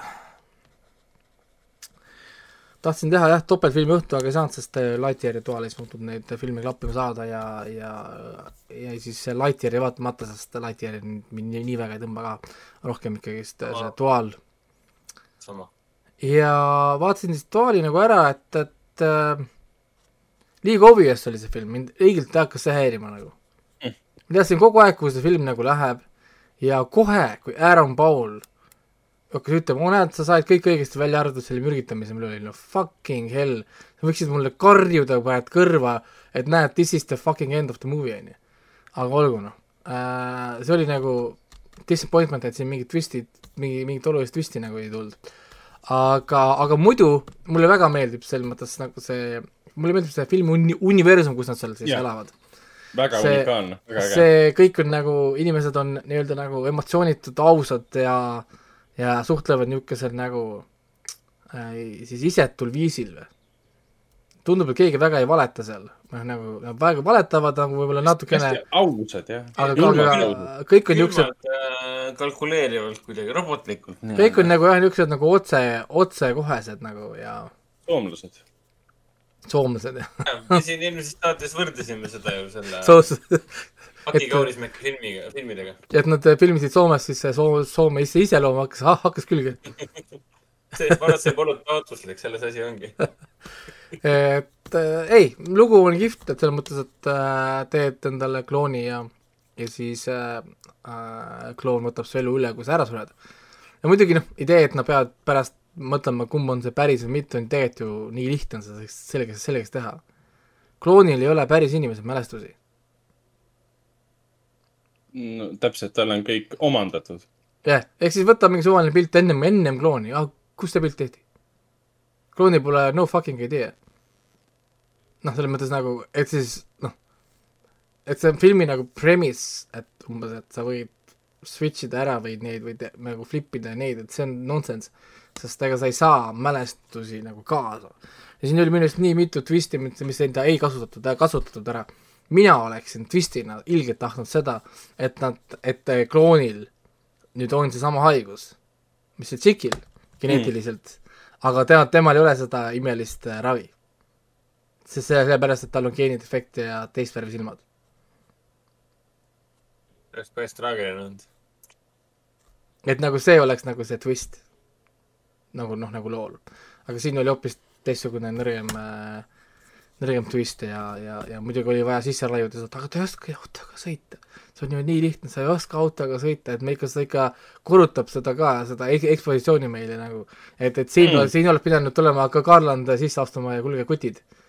dialoog, tõmbame siit dialoogi maha, selle tõmbame maha, siit tõmbame selle maha, seda tseeni äärempooliga tõmbame maha et äh, jäta inimestele nagu noh, midagi, midagi nagu avastamiseks ka. sa pead nagu mulle mitte ainult nagu maalima, vaid ka ütlema ja siis korrutama, et ma ikka saaksin aru. ja veel lõppu lisama veel selle tseeni ka veel sinna juurde, et ma näen ikka, et auto on katki ja vales suunas sõidab. et ma ikka nagu noh, et sa ikka saaksid aru, noh nagu noh, puust ja punaseks nii-öelda. no ja okei okay,, see mind nagu nii hullult ei häirinud, sest see, ütleme, see universum oli piisavalt unikaalne, aga kui sa niimoodi kõik need välja tood, siis jah äh,, väga etteaimatav. võib-olla see film tõmbas nii nagu endale, endasse sisse. tal on see oskus sisse tõmmata, et sa võib-olla esimesel vaatlusel kohe ei hakka neid asju maha tegema enda peas. ja ei no ja mul lihtsalt, vaata, alati kui mainitakse midagi out of place filmides või seriaalides, mis ei ole nagu loomulik, see alati kohe jääb nagu kõrva nagu kajama. et why was this information given? Mm. ja, ja kohe, kui see Aaron Paul, ta luges neid erinevaid kõik surmarelvi ette, siis ta ah, poison, et oo, et eksisid sellega. oh, this is never used. okei okay,, now you just ruined the fucking movie. et nagu noh, miks sa nagu, miks sa teed seda? sa ei pea seda üldse tegema, sa eemaldad selle stseeni ära ja tulemus on sama. aga nüüd ma, nüüd, nüüd ma lihtsalt ei tea seda ette. Et veider, veider nagu, et aga samas äh, sorry, aga Aaron Pauli vaadata filmis, kus ta ei ütle bitch, nagu mis, mis värk sellega on? et, et äh, kuidas see nagu toimib? et ma kogu aeg ootasin, et okei okay,, nii, nüüd, nüüd, ütle nüüd. Nope, aga nüüd ei tule. et äh, mingi hetk oli mingi intervjuu, kus Aaron Paul tegelikult rääkis, tal on nii kopes sellest, et iga kui fännid teda näevad, oo oh,, see bitch to me et ta ei jõua enam seda nagu, nagu teha. aga ei, tool äh,, ta on niisugune keskmine film selles mõttes, et ta ei ole nagu midagi niisugust, mis, mis nagu aasta lõpus me siin hakkame siin kuskil listidesse panema. seda otseselt mitte aga aga, aga ta ei ole ka selline film umbes, et ta kuskile ka halbade filmi listi läheb, ta lihtsalt tuleb ja ta ja, ja ta läheb niisugune kuus koma viis, seitse punkti ja, ja, ja ta massist ei eristu, aga ta kuskil kellegist maha ka ei jää, et selles mõttes, et noh, niisugune klassikaline, ma ei tea, kas keskmine film oleks õige öelda, aga natukene üle, üle keskmise film, aga mitte nii hea film, et äh, noh, ma ei tea, tahaks hakata seda siin äh, räägilt kõigil soovitama ja filmõhtut ja õhtut tegema. et p- pigem võib-olla ta oleks olnud võib-olla parem mingi Black Mirror episoodina kui võib-olla isegi eraldi, eraldi filmina. et äh, jaa, ma seda mõtlesin ise ka, kuskilt käis see juba läbi. aa, Fei-, Facebookis filmivaatluse grupis keegi mainis sama asja. aa, okei okay.. et et ta on nagu jah, Black Mirrori episoodid on ka mingid tihtipeale seitsekümmend minutit ja kaheksakümmend minutit. täitsa vabalt võiks olla Black Mirrori episood, lõikad, lõikad, lõikad need äh, obvious vi- vihjed välja ja teed sellest Black Mirrori e episoodi. ja, ja ma arvan, et oleks sama nagu pointiga ja kõik oleks sama nagu säilinud. ütleme, sama idee. aga see universum ise võiks küll olla, siin on tegelikult niisugust mitu niisugust arutamiskohta tegelikult tekib siin nagu, nagu loos, et minu arust siin on niisugune mõnusaid conversation starter ideesid on siin filmis Mm. need, näiteks sama idee, et okei okay, äh,, esimene küsimus olekski, et kas oleks siis originaalil õigus äh, kõrvaldada klooni, kui tuleb välja, et ta ikkagist ei sure ära. oleks on ju see esimene niisugune äh, küsimus, mida niisugune arutada, on ju. et, et kas tal oleks õigus äh, seda, seda nagu teha äh,. noh, see duelli muidugi küsimus on selles mõttes idi- idiootne, et seda ei peaks kunagi tegema, seda duelli ähm,. see on lihtsalt mingi pss, jah, entertainment value on ju. ja, ja siis teine küsimus tegelikult tekkiski nagu sellest, et äh, kloun on tegelikult ka ohver. et äh, minule meeldis see koht, see, kus nad läksid sellele miitingule ja siis ta ütles, et et, et ta on nüüd tige selle originaali peale, et tema tõi ta fucking maailma ja perre, kus ta ei taha ollagi. talle ei meeldi need inimesed, kellega koos ta seal on. ja nüüd ta peab terve elu seal olema, lisaks maksma asja eest, mida tema ei tellinud.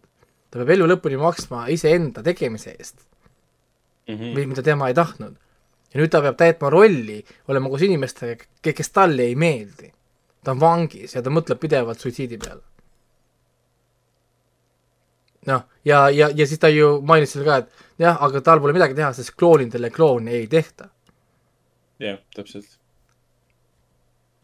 noh, nagu, et siis nagu see osa on siis ka selline koht, mida rääkida ja arutada, et no muidugi meil see lõpp andis ka meile lahenduse, kui see seal istus ja nutis, et uh, same idea, et why I m stuck here. noh, nagu sellist äh, stuff'i. et, et äh, jah, ma ei, ma ei, ma ei kuula, mida teie rääkisite eelmine kord, aga, aga jah, niisugune, niisugune ta oli, et et äh, ma ei tea, kas see Lightyear oleks parem olnud või mitte, aga vaadates senist tagasisidet Lightyeari kohta ma ei ole ka väga kõrgete lootustega selle vastu läinud ja samas ega see film, film tegelikult mind ei koti ka noh, mingit erilist huvi ei ole olnud, et pigem vist ootan, kui see Disney plussi jõuab. ja vaatab siis üldse, et siin äh, jutluste juures ka seoses äh, mainitud äh, Black Mirroriga, et mis on saanud Black Mirrorist. et kas on tulemas siin uued hooajad, värgid ka. kuueteistkümnenda mai Variety siis artikkel, selle aasta artikkel ütleb küll, et uus hooaeg on tulemas. viies siis või? see on siis, viies on, oli olemas juba, nüüd tuleb siis kuues. oota, Black Mirror on viies hooaeg või? oot, oot, oot, oot, oot, oot, oot jaa, ära hakka nüüd, ära hakka, see tuli juuni kaks tuhat üheksateist välja aa, aga siis ma, siis ma vist olen ikka näinud. iga, igast juhuks korra kontrollin üle, kas ma olen näinud. see oli, see oli see, kus Miley Cyrus mängis seal ja mis seal kõik veel olid. ahaa, jaa, ikka Aa. ainult, ainult kolm osa oli. see üks, üks olid need gei kaklusmängide mängijad. noh, nii, nii, nii-öelda geid, sest nad ise ei teadnud, et nad on geid. Ja vahe, jah, ja vahepeal oli see Black Mirrori see film, see Bandersnatch või. Bandersnatch ja see in-, interactive movie, kus tegid neid äh, Jah. valikuid, õige, õige. aga viimati oli info, et siis uues, kuues hooaeg tuleb siis uh, Even more cinematic in scope uh,. iga episoodi koheldakse kui äh, individuaalset filmi uh,.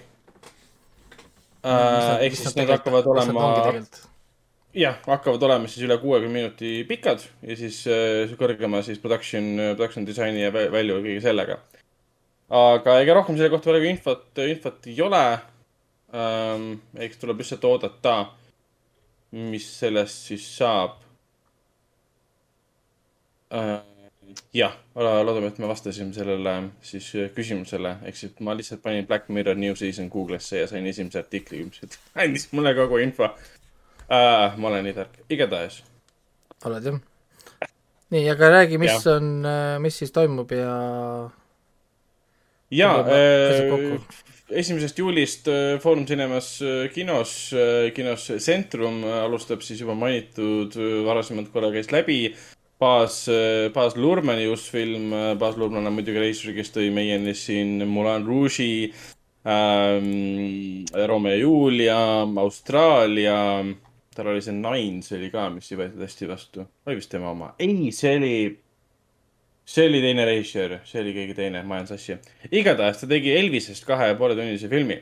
Elvise suureks kasvamise lugu, kuidas temast siis sai maailma suurim äh, nimi äh,. lisaks on tulemas siis, kui ma ei eksi, Taani-Hollandi lastefilm eestikeelse pealelugemisega Põrsas Ruudi äh,, mille siis algupärane pealkiri oli, issand, mis ta algupärane pealkiri oli?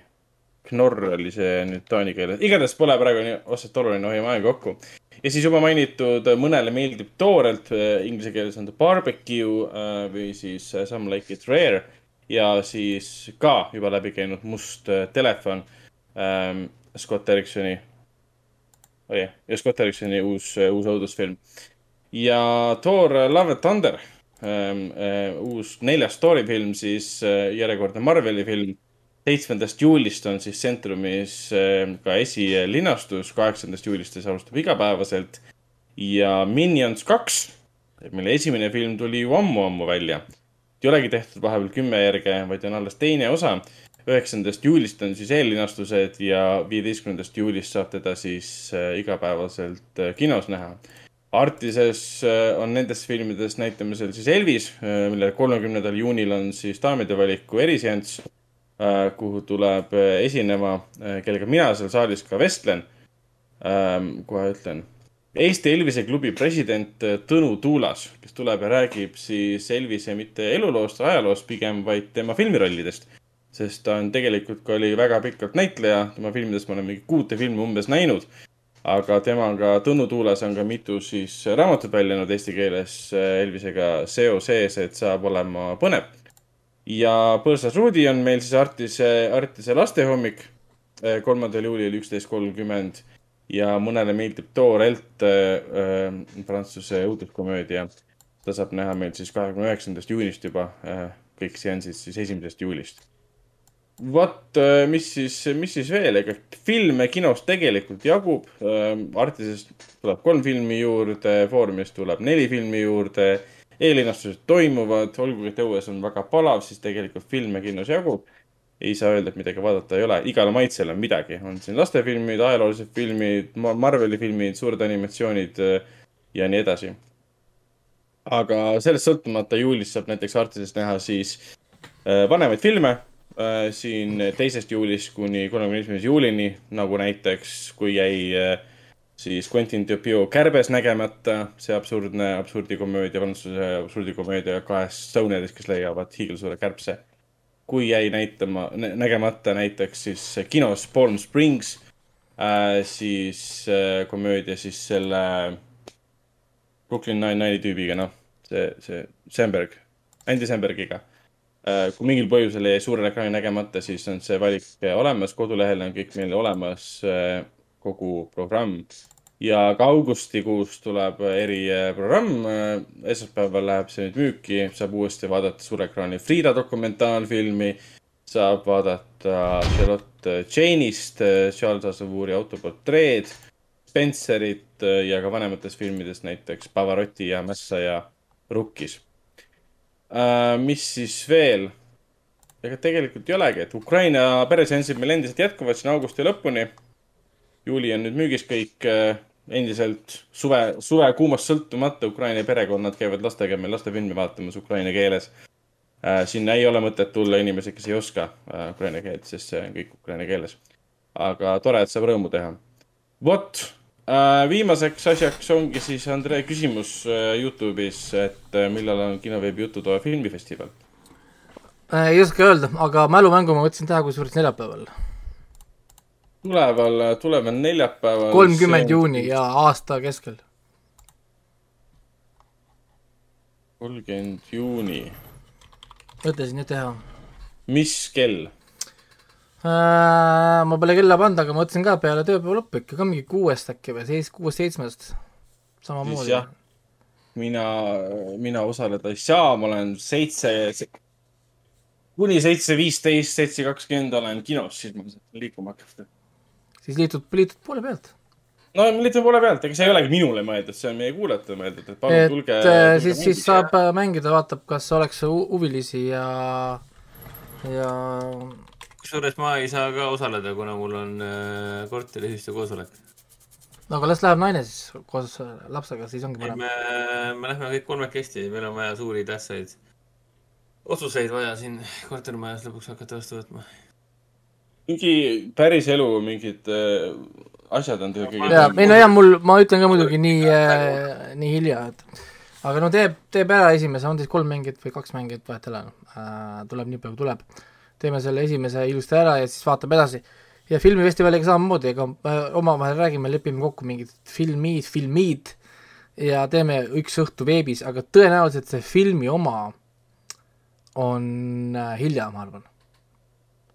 ma arvan, see fil- filmi, filmi vaatamine meil siis kui ma mõtlesin oma graafikute ja asjade peale, et see peaks olema tõenäoliselt juulis ja hilja õhtul, peale seda, kui ma panen lapsed magama Mm. ma arvan. et äh, muudel juhtudel ma arvan, meil tuleb nii palju siis äkki interruption'id ja asju sisse päeval, et vaadata filmi koos. nii et äh, kuidas oleks selline asi või kuidas kõlaks selline asi, kui me alustaks nüüd filmi vaatama kell kümme õhtul näiteks, vaataks mingit, mingit filmi Jah. kõik äh, parim aeg üldjoontes. kõik koos jah, et päeval saame kõik asjad ära teha ja, ja, ja siis teeks näiteks, vaataks, alustaks veel kümme, kümme mingit filmi. aga filmi me jätaksime teie jaoks üllatuseks kusjuures. Et meie vaataksime ise välja ja mina mõtlesin, et see oleks kõikide teiste jaoks, teiste liitujate jaoks oleks see üllatus, see film. vaatate siis või ei vaata, meie vaatame iga, igal juhul filmi ja, ja siis äh, saate liituda aga noh äh,, eks see noh ole, eks väiksed, eks need asjad loksuvad paika, nii nagu kuulajamängud lo- loksusid asjad paika, loksuvad ka need paika. lihtsalt äh, jõuab ja hakkab tegema ja siis näeme. tahtsin ära rääkida, kaks, kaks uudist oli ka, uudist, esimene uudis muidugi see, et viis päeva on jäänud Stranger Thingsi kahe viimase episoodini. ärme seda, seda unusta. ehk siis järg, järgmises saates äkki juba räägime nendest, kuigi need on äh, neli, neli, neli tundi content'i. noh, ühesõnaga loodame, et jõuab ära vaadata siis pühapäeva õhtuks järgmine kord. ja teine asi on siis see, et eile jõudis Top Gun miljardini. jah. jaa, üllatus. Et Top Gun Maverick on nüüd miljardi teeninud, mida keegi tegelikult ei näinud ette. mitte keegi ei näinud ette, et Top Gun teenib praegu kinos miljard. Sorry, aga nagu nope. ja, ja sellest sai siis Tom Cruise'i esimene miljardi film, ehk siis Tom Cruise on nüüd tõeline siis äh, superstaar. tema karjääri siis esimene ja selle aasta esimene. Worldwide Box Office ongi Top Gun on esimene, teisel kohal Doctor Strange, mis on üheksasada nelikümmend seitse Ja miljonit kolmandal kohal Batman, see on see juba seitsesada seitsekümmend, see on juba see pisku. pisku see jah, ja, ja piskud. kümnendal kohal mingi film nimega Too Cool to Kill, pole kuulnudki, kakssada seitseteist miljonit. mis asi on Too Cool to What the Kill? heck, milline film teenib film. kaks, okei, okei, okei, okei, okei, Hiina oma. kuidas sa, kuidas see võimalik on, et Hiina film nii vähe teenib? No Hiinas on kino, kinod kinni, terve linnad on pantvangis. õigus, õigus. aga üldse siin selle aasta tabelis on üldse Jurassic World Dominion, Watergate Bridge, aa, Hiina film, okei okay.. see on järg. see on järg sellele hullule Hiina propaganda fi- sõjafilmile, mis, mis hiinlased panid ka Youtube'i ülesse mingi ultra kaheksa K noh. no jaa, jaa. Battle at something something lake või mis iganes see oli. Uncharted teenis nelisada miljonit või?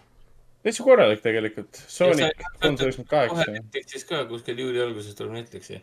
ja isegi isegi Fantastic Beast on kuidagi plussines saanud. Morbius on kolmeteistkümnendal kohal või? mida kuradit? sada kuuskümmend kolm miljonit. Murpaksi, kaheksasada miljonit on Murpaksi. jah, sa Jaa. pead äh, ümardama ümber ikkagi Morboxi, sest aga, aga, see näitab seda vahet ka, et kolmeteistkümnendal kohal on film, mis on teeninud maailmas sada kuuskümmend kolm. kuule lihtsalt see, see India see India, see suur, see RRR on ju seitsmeteistkümnendal kohal. jaa. no jaa, kurat, mul on see ikka veel vaatamata. nii, jutlustaja tahaks seda Hiina filmi näha, me peame silmas nüüd seda Watergate Bridge või? jah, mille originaalpealkiri on Shang Xin Huzi Sheimen Kiao. issand, ma lähen turgusse selle eest. et see üldse saadaval veel on. no ikka on views on kindlasti olemas. kui, kui ta on juba, kui ta on kinost läinud, ta läheb kohe ju view'sse ju tavaliselt. aa, see on siis Battle at Lake Shangin kaks ju. Watergate Bridge. Hmm. Uh, kohe vaatame, Just Watch.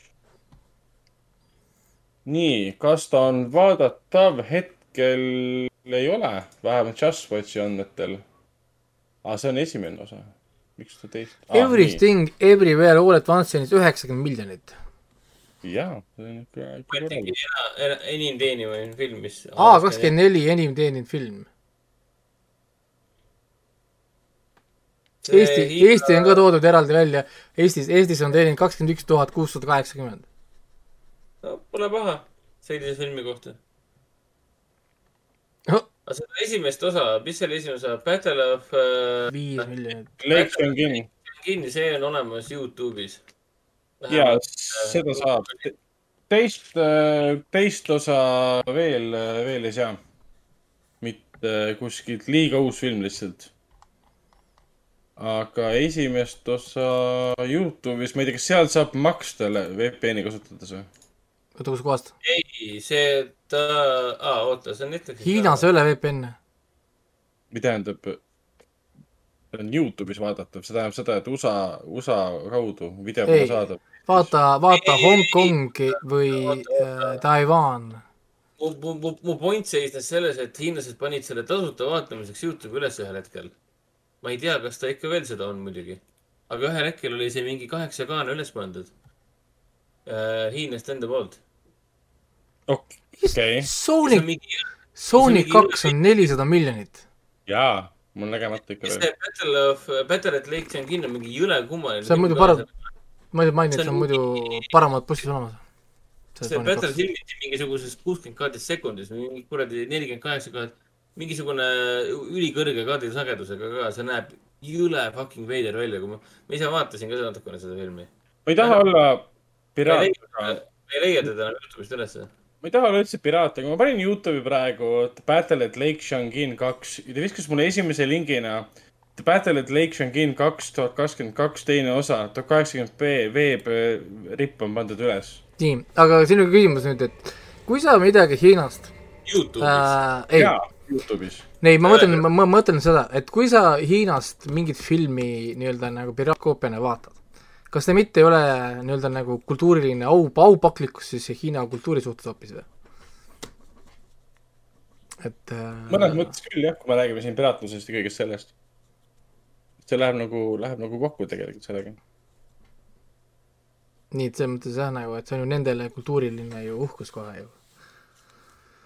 asju ju äh, koopiada. kuulge, aga selge, kotid, kotid kokku ja tänaseks äh, pidu läbi äh,. mul on siis järgmine nädal äh, sünnipäevaparty ja äh, Raivo saab äh, vanaks. äh,, ma olen vana jah. ja, ja siis äh, ilma, ilm, ilm pidi ka olema kergelt soe sünnipäeval. nii et äh, kergelt soe, siin tegelikult nädala teises pooles pidi lõpuks langema kuskil kahekümne seitsme kraadi juurde ja lubati vihma. aga homme, esmaspäev, teisipäeval pidi olema siis kolmkümmend, kolmkümmend üks jälle. äh,. ei, mina vaatasin, mul sünnipäeval näiteks kakskümmend, kakskümmend ühe, üheksa kraadi pilvit, nii et äkki ei olegi Mm. äkki, äkki mm. ei ole kõige hullem. issand, kui kohtav. jaa, et ma käisin basseini parandamas, kaks auku parandasin ära, kolm tükki on veel. nii et see on selle basseini igal juhul viimane aasta, kui ma selle isegi nüüd saan selle tööle, selle basseini kuidagi. siis see bassein on, elab meil siin viimast aastat. aga kuidas sa kavatsed rottidega võidelda? rottidega mul on kassid ja koerad selle jaoks. ega, ega need äh, naljad siin ei liigu, meil on terve hunnik laipu taga kogu aeg. koer tapab kõik ära, mullamutid, rotid, hiired, rästikud, mingid naaritsad, mägrad, kes siia satuvad, kõik saavad Hmm. päris jube um,. ärge neid siis kuskile metsa mingisse imelikku mätmiskohta matke või. tal on veel trikk ka, kuidas ta püüab linda, mulle meeldib, kuidas ta õppis ära, kuidas sai vanemaks, noorena ta lihtsalt jooksis jä- jä- järgi neile kogu aeg. ja siis varesed on lihtsalt äh, tõpranahad, vaata. Ta magab, varesed tulevad nagu surkima teda, vaata, no, no nokivad teda vastu pead ja siis lendavad minema. lihtsalt kiusavad, vaata. issand ja siis, kui ta nüüd vanemaks sai, siis ta õppis ära triki, vaata, ta ei tee, ta ei tee välja nendest, vaata nagu, siis varem nokib, tõmbab, tõmbab sabast, ta ei tee välja. vares vaatab teisele varesele otsa umbes nagu, vaata nagu what the fuck noh. Läheb uuesti vaata. noh nagu, tõmbab sabast, ikka tee välja. Nad kahekesi seal on ta põhimõtteliselt kõrval juba ja siis hüppab naksti ja siis mõnusalt kr- krõmpsutab seda kuulajat mingi tuppa. jube. ikka õudne. Sorry, aga kas see pole mitte looduslik valik, kui sa lähed endast mingi, ma ei tea, kümme, kümme korda suuremat Oo, jah. oh, kiskjat nokkima nagu. et siis mingil, mingil, mingi kuskilt maalt peab tõmbama pi- piiri, et kuule, et see on nagu that's, that's how nature works siin ei ole enam, enam midagi teha kuule, aga selge uh,. selge pilt äh,. Stranger Things ja Elvis ja Stranger Things, Elvis ja, ja, ja tegelikult on väga hea aeg istuda kodus, kui kuuma ei kannata. mis siis Marvelil on kolm epi- episoodi väljas ja äh, kõik ära, ära vaadatud mul ja ma olen väga meh staadiumis, nii et jah, ma ei ole edasi vaadanud ikka veel, aga ma keskendun praegu The Boys'ile, et. oi, The Boys, The Boys, tulevad.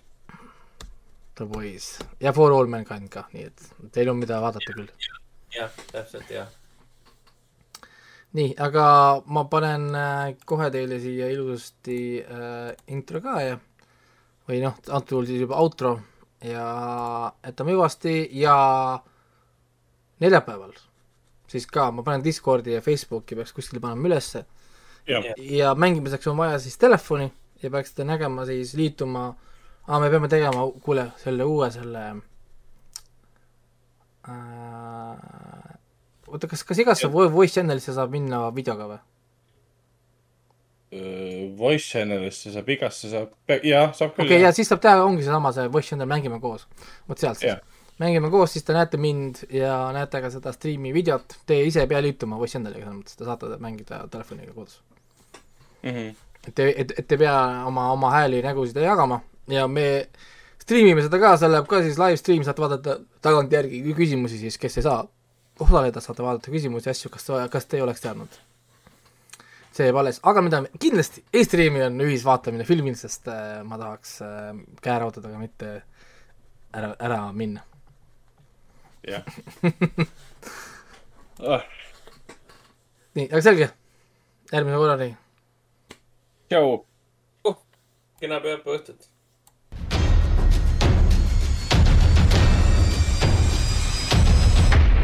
Kinoveebi Jututuba podcasti toob teieni Foorum Cinemas